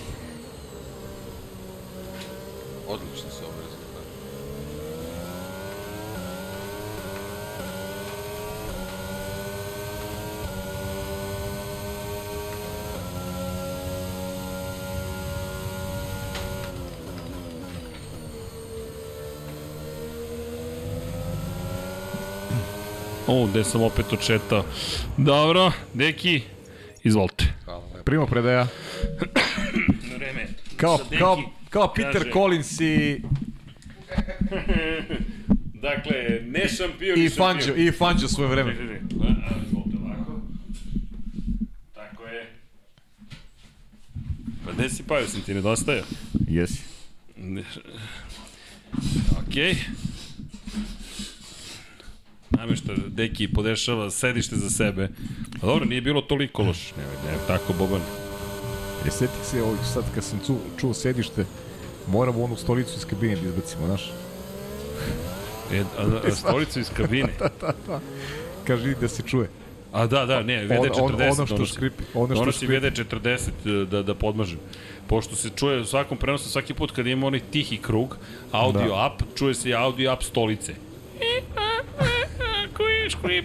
I tako dalje. Da, da, tako ćemo to da sredimo. Mora sredimo to. Jeste. Jel ima još nekih pitanja? Nešto smo propustili? Pa nema ništa, evo, baš danas izgleda da ljudima interesantne su bile teme, pa A evo, prozivaju me, kaže, strol za volanom. kaže, Boško Srki se potpisuje kao što će i Seb na kraju trke u nedelju. Hvala vam, drugari, na tome, kaže... Strol, dobar ti nadimak, strol. Kaže, Srki od njih dvojice nemaš koristi komercijalne, ali imaš fajterske. Boxing Day, kaže vam, gospodo dame, Boxing Day. Nisu to shvatili šta zapravo znači. I tako. A, kaže, bolji si od Mazepina. Hvala, hvala. Pa sve, to je baš lep kompliment, šta hoćeš? Ej, Mario Anić kaže, ozbiljan iskorak na Simo Srki svaka čast. To, Mario, pa najzad neko da me podrži u celoj ovoj priči. Za Pao je pitanje, da li misli da je i dalje, da je Ferrari F1 i F1 Ferrari? Da li mislim da je... Da je Formula 1 Ferrari i obrnuto Ferrari da je Formula 1. Pa, naravno da mislim da je, da je to je istorijska činjenica. Bez Ferrari nema Formula 1. Pa, čujte, veza To je je- toliko duboka i duga da, da Da, Ferrari jeste i dalje Formula 1. Dakle, bez obzira na sve probleme. Čujte, samo zamislite, samo zamislite da nema Ferrari. Kako mi Pa izgleda je- ta to je Formula 1. nezamislivo, Eto, to, to je, je to je pojenta cele priče. Nije to pitanje da li mi želimo ili verujemo da će Ferrari da postigne neki rezultat, već bukvalno samo zamislite sve navijače koji prate Ferrari, koji vole Ferrari, baš zato što To je kao da, Ferrari. ne znam, zamislite Premier ligu bez Manchester United ili Liverpool, recimo. Znaš, ili tako neke ovaj... Što je... Evo ovde Liverpoolovci se javljaju i kaže bez Manchestera može. Pa dobro, da, ali stvarno, to je sad navijački stav, ali pričamo generalno o nečemu što je istorija ovog sporta. To je Ferrari, to, to, to je to vezivno tkivo sa, sa Formula 1, bukvalno. da. Ne bi sport bio isti da nema Ferrari. Da, bukvalno ne bi bio isti da nema Ferrari. Ali šta hoću da vam kažem, još jedna bitna stvar u celoj priči jeste i... I menjaju se epohe, zamislite kad bi Ferrari ovaj pobeđivao svake godine, pa to opet ne bi bio ne bi bio sport koji nam je, ne znam, prijamčiv koji volimo, to je sudar u svakom mogućem pogledu i vozača, i inženjera i potpuno je normalno da ti u sportu imaš epohe. Jednoj si uspešno, drugoj nisi. Kod Ferrarija to ide onako. Opet je Ferrari jedna od najuspešnijih ekipa kada govorimo o istorijatu po broju titula. Malo duže im traju te pauze u, u kada osvajaju šampionski titul, ali prosto to je sport, malo ste gore, malo ste dole, to je neki neki logičan proces. Ne samo u Formuli 1, već i drugim sportovima. Pa da, ali ajmo jedna još jedna bitna stvar. Fe- Ferrari. Ferrari nikada nije napustio Formulu 1. Kako je? Za razliku od mnogih koji su je ostavljali na cedilu. Mislim, možemo da pričamo mnogo toga, ali Ferrari nije rekao u jednom momentu ja neću više biti u ovom šampionatu zato što mi se ne dopadaju moji rezultati. Jeste. Nego je svaki put govorio mi ćemo do... Samo jedna stvar, I zašto je istorijski važan i generalno važan? Pa Ferrari realno ima najveću bazu navijača. Ferrari je tim za koji se navija širom planete. ljudi, Nije to tim za koji se navija samo u Italiji, navija se svuda u svetu se navija, ima, imaju svoju, svoje fanove, svoju navijačku grupu, tako da. Iz mnogo ovaj, aspekata je Ferrari prosto vezivno tkivo za, za formu. Pa, pazi ovako. Ne možemo nikako da, da, da mu oduzmemo. kada mi pričamo o istoriji Formule 1, Alberto Ascari, Juan Manuel Fangio, Mike Hawthorne, Phil Hill, John Surtees, Niki Lauda, Jody Scheckter, Michael Schumacher i Kimi Raikkonen. To su šampioni Ferrarija. Mi govorimo o apsolutno naravno legendama, govorimo o pričamo ali, o šampionima koji su prošli kroz Ferrari, a nisu A nisu osvojili titule. Osvojili E, za neki drugi ali ekipe. to je jedna od stvari koju hoću da kažem. Izvini sad, samo, samo da. kratko. Jasno. Jesu doveli Nigela Mansella? Jesu. Tako Jesu je. doveli Alana Prosta? Jesu. jer su dovodili svakoga koga su mogli u nadi da će postati šampioni Pa sveta. i Ayrton Senna je bio negde u... Pričalo se i o njemu. Pričalo se o tome. Jesu doveli Fernanda Alonso? Jesu. Jesu doveli Sebastiana Vettel? Jesu. Jer su uradili sve što su mogli po tom pitanju da budu ponovo prvaci sveta. Dugo je trajao taj period od Jodija Šektera do Mihaela Ne samo to, i, i obrnuto. I vo, ti vozači i, bili oni koji nisu ostvarili snove, ali svi su oni negdje želeli. Većina vozača je žela da bude deo, deo Ferrari. I t- zato Ferrari jeste Formula 1. 50-ih, 60-ih, 70-ih, pazite, oni 80-ih i 90-ih nisu imali šampione. I nisu odustali. I to ono što se meni dopada i kod McLarena konačno, i kod Williamsa. Jeste. Oni su i dalje tu. Ali problem je što nemaju taj novac, nemaju tu, taj renome, tu reputaciju koju ima ekipa Ferrarija. To jest proizvođač koji se zove Ferrari. I sad, da li bih ja volao i da McLaren može da se vrati na taj nivo. McLarenu pritom novac nije nedostajao u jednom momentu više organizacija, nije se snašao nekim promenama vremenskim gde su fabrike postale mnogo moćnije, Ferrari, Mercedes, Renault i tako dalje. Ali bez obzira na sve to, nama je Ferrari preko potreban. Isto ko što ne dopada mi se kada Red Bull kaže izaći ćemo iz Formule 1 ako se pravila ne promene. Nemojte, vi ste potrebni Formula 1 i Formula 1 vama. Jer Red Bull, kada govorimo o trkačkom nasledđu, nema ga van Formule 1. Dakle, koliko god bili aktivni u juniorskim programima. Tako da, mislim da svi ovde razmišljamo na, na sličan način. Ma da. Kada je reč o Ferrari. Da li želimo i druge ekipe? Apsolutno, ali Ferrari ne možete da kupite istoriju. Prosto Enzo je ferovao kao snivač kompaniju Formulu 1 kroz sve njene ere.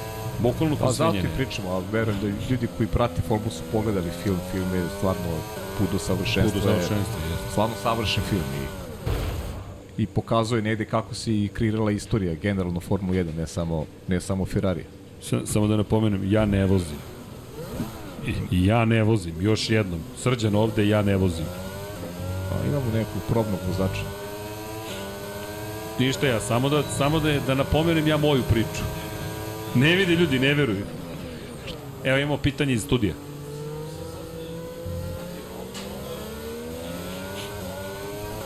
Dobro. Da. Zauber. Pitanje je kako će se zvati kada prestane se zove Alfa Romeo. Pa Zauber će se najvjerojatnije zvati. Pošto Alfa Romeo je trenutno sponsor i zahvaljujući tome zapravo se tim i zove Alfa Romeo. Ali suštinski on u Hinvilu i dalje u Švajcarskoj i to je dalje Zauber. S tim što ne znamo da li će se zvati možda Audi i pre toga kao neka priprema za ono što dolazi. Sumnjam da će Audi baš sa Ferrarijevim motorima želiti da se zove Audi, ali ali ajde da, da ne kažem 100% da znamo, ali Alfa Romeo će postati Haas najverovatnije, to je neka priča, ali to je samo priča za sada, da će Haas dobiti sponzorstvo Alfa Romeo, pošto Alfa Romeo ima lepo sponzorstvo u Formuli 1, inače Alfa Romeo je imao, je tim koji je imao prvog šampiona, ali to je opet sad istorija Formule 1, Alfa je izašla iz Formule 1 kada su promenjena tehnička pravila, Ferrari nije. Ferrari se prilagođavao. I Ferrari koji je imao jedan period da 50-ih kada je imao zaista zanimljive nastupe u Formuli 2 i Formuli 1, tada su bili mnogo više. Inače, ne znam da znate, 53. 54. ako se dobro sećam, Formula 1 je vožena po pravilniku Formule 2 zahvaljujući činjenici da su pravila toliko izmenjena da većina proizvođača nije mogla da se pripremi za sezonu. Tako da je bilo je svega kroz, kroz istoriju Formule 1. Hoćeš da pogledaš fantasy kako smo Fantazi, e da, fantazi, ček, kako smo mi prošli? Pa da. Da, fantazi smo ispoštovali još na početku, sve fantastične, Ajde, dok deki vozi da pogledamo to i kakvi smo mi, da se lagano opraštamo. da. Mm, Čekaj da vidimo. Mm, fantazi.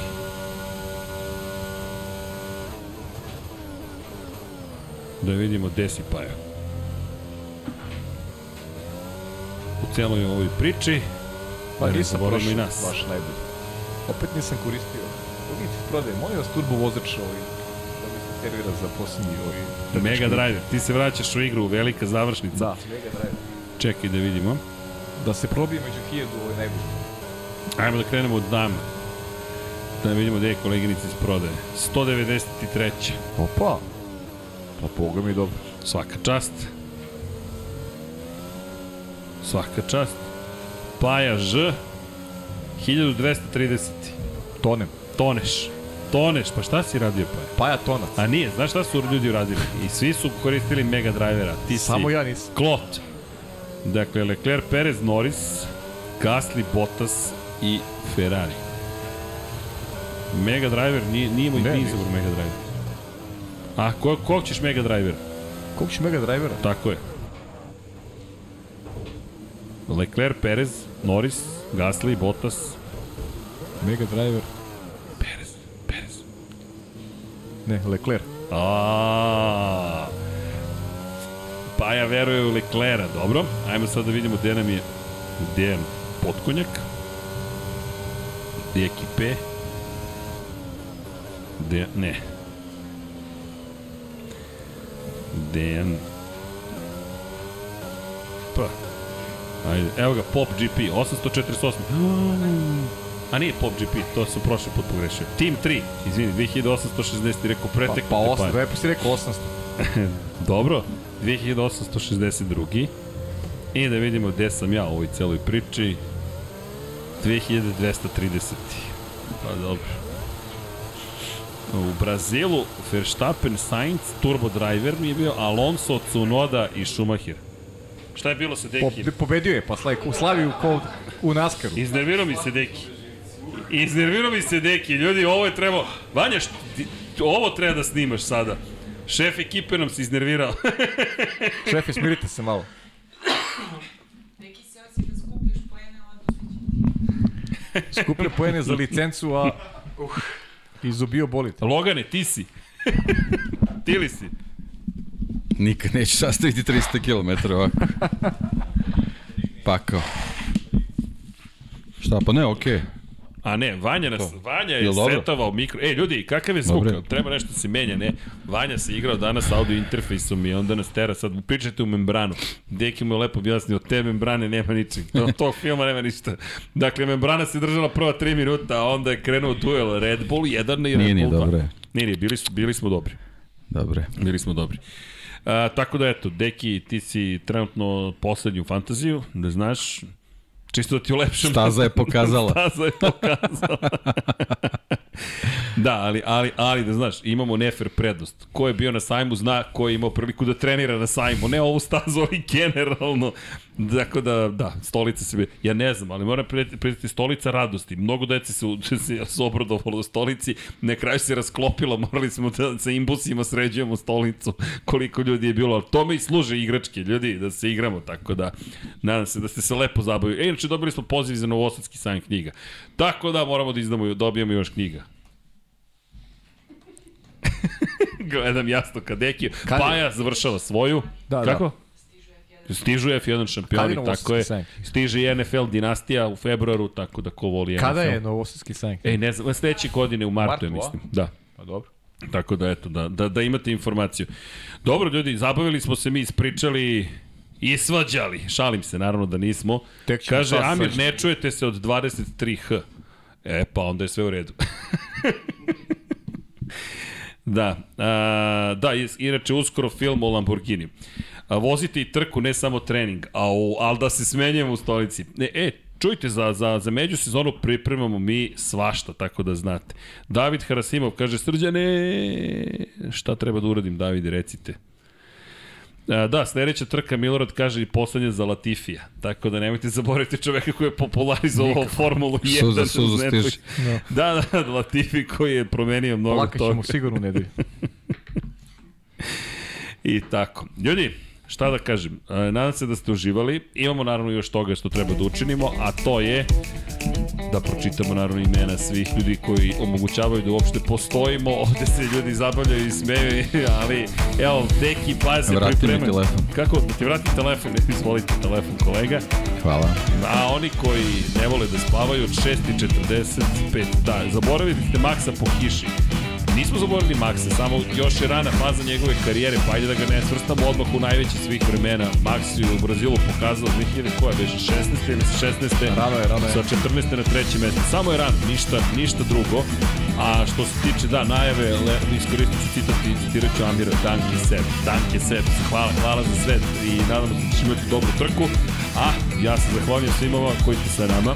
Hvala, udrite ljudi like, subscribe, zato što je to dobra podrška za sve nas, ali hvala, zaista ne morate ništa da uradite da bismo rekli hvala, hvala je najosnovnija najosnovnija stvar koju činite, to jest mi kažemo vama, a kada govorimo o ljudima koji nas podržavaju i na još jedan način. Evo smeju mi se ovde što sam počeo da zaplićem, ali u 6.45 budite budni kada Artemida 7, u 7.04 kreće Artemida. Mi ćemo se uključiti 19 minuta ranije da se malo ispričamo o programu, šta je to Artemis 1, zašto menja pola, Gledat ću to u reprizi.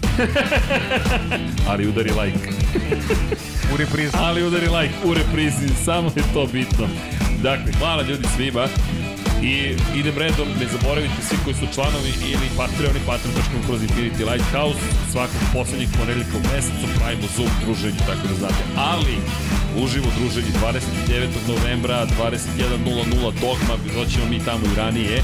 Inače, posle toga od 1. do 7. decembra izložba Valentina Rosija dolazi Matt Oaksley, autor knjige koju smo preveli i objavili, zajedno sa Henkom Kulenovicom, autorom fotografije koje ćemo tamo izložiti i imamo nove lepe vesti, moći ćete ne samo da kupite te radove, već i postere na osnovu tih radova. Tako da znate, svašta nešto radimo i gledaju me značajno. E pa pričali ste i vas dvojica, aj sad ćemo da nadokradimo.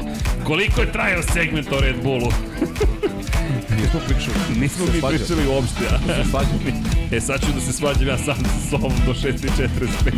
Ali šalu na stranu, zaista čekamo se izložba, čekamo se Lab 76 broj 100. Za u međusezoni biće i analize. Moto Grand Prix sezone, analize Formula sezone Formula 1.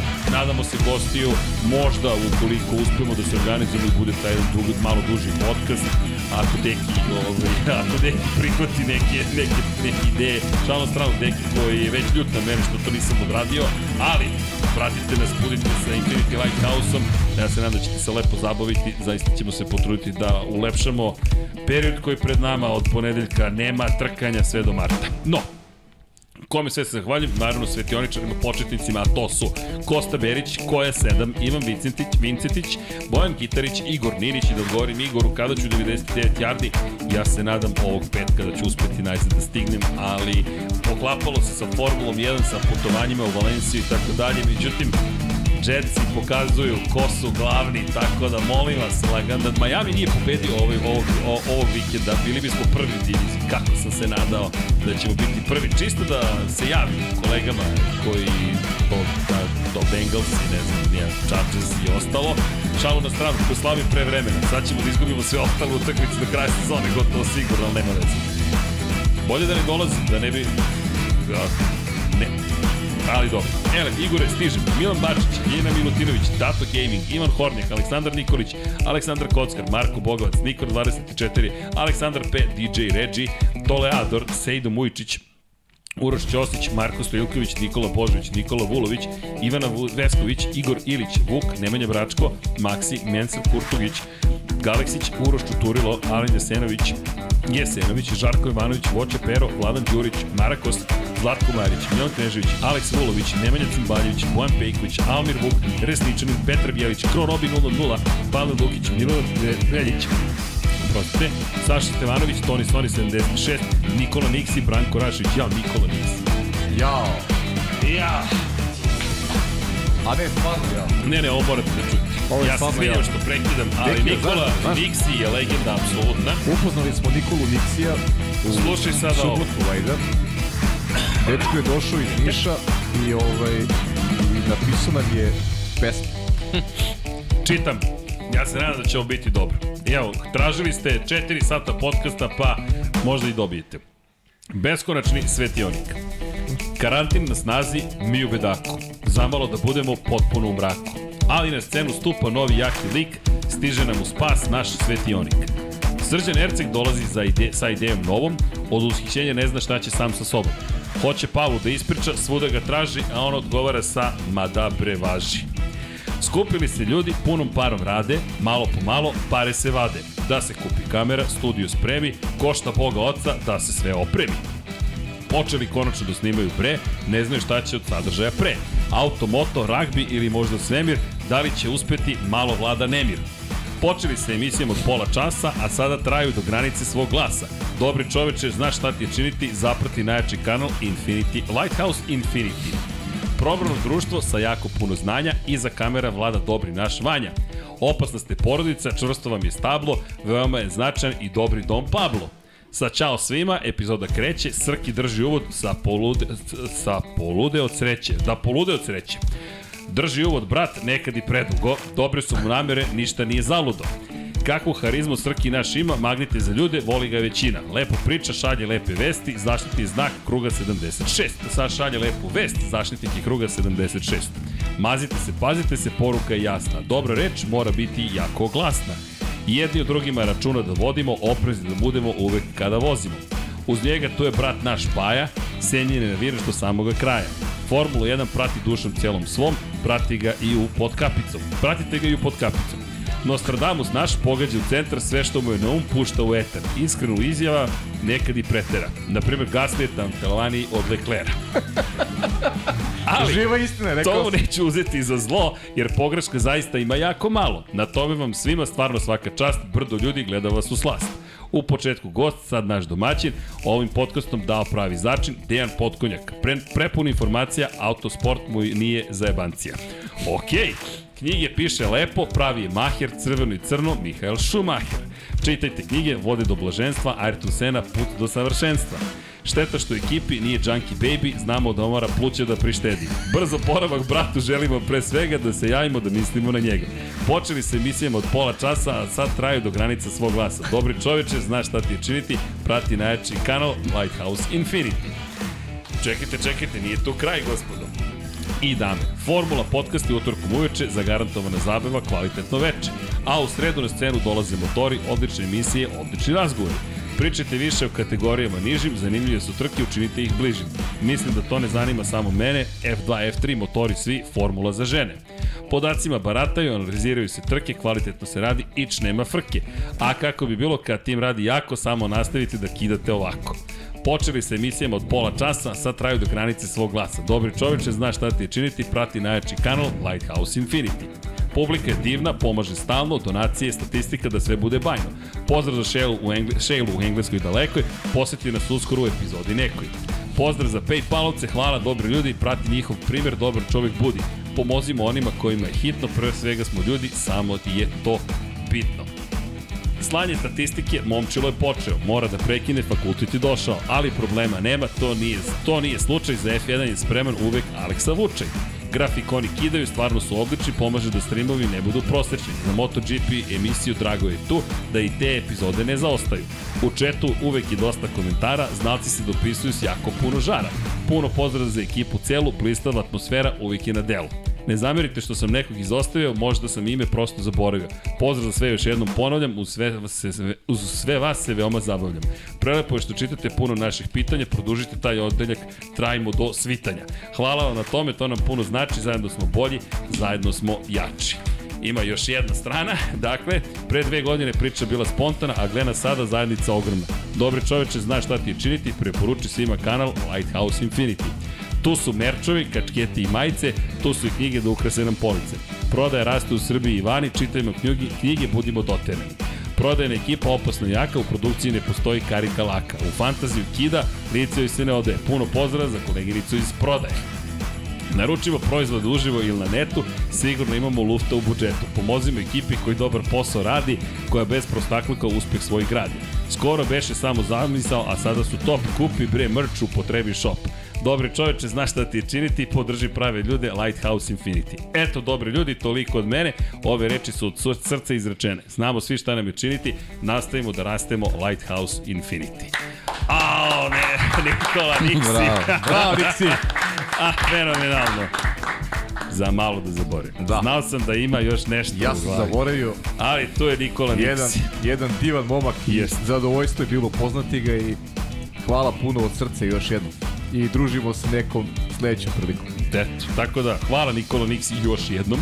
Pa hvala Branko Rašević, Nikola Grđan, Miloš Tanimirović, Bakadu, Ivan Magdanović, Ivan Vujasinović, Veselin Vukićević, Branislav Dević, Vukašin Vučenović, Almedin Ahmetović, Nemanja Labović, Miloš Zed, LFC, Nikola Kojić, Nemanja Miloradović, Marina, Vlada Ivanović, Oliver Nikolić, Jelena Jeremić, jedan anonimni donator, to je član, zatim Nemanja i Bojan Markov kada je reč o ljudima koji nas podržavaju na YouTube-u.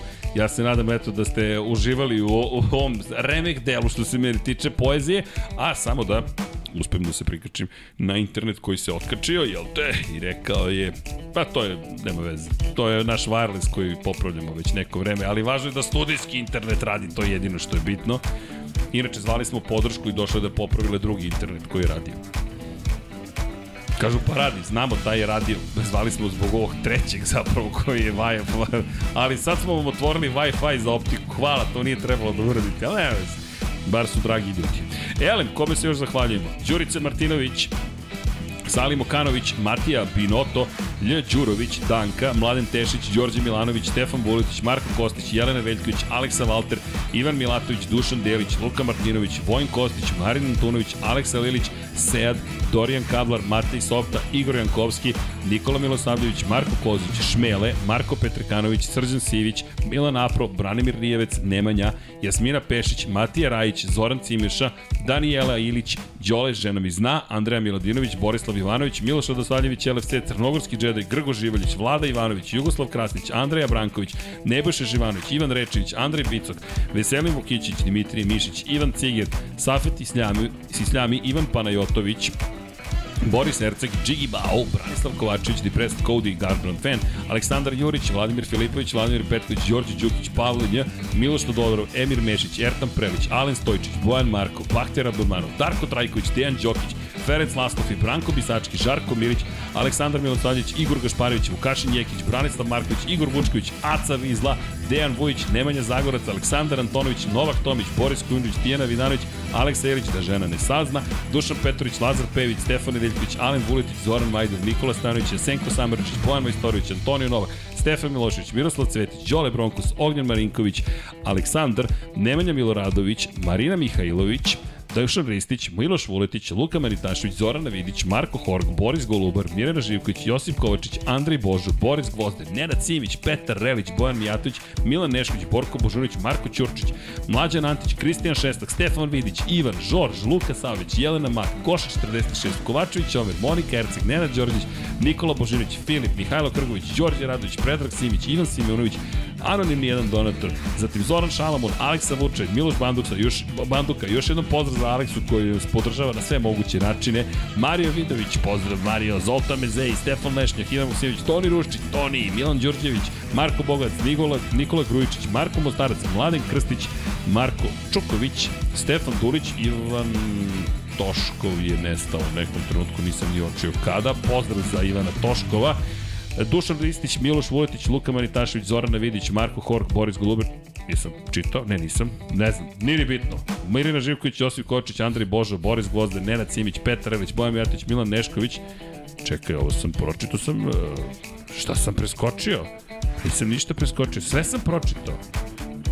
Dobro, i dva puta se ponavlja ista stranica. Pa ništa ljudi, šta da vam kažem. Hvala još jednom. Gdje nam je i Ozren Prpić je tu negde. Mislim da njega trenutno ne mogu da čitam. Da, opet se, opet, opet mi, ali sam zapamtio. Zapamtio sam četvrtu stranu, već počinjem da pamtim na pamet. Dakle, da vidim da mi učite od treću stranicu ponovo. Vidim ista imena, počinjem da pamtim. To me Deki rekao, ajde da li možeš da zapamtiš na pamet sve Patreon. Samo da vidim da nekog nisam propustio. Izvinite ljudi, vratio sam se na internet i na četvrtoj strani Sava Dugi, Jelena Jeremić i Ozren Prpić. I to bi bilo to, ovo je bilo, koje izdanje? 249, je tako? Znači 250. izdanje je sutra, to je danas. Deki, u svakom slučaju, da, drago mi je što, što, što se vidimo. Nadam se da ćemo se vidjeti i večeras, da nećeš uteći neki putem i, i tako dalje. Ništa se nismo dogovorili, da znate, tako da, eto, imate full disclaimer, sve je transparentno. Hvala ekipi koja je u 1 i koliko? 25 još uvek tu. Eto, malo smo podbacili, rekli smo 4 sata, bilo je samo 3 i po, ali nadam se da je to u redu. još nije kraj. Deki, hvala dragi drugari. hvala tebi to, Deki, nema na čemu. Bio si divan. Ej, ljudi, ne, vi ste bili divni. Ja se nadam da ste uživali. Udrite like, subscribe, sve ostalo. Posetite našu prodavnicu. Vidimo se 29. novembra 2022. Ukoliko ovo gledate negdje u dalekoj budućnosti, pratite naše kanale. Piće još, verovatno, skupova, žurke i događaja. Ali 29. novembar, Dogma pivnica kod Ade Ciganlije u Beogradu, koja je raspoložen. Dobrodošli ste toga dana. Imamo duplu dozu, tripla doza. Deki pravi Sarmu, pričamo o automoto sportu, ko zna šta ćemo sve da radimo.